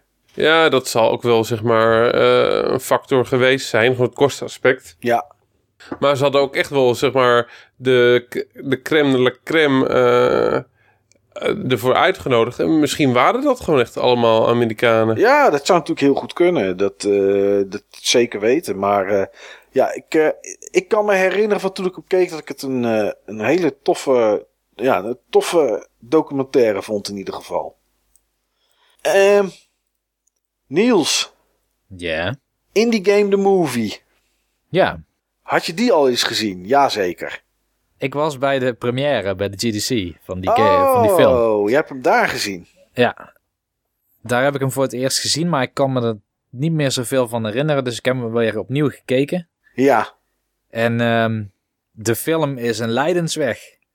ja dat is het wel, hè? Een De kwelling. mensen ja, die erin voorkomen en, en in sommige, op sommige facetten misschien ook wel de kijker zelf. Want die, die leidt wel mee met eh, de gevoelens op dat moment van die indie developers. Ja, want het gaat over eh, meerdere mensen die, die langskomen. Het gaat niet over de geschiedenis of zo, of wat dan ook van een indie game, of hoe dat ontstaan is. Maar het gaat eigenlijk over uh, Team Meat, de, de makers van Super Meat Boy. En uh, de maker van Fez. Dat zijn volgens mij, tenminste dat is in mijn ogen, zijn de twee games die centraal staan. Ja. Uh, er worden hier en daar links en rechts worden er wat andere games en wat andere ontwikkelaars worden er dan bijgehaald. Nou ja, het speelt zich ook af in de kielzog van uh, Braid van Jonathan Blow. Ja. Wat eigenlijk de eerste grote indie game was die gepubliceerd werd op een console op de, op de Xbox 360. En um, hij contextualiseert de documentaire ook wel met zijn commentaar.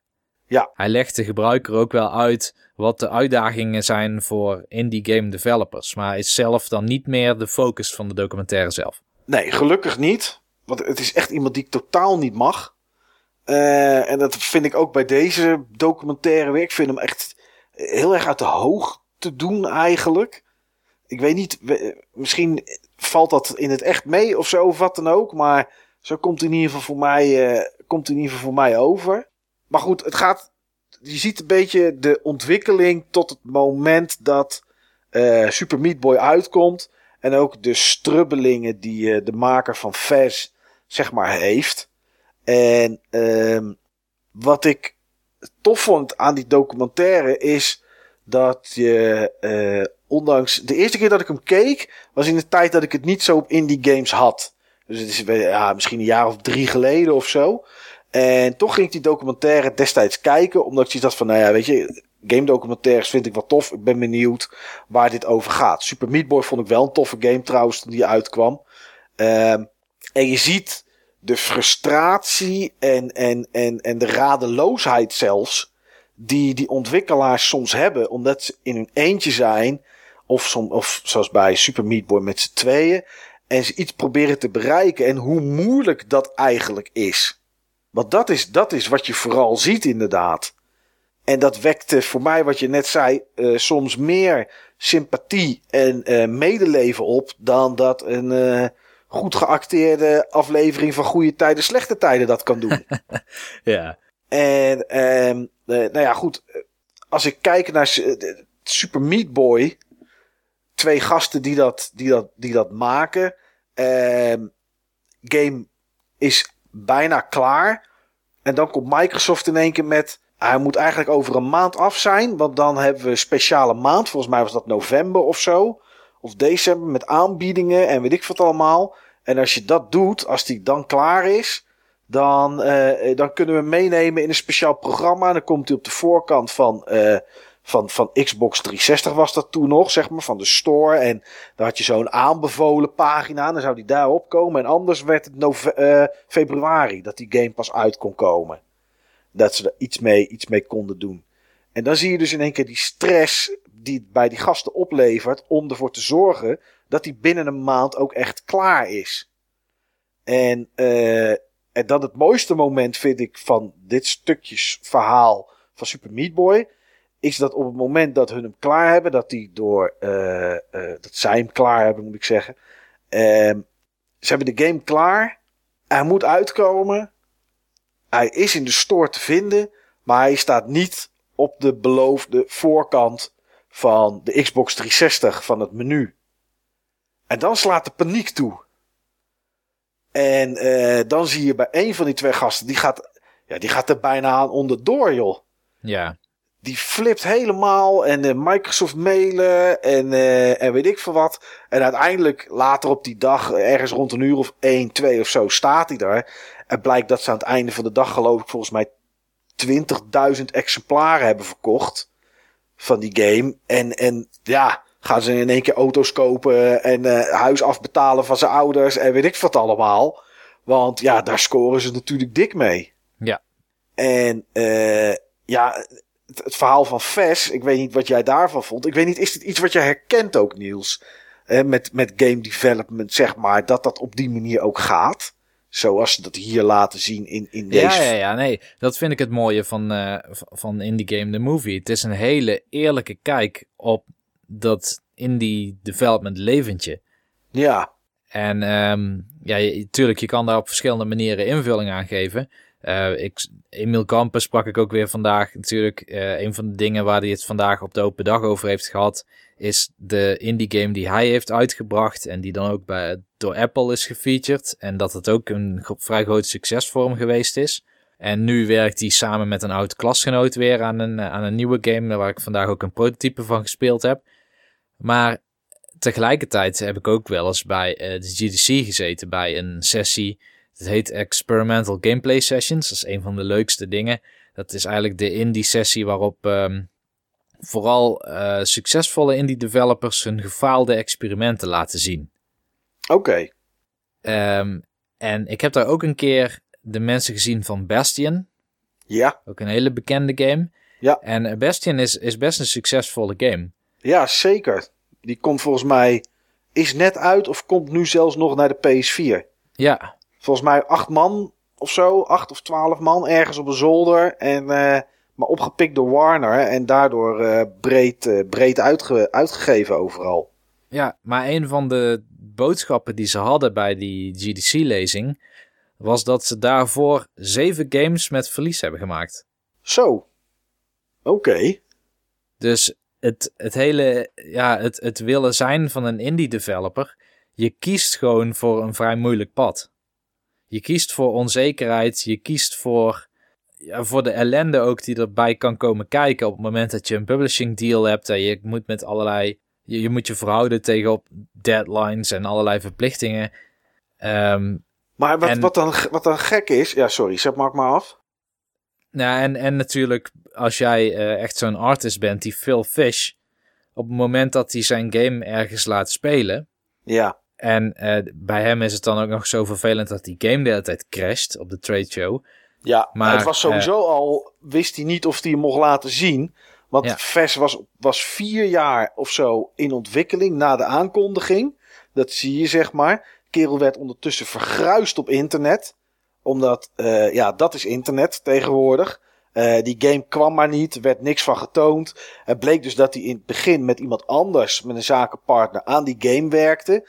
Die kerel stopt er op een gegeven moment mee. Hij gaat verder en, en trekt daar iemand anders bij aan. Uh, nee, die kerel, volgens mij heeft hij op het punt gestaan om zelfmoord te plegen en alles. Uh, wat je zegt net van, die mensen kiezen ervoor hè, om, om, het, om het dan op de moeilijkere weg te doen. Maar hij heeft echt een moeilijke weg. Ja. Uh, geen geld meer. Uh, kan, Canada was het volgens mij. Waar die, waar die vandaan kwam. Uh, of Australië, een van de twee. Die stoppen er geen, geen subsidie meer in. En, en nou, die kerel gaat helemaal, helemaal naar de. ja, die gaat, zit echt aan de grond. vriendin weg, weet ik veel. Allemaal van dat soort ellende. En dan voordat hij op die trade show staat, waar het ook nog eens misgaat, omdat die game elke keer crasht, is er een moment, en dat vond ik wel een, een, beetje aandoenlijk moment. Dat hij wil die game eindelijk laten zien. Heeft, een, uh, heeft geld uitgegeven voor een, voor een stand. En weet ik wat allemaal op uh, PAX. Was het volgens mij. Ja. En dan mag het niet. Omdat zijn uh, oud partner nog niet de documenten heeft getekend. Om er zeg maar afstand van te doen. Om gewoon niets meer met dat project te maken te hebben. En hij gaat toch. toch gaat hij daar staan. En terwijl die PAX bezig is, dat blijkt dat die, dat die andere kerel dus getekend heeft. Maar inderdaad, hij staat op die op PAX en die game crasht gewoon elke keer. Ja. Dat, ja, weet je. En, en, dan blijkt dat hij heel veel aanpassingen twee dagen daarvoor of zo heeft gedaan. En terwijl hij beter die beeld had kunnen gebruiken. Maar ja, hij wilde nog, nog meer laten zien dan dat er eigenlijk kon. Dat is niet zo slim, hè? Nee, dat was echt. Ja, dat was echt gewoon niet snugger. Maar goed, uh, uh, ja, hij doet het. En uiteindelijk komt Vers dan wel een keer uit. Maar ik, uh, ik, ik, vond het, ik vond het geen hele slimme zet, Niels, zoals hij het gedaan heeft.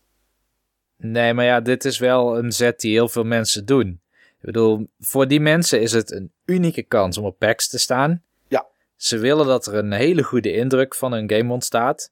Dus werken ze inderdaad misschien nog de nacht door om net wat aanpassingen te maken waarvan zij denken dat het geen kwaad kan en eigenlijk de ervaring alleen maar sterker maakt. Ja. Dus ik snap wel vanuit hun geredeneerd waarom ze voor kiezen en het is niet slim. Ik bedoel, een manager zal het afraden, gok ik. Ja, Omdat die de zekerheid wil hebben van een stabiele beeld op zo'n eh, op zo'n zo'n trade show. ja, zeker weten. Ja, gelukkig pakt het voor hem wel goed uit, want mensen waren wel enthousiast. Eh, la- zie je in die, in die documentaire. En uiteindelijk zie je dan, nou ja, dat. eh, ik weet niet of je het moment ziet dat die game uitkomt. Volgens mij komt het in tekst voorbij.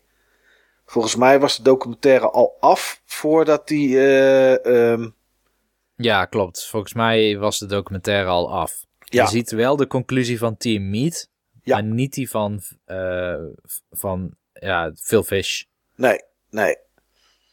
Wat me wel opvalt, Niels, is dat al die indie developers, ook Jonathan Blow, die je ziet met Braid, eh, gasten van Team Meat, eh Phil Fish met zijn vers, en je ziet volgens mij nog iemand die een indie game heeft gemaakt. Ik weet even niet meer welke uit mijn hoofd. Maar ze hebben allemaal dezelfde insteek. En dat is dat ik wil iets maken dat ik zou willen spelen. Met mijn bedoeling erachter. En ik heb hier genoteerd. En als de rest van de wereld mijn bedoeling en intenties niet snapt, dan ga ik huilen. Ja, ze stellen zichzelf enorm kwetsbaar op, maar het zijn ook kunstenaars, meer dan developers, op een Ja. bepaalde manier. Want ze willen inderdaad echt iets, iets, iets uitdrukken, waar kennelijk voor hun een game een beter medium voor is dan ehm, via sociaal contact of via film of via een, een boek schrijven. Ja, En daar steken ze dan zoveel jaar in. En in principe is die game dan een verlengstuk van hun. Ja, het, het- is hun footprint in de wereld natuurlijk. En een verlengstuk van, van hun zichzelf. zijn. Ja. ja, maar ik vind het raar dat als je Braid gaat spelen en je zegt gewoon, ik, ik vind het een, een toffe platformer met een leuke mechanic en eh, puzzeltjes zijn leuk, dan, dan gaat Jonathan Blow wordt helemaal gek. Want dan snap je zijn game niet. Nee. Maar ik snap niet. Het zijn, maar wel dat een beetje, het zijn wel een beetje snobs natuurlijk. Nou ja, daar, zo komen ze over. En dat hoeft voor mijn idee misschien helemaal niet zo te zijn. En misschien zijn ze het wel. Maar ik snap niet dat hun niet, of dat zij niet kunnen snappen dat iemand gewoon op een hele basismanier naar hun game kunnen kijken en gewoon blij kunnen zijn met het oppervlakkige wat ze daarin zien. Ja. Vol- vol- volgens mij heeft zo'n Jonathan Blow met Braid en, en die gasten van Super Meat Boy hadden het volgens mij ook. Die zaten dan reviews te kijken. En er was er eentje, één review, volgens mij van GameSpot of zo. En dan zei eh, de vrouw van een van die twee gasten van Team Meat, zei... Oh, dit is iemand die... eh, nou, of hij zei het van... Dit is iemand die eindelijk snapt hoe jullie het bedoeld hebben. En toen dacht ik, ja... Super Meat Boy is gewoon een super goede platformer met hele goede controls. Heel uitdagend. Punt. Ja. Het is voor mij niet meer dan dat. Maar ze gaan allemaal gaan ze, gaan ze in een soort van ja, paniekmodus of zo. Of, of de wereld begrijpt me niet modus. Een beetje, ja, eh, op het moment dat anderen niet zien wat zij met hun game bedoelen. Ja, vind ik toch wel een beetje, toch wel een beetje jammer hoor, moet ik zeggen. Ja, maar ze zitten ook veel te persoonlijk in, in die game, wat dat betreft. Want dat is een van de dingen. Ik heb toevallig een, een- een jaar geleden ongeveer een cursus gehad. En het ging ook over creativiteit. Ja, En een van de dingen die je ook moet leren als kunstenaar. is dat je afstand kan doen van wat je hebt gemaakt. Op een gegeven moment heb je iets gemaakt. Kan een film zijn, kan een standbeeld zijn, kan een game zijn. En als Ja. die in de wereld is. dan, ehm, moet je het dan moet die ook het verhaal doen. Ja, Dan moet jij niet hoeven uit te leggen waar het over ging. Want dan nee, is er blijkbaar iets niet goed ontworpen in wat je hebt gemaakt. nee. Nou ja, andere mensen kunnen natuurlijk ook weer andere dingen inzien. Dat is, dat is kunst en mensen kunnen dat op een andere manier beleven. Ja, En die kunst moet eigenlijk gewoon op zichzelf staan. Ja, dat, dat product, wat het dan ook is, moet zijn eigen verhaal vertellen. Ja. In zekere zin, het is, het is heel erg eh, filosofisch, maar in zekere zin ben je dan eerder vader van zo'n kunstwerk dan creator. Ja. Nou ja, dat is, en dat zie je bij deze mensen, zie je dat dus heel sterk. Eh, Maar wel, ik vind het wel een, een, een boeiende. eh, wat jij net zei, Niels. Ik denk dat dat wel een goede term is. Een eerlijke documentaire. Ja. En ik heb daarna, eh, ik had hem gekeken, hij staat op Netflix. En toen zag ik daarna dat er ook nog een vervolg was.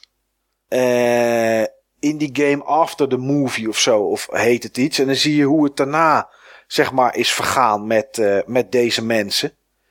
Eh, en dan zie je dus bijvoorbeeld dat die gasten van eh, Team Meat, dat hij inderdaad eh, het huis van zijn van zijn van zijn ouders heeft afbetaald. Eerst had hij geen auto en nu had hij er drie.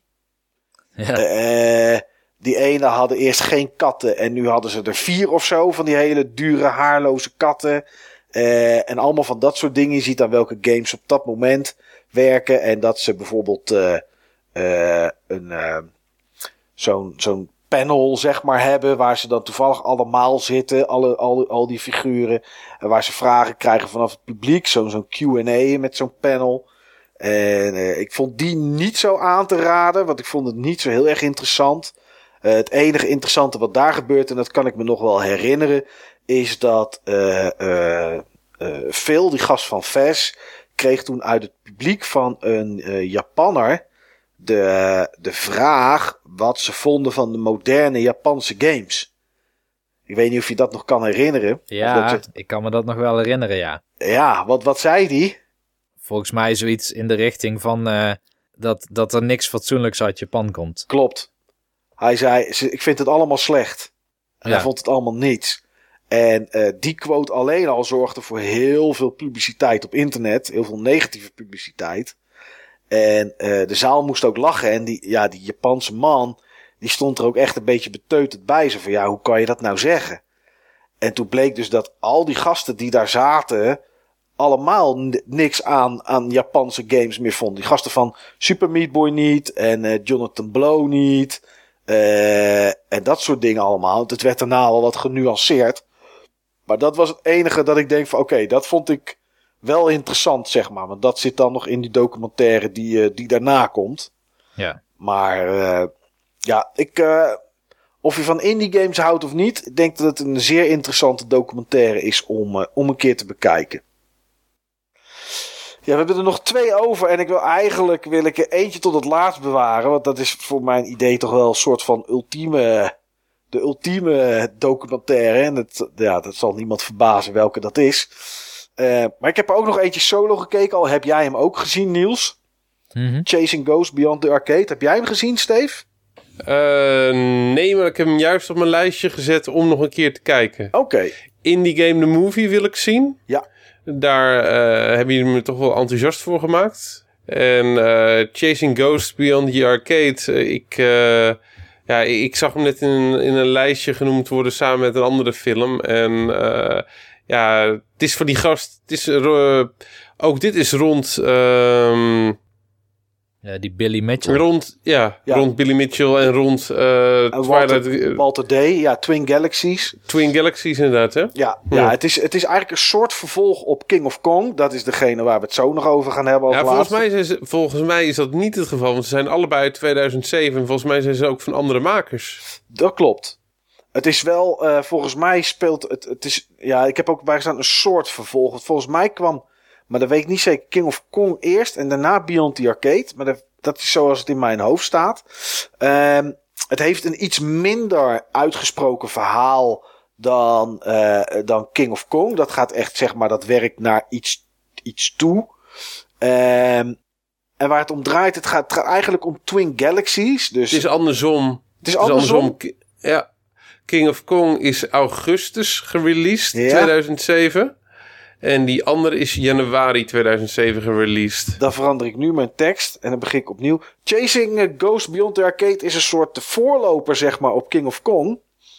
Eh, en met, eh, eh, met wat, minder, eh, wat minder verhaal, maar dat zei ik net al. Eh, het draait om, eh, eigenlijk om Twin Galaxies. En Twin Galaxies, daar hebben we het zo meteen nog wel over, ook in King of Kong. Maar Twin Galaxies, ehm, de, opgericht door Walter Day. En dat was eigenlijk, eh, het was een arcadehal in een heel klein dorpje ergens in Amerika. En wat er gebeurde is dat er was eigenlijk niet een plek een algemene plek, want er was natuurlijk nog geen internet, waar highscorers werden bijgehouden van games. En uh, Twin Galaxies is dat gaan doen. Dan moest je een videoband in die tijd opsturen met uh, nou ja, daarop hoe je kon laten zien dat het gespeeld werd. Er waren mensen, een aantal mensen, uh, die daarnaar keken. En uh, ja, die, die beoordeelden dan of de score legit was, of, of die klopte. En dan kwam dat in een volgende uitgave van, van Twin Galaxies. Volgens mij hadden ze een eigen blad. En uh, ja, daar stonden dan de highscores in. En dat waren zeg maar dan de, ja, de, de, de, de hoogste scores ter wereld. Uh, wat, je, wat je ziet is een aantal gezichten die je ook uh, later in King of Kong ziet. Zoals dan inderdaad Walter Day, maar ook uh, Billy Mitchell en Steve Sanders bijvoorbeeld. En door die doc documentaire heen zie je zeg maar hoe die jongens de tijd beleefden dat ze een soort van supersterren waren. En op tv kwamen. Om, om, ja, omdat zij hele goede uh, ja, arcadekastspelers waren. Ja, volgens mij hadden ze in een spread gestaan in Live Magazine, toch? Klopt, ja. En op een gegeven moment uh, komen ze op tv, drie stuks, waarbij ze uh, drie arcadekasten hadden staan. Van de, de drie arcadekasten van elk spel, waar ze een soort van toernooitje op tv meededen. Om te laten zien uh, hoe goed die mensen waren. Hoe goed die jongens waren. En wat daaruit voortkwam was een soort elektronisch circus met arcadekasten. Die door het land zou gaan reizen. En, en ja goed, dat kwam niet van de grond. En dat, liep, dat ging een beetje mis. Uh, en daar zouden ze bijvoorbeeld trucjes laten zien. Met, met Pac-Man, asteroids en dat soort dingen. Uh, maar ja, goed, dat, dat, kwam, dat kwam totaal niet van de grond. En ja, die, die gasten, zoals ze nu dan zijn, vertellen een beetje hoe ze die tijd hebben beleefd. Je ziet daar ook beelden van, van destijds. En um, waar, waar het mee begint, zeg maar, is uh, een foto uh, voor Twin Galaxies met allerlei arcadekasten en uh, wat cheerleaders ervoor en een hele groep van die spelers die dan op die arcadekasten hangen, zeg maar. Zo van, uh, wij, zijn, uh, wij zijn de beste spelers. En aan het einde van de, uh, van de documentaire komt daar iets van misschien 60% van die gasten nog een keer naartoe. En dan gaan ze nog een keer in, in diezelfde straat gaan ze op arcadekasten hangen. En, en, en maken ze nog een keer zo'n foto, zeg maar. Ehm, ja, er zit niet echt, echt een heel groot verhaal dus in. Maar je ziet wel uh, persoonlijke verhalen uit die, uh, uit die tijd. En dat is wel, uh, ja, het dat is wel aan te raden, denk ik, om, om te kijken. Zeker als je King of Kong ook, ook interessant vindt. we, gaan, we gaan het zo nog hebben over King of Kong. En, maar daar komt Billy Mitchell in voor. En volgens mij hebben we het daar een keer over gehad, Niels. En dan zei ik van dat ik het een arrogante kerel vond. Toen zei jij, ja, het is ook wel een beetje zo geknipt. Ja. Alleen, toen ik dit zat te kijken, je kan zeggen, het is geknipt hoe, hoe, je, hoe je wil. Maar als iemand iemand anders verslaat en die zegt daarna, uh, I forever put him in his place. En my gameplay absolutely intimidated him. Ja, daar kan ik toch niet iets anders van maken dat het toch wel een beetje arrogant is, toch? Nou, maar jij hebt natuurlijk nog niet een, een bordspel gespeeld bij Steve. Met mij en Joey erbij. Nee. En mij horen trash talken. Nee, dat klopt. Maar dan doe je het op dat moment om mij misschien te intimideren. Maar als jij daarna naar huis gaat en je zegt uh, uh, tegen je broer van uh, my gameplay absolutely intimidated him. Ja, dan denk ik toch dat je een beetje arrogant aan het doen bent. ja, dat. Ja, ik moet gedaan. zeggen, Niels, Niels is absoluut niet, uh, is absoluut niet het soort persoon om elke keer weer de kans heeft om, om Joey erop te wijzen dat hij eigenlijk alleen maar kan winnen met geluk en, uh, en regelbuigen of wat dan ook. Om hem daar keer op keer gewoon weer eventjes gewoon op zijn plek mee te zetten. Nee, ik ben zo, zo niet. Zo is Niels niet. nee.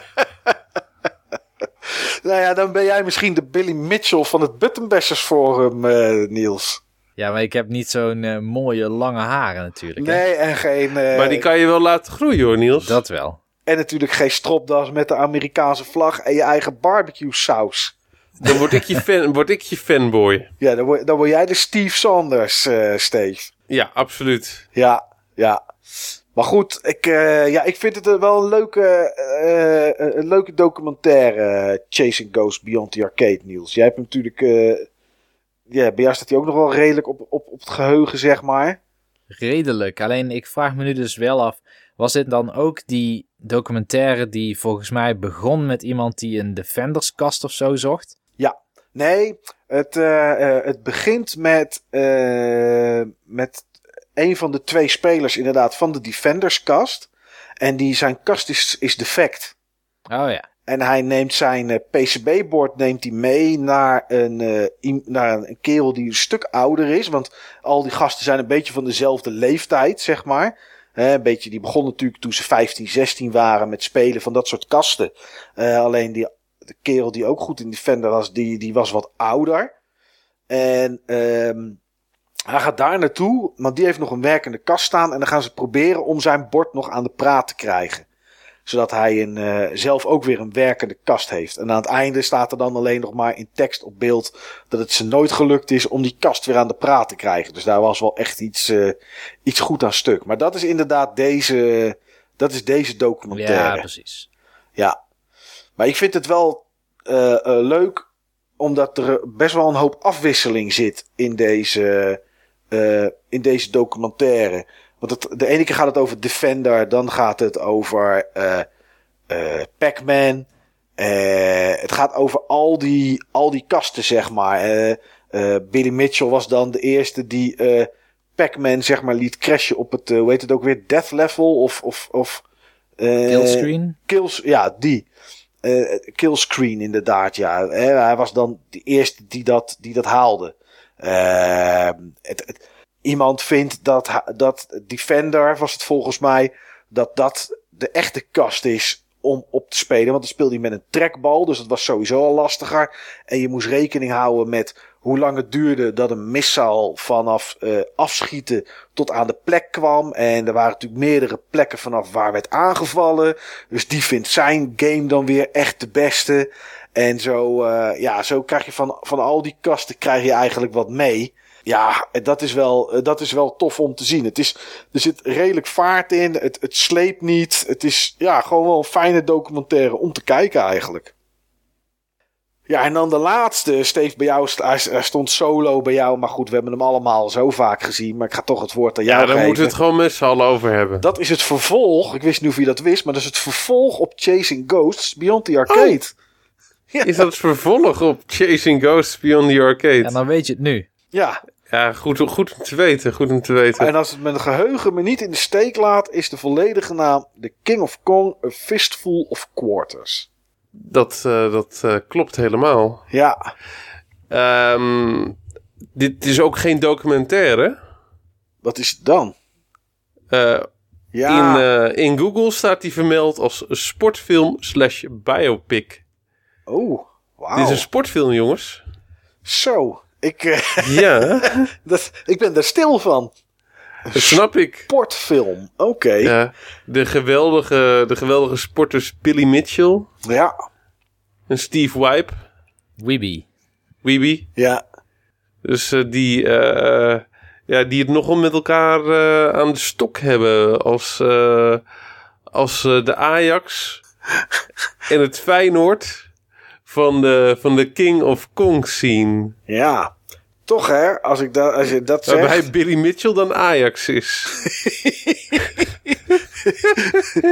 Ja, en, en waarvan ik vind dat, dat eh, Billy Mitchell het meer aan de stok heeft met Steve Weeby dan eh, a- andersom eigenlijk. Dat klopt, ja. Ja. Steve, Steve Weeby heeft eigenlijk met bijna niemand echt aan de stok. Nee, Iedereen heeft aan de stok met Steve Weeby. ja, dat is het, dat is het eerder. Eh, ja, Steve, nu je toch zo mooi met Ajax en Feyenoord hebt. Voor de mensen die hem nog nooit gezien hebben. En ik geloof niet dat er iemand is die hem nog nooit gezien heeft. Waar ik gaat geloof, ik denk het wel. Ik denk het wel. Maar eh, ja, dat gaat over ehm, ja, eigenlijk eh, een, ehm, een werkloos eh, vliegtuigbouwer, volgens mij. Ja, dat Volgens mij is hij werkloos eh, vliegtuigbouwer. Bouwer. Volgens mij had hij bij Boeing eh, gewerkt, die Steve Wiebe. Of, hij- of was onderwijzer. Hij had in ieder geval... Het ging niet goed met, eh, met, eh, met die jongen. En als een stuk afleiding had hij een eh, Donkey Kong kast eh, eh, gekocht. En eh, hij was een beetje op internet eh, gaan zoeken. En hij had zeg maar records eh, gezien. En had zoiets van, "Ah, dat kan, kan ik ook. Kan ik ook. En ehm, hij kon het ook. Hij kon het ook. Ja, Dus die had zeg maar ehm, ja, binnen no time, eh, nou hij- het, zal best, het heeft best wel wat moeite gekost. Binnen no time had hij op die kast in zijn garage eh, ja, de score van die legendarische Billy Mitchell, die grote Billy Mitchell, ja, ja. die ja, patriotische die Billy Mitchell. ja, ja, die door eh, ja, ja, de, de hele Twin Galaxy scene op handen werd eh, gedragen. Ja, Ja, vrouwen die, eh, die tatoeages hebben met de naam van Billy Oh, Mitchell ja. op hun borsten. dat is inderdaad zo, ja. Is dat zo? Ja, volgens mij is zijn er mensen die, die wel een tatoeage van hem hadden. Ik was namelijk aan het verzinnen, maar... Ja, maar volgens mij komt er iemand voorbij die dat heeft. Hey, sometimes truth is stranger than fiction. Maar, eh, ja, die durfde gewoon beter te zijn dan Billy Mitchell. En dan komt zeg maar die, eh, die adjudant van, eh, van Billy Mitchell, die komt gewoon het verhaal houden. Steve Sanders. Ja, ja. Die, eh, de persoonlijke fanboy van, van Billy Mitchell. Die komt gewoon inspe- inspecteren van hoe dat dan kan, dat hij beter is. En op het moment dat die, dat die Steve Wiebe een keer niet thuis is, dan sluipt hij zijn garage in en sloopt hij die kast. Ja, ze, hij laat. Dat, dat is echt. Ik, het is. Die hele documentaire, zeg maar. eh, en, en dat is. Ja, dat, ik weet niet of het, of het. Ja, ik ga ervan uit dat het klopt wat we zien. Ehm, is dat Billy Mitchell met zijn gevolg. Want dat is toch het gevoel wat je krijgt. Twin Galaxy staat aan zijn kant. Steve Sanders staat aan zijn kant. Er is een. eh, eh, ja, een gast die alle videobanden bekijkt met scores. Die zich dan opsluit in zijn kamer. En, en dat bekijkt. Die lijkt aan de kant van Billy Mitchell te staan. Alles en iedereen lijkt helemaal idolaat te zijn inderdaad van Billy Mitchell. En alles wat Steve Wiebe doet, dat klopt eigenlijk niet. En inderdaad is er een moment dat ze, dat ze zijn bord uit zijn kast opkomen halen om die te controleren en dan daar iets op vinden dat het niet het bord moet zijn waar je de scores mee kan halen of zo. En dan keuren ze hem af. Ja, dat bord, dat was, bleek namelijk gekocht te zijn bij een van de grote rivalen van, eh, van Billy Mitchell. En eh, eh, ja, er waren mensen die hem niet vertrouwden, want dat bord, daar zou er wel mee gekloot zijn. Ja. En, en, en daardoor werd zijn score werd, werd, werd volgens mij afgekeurd. Ah, ik vond dat zo overdreven. Ik vond, dat, ik, ik vond het gewoon zielig en sneu voor Steve Wiebe. Ja, het ging ook helemaal niet goed met die Steve Wee- Wiebe daardoor. Nee. Dus hij begon zich echt op te sluiten in zijn wereldje. Had wat autistische trekken ook. Eh, ja, problemen in het gezin. Allemaal gewoon door dat stomme spel. Ja. Ja, en uiteindelijk... Terwijl, eh, ja, en hij wordt gewoon echt heel erg eh, geportretteerd alsof, alsof hij gewoon het gelijk aan zijn kant heeft. En alsof de boze Twin Galaxies wereld tegen hem is. Ja. Ja. Heeft die jongen eindelijk eens een keer iets waarin hij goed is. Krijg je Eh, dit? Er was niets waarin hij echt goed was. En dan blijkt hij gewoon een talent te hebben, Donkey Kong. En ja, dan keert, eh, keert een wereld waar hij juist de support zoekt om zijn talent te delen. Die keert zich op deze manier tegen hem. Ja. Ja, door iemand die, die, die nu van zijn beroep heeft gemaakt... barbecue saus of hot sauce voor, voor, voor, voor chicken wings. Ja. Want dat, dat was volgens mij wat Billy Mitchell aan het doen was. Die had, die had een of andere saus, eh, sausenfabriek of zo. eh, of saus die die, die, die, die die maakte. Maar goed, het gaat daarna toe naar het moment dat Steve Wiebe eigenlijk tegen Billy Mitchell een toernooi wil spelen. Gewoon alle twee op een kast. Of er is een toernooi waar die naartoe gaat. En dan zou je eigenlijk denken van nou, weet je, als het klopt dat, eh, eh, dat het beeld verkeerd is neergezet van Twin Galaxies en van Billy Mitchell, et cetera, et cetera. Dan zou Billy Mitchell daar gewoon naartoe moeten gaan. En, en gewoon dat hij kan laten zien. Dat niet alleen dat hij de beste is, maar dat hij ook. eh, eh, dat hij niet zo in elkaar steekt. Maar dat slaat hij elke keer af. Uiteraard doet hij dat niet, want hij steekt wel zo in elkaar. Ja. Dat is toch. Ja, het, is onbegrijpelijk eigenlijk. Maar ja, dat is wel wat er gebeurt. En ik weet alleen nu niet meer wat, de, wat uiteindelijk.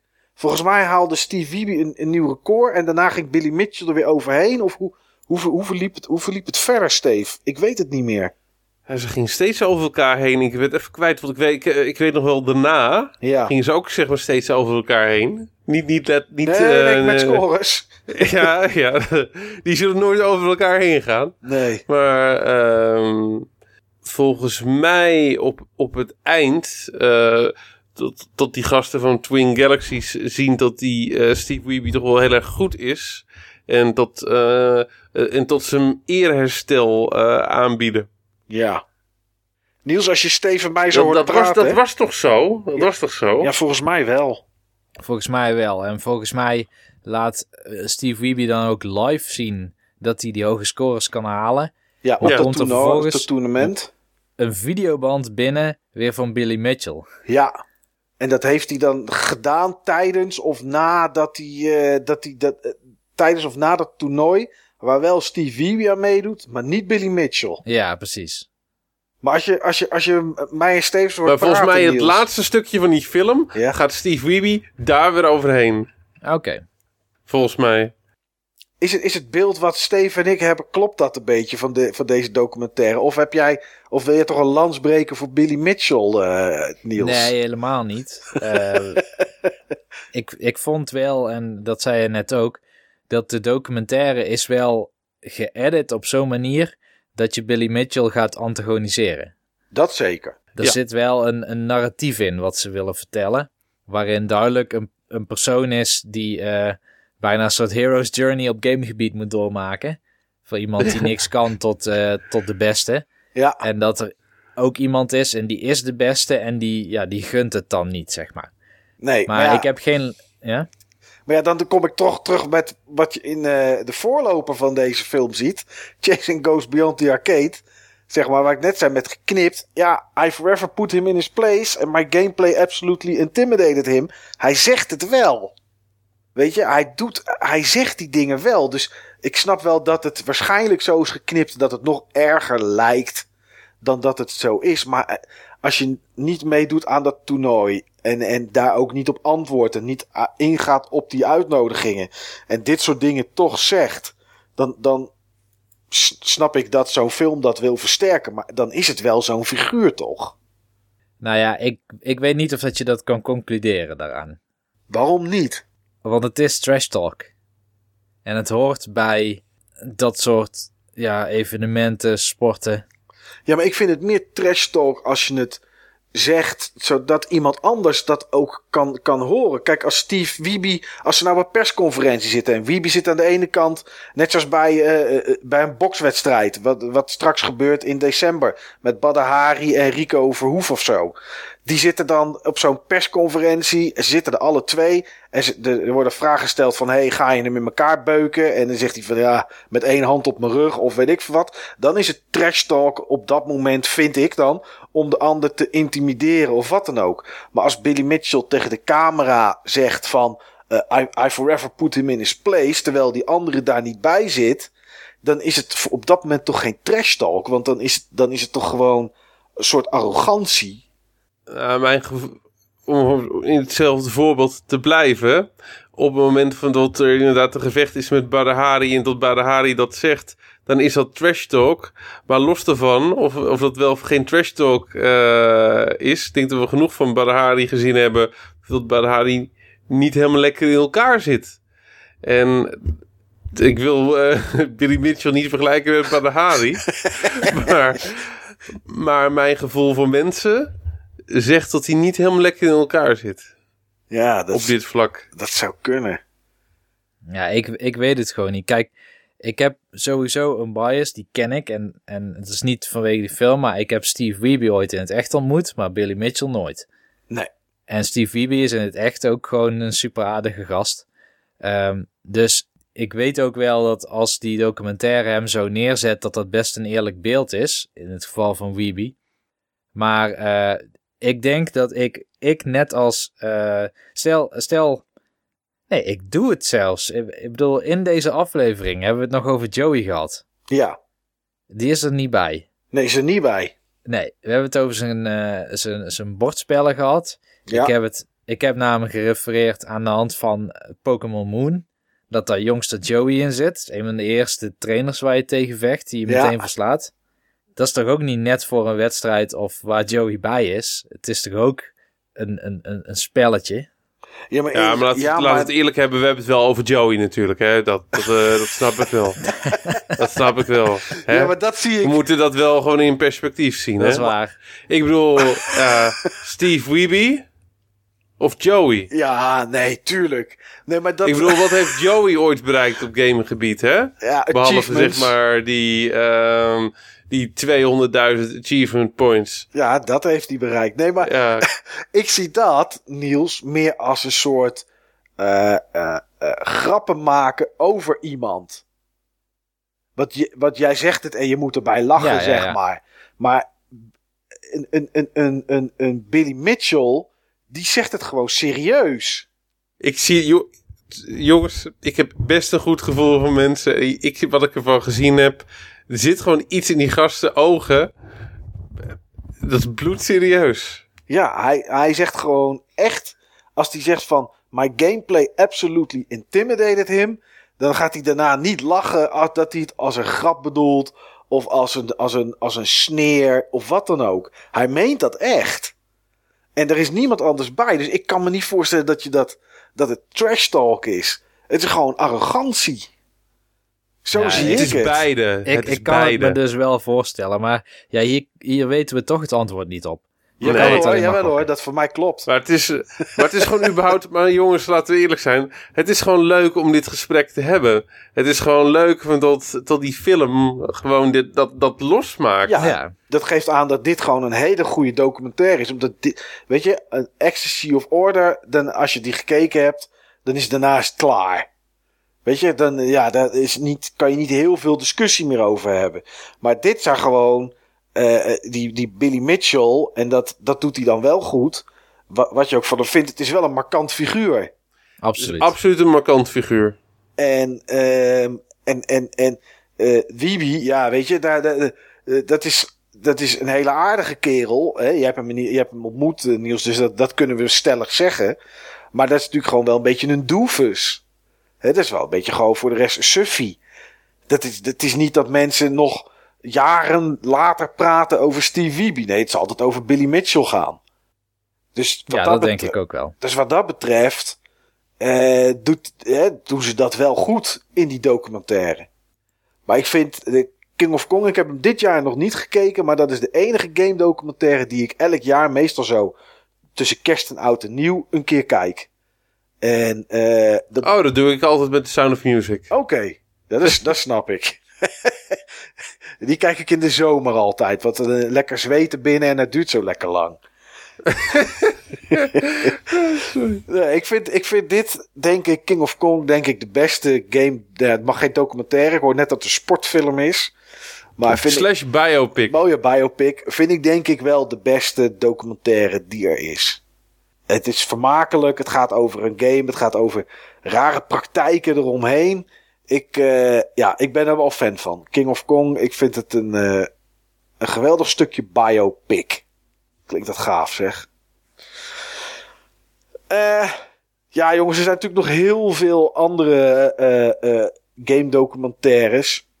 Misschien. Waarvan we er misschien nog een paar kunnen noemen. Ja, ehm, nou, eh, free-to-play vind ik dan eh, een leuke, die ik bijvoorbeeld net, eh, net genoemd heb. Video Games a Movie, heeft een van jullie die gezien? Ja, heb ik gezien, maar ik heb hem niet afgekeken. Volgens mij vond ik dat heel taai.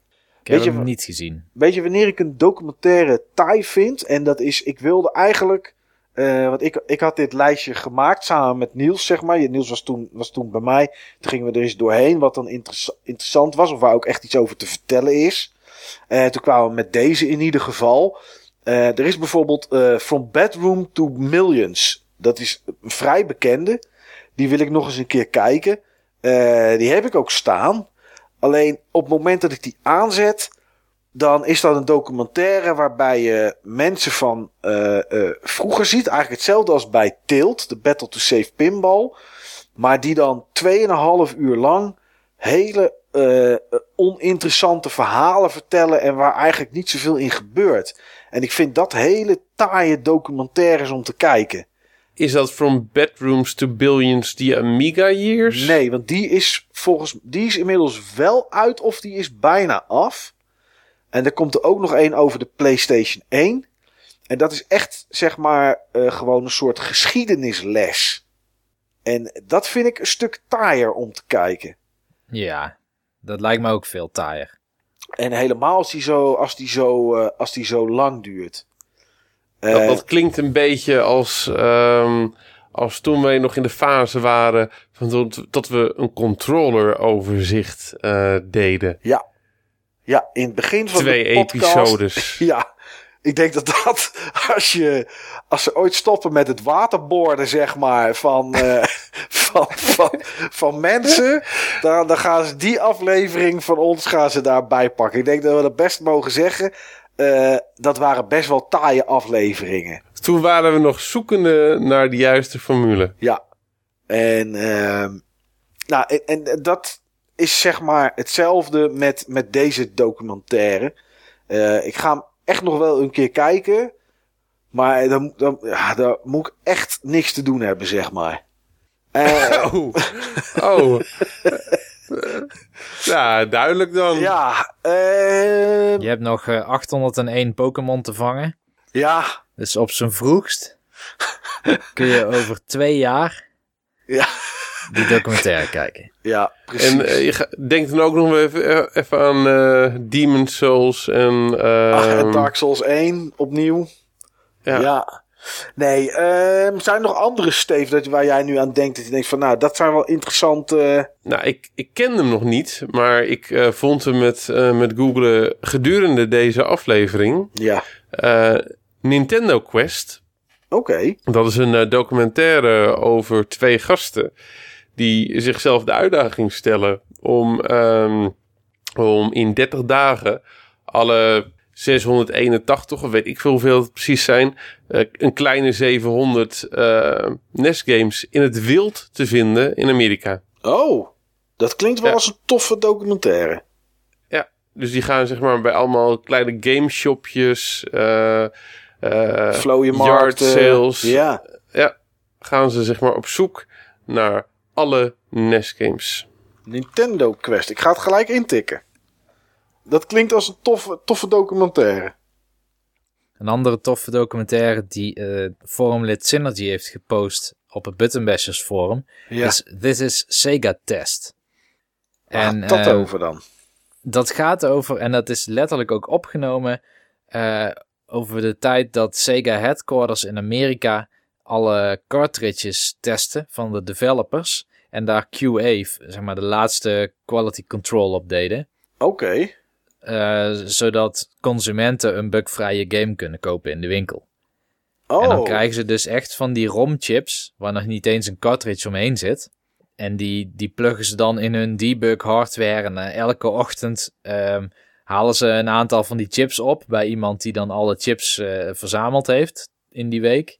En ja, dan heb je bijvoorbeeld mensen die moeten dan eh, in Echo de Dolphin de hele dag tegen de muur aan zwemmen om te kijken dat je er doorheen kan prikken. oké. Jeetje, daar word je ook doodmoe van. Maar het zijn ook wel weer echt nou, als je, uit als, je tijd. 12 do- als ze 12 dollar per uur zouden kunnen verdienen, denk ik wel dat ze nog aardig wat vrijwilligers zouden kunnen vinden hoor. Ik wil geen namen noemen. Nou, Ja. ik kan je vertellen eh, dat ik testen heb uitgevoerd voor sommige games, Steve, eh, die ik nu niet meer zou doen. Ik heb een keer, ik ga, ik- officieel mag ik niet zeggen eh, voor welke game dat is geweest. Officieel mag ik er niet eens over praten.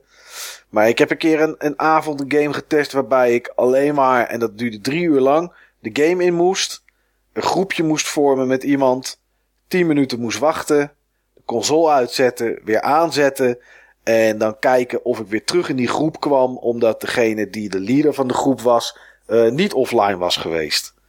En dan weer 10 minuten wachten totdat ik uit de game werd geschopt. En dan er weer in. Dan weer wachten om. Uh, dan ging de, de leader quitten. En dan moest je kijken of je weer in een andere groep terecht kwam. Dat was echt de, de eerste. Echt de eerste online test van die game, zeg maar. En uh, iedereen die die game in de toekomst ooit gaat spelen. en die een perfecte online ervaring daarmee heeft. Heeft dat te danken aan jou. Graag gedaan. Heel graag gedaan. Uh, ja, hebben we nog meer documentaires, uh, jongens, waarvan we zeggen van uh, dit, is wel een, uh, dit is wel een interessante? Ik heb er niet even een op het netvlies. Ik heb wel net nog een topic zitten bladeren waar er twee gepost zijn die ik een kans wil geven.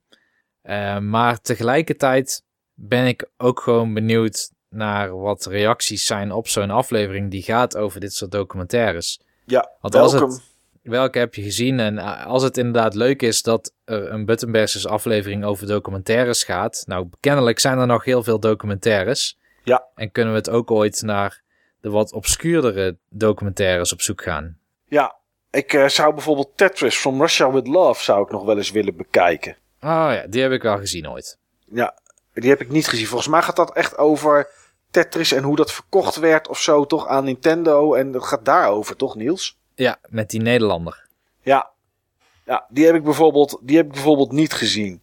Uh, ja, met die Nederlander bedoel ik dat er een Nederlander was en die heeft eigenlijk de sleutelrol gespeeld tussen die Alexei Pejetnov, die Tetris ontwikkeld heeft, en hoe die rechten dan vervolgens bij Nintendo terechtgekomen zijn. Um, en dat alles in een tijd waar uh, de staat heel veel te zeggen had over alles wat in Rusland werd geproduceerd. Oké. Okay. Uh, Second Skin wil ik nog wel een keer kijken. Die schijnt ook wel goed te zijn. En er is er ook eentje, maar ik weet even niet hoe die heet. Volgens mij heet het gewoon iets met World of Warcraft of zo. Over, die gaat echt over World of Warcraft spelers. En, en, en, en, en dan alle perikelen. Uh, oh, volgens mij is dat Second Skin.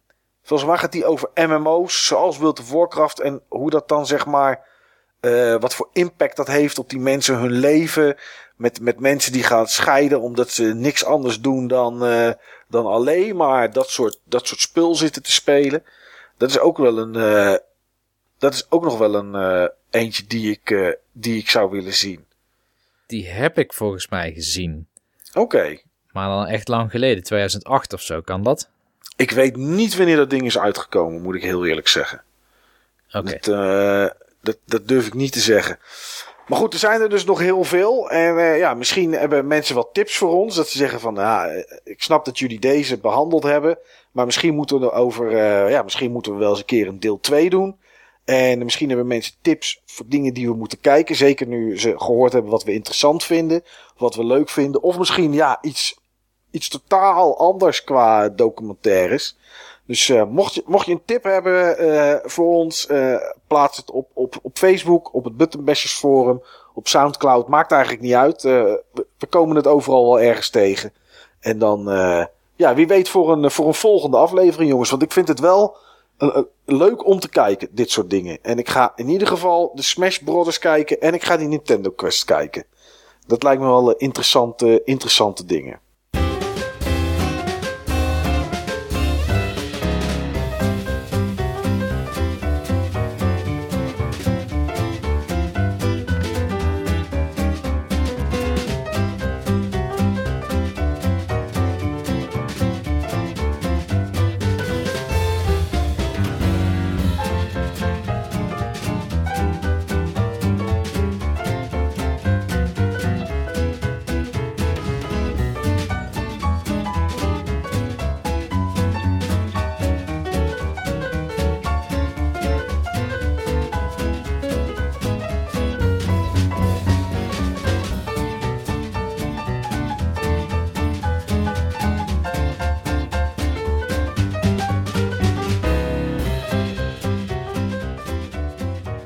Ja, een lange aflevering, denk ik, Niels. Jij, uh, ja, inmiddels is die geëdit. Maar ik zie op mijn teller 4 uur en 20 minuten staan aan opname. Dus ja, die, uh, die gaat die 4 uur wel aantikken, denk ik. Ja, dat wordt een, uh, dat wordt een hele kluif. Uh, ja, mocht je het deze 4 uur gehaald hebben om het te beluisteren in 1, 2 of misschien in 3 keer. props. Als we er een achievement voor konden geven, dan kreeg je hem bij deze. Maar ik hoop in ieder geval dat het entertaining genoeg was en, en interessant genoeg. Misschien zitten er voor mensen documentaires bij, uh, nou ja, net zoals uh, Steve, die zegt ik ga toch een keer uh, Indie Game the Movie kijken. zeker, zeker doen, Steve. Echt een, echt een aanrader. ja, misschien zitten er voor mensen wel andere documentaires bij om te bekijken. Uh, ja, ik wil iedereen bedanken voor het, uh, voor het luisteren. Mocht je ons ergens willen bereiken, kan dat het makkelijkste op www.button-bashers.nl of gewoon in Google even buttonbashers intikken. Dan kom je vanzelf bij het forum uit, uh, waar sowieso meerdere topics, twee topics zijn volgens mij over game documentaires. Eén over algemene en één die speciaal gaat over muziek, videogame documentaires. En uh, nou, mocht je iets anders kwijt willen of wat dan ook, dan kan dat ook altijd daar. En uh, gaan wij ons opmaken voor uh, aflevering 69. En ja, wil ik iedereen nogmaals bedanken voor het luisteren en tot de volgende keer.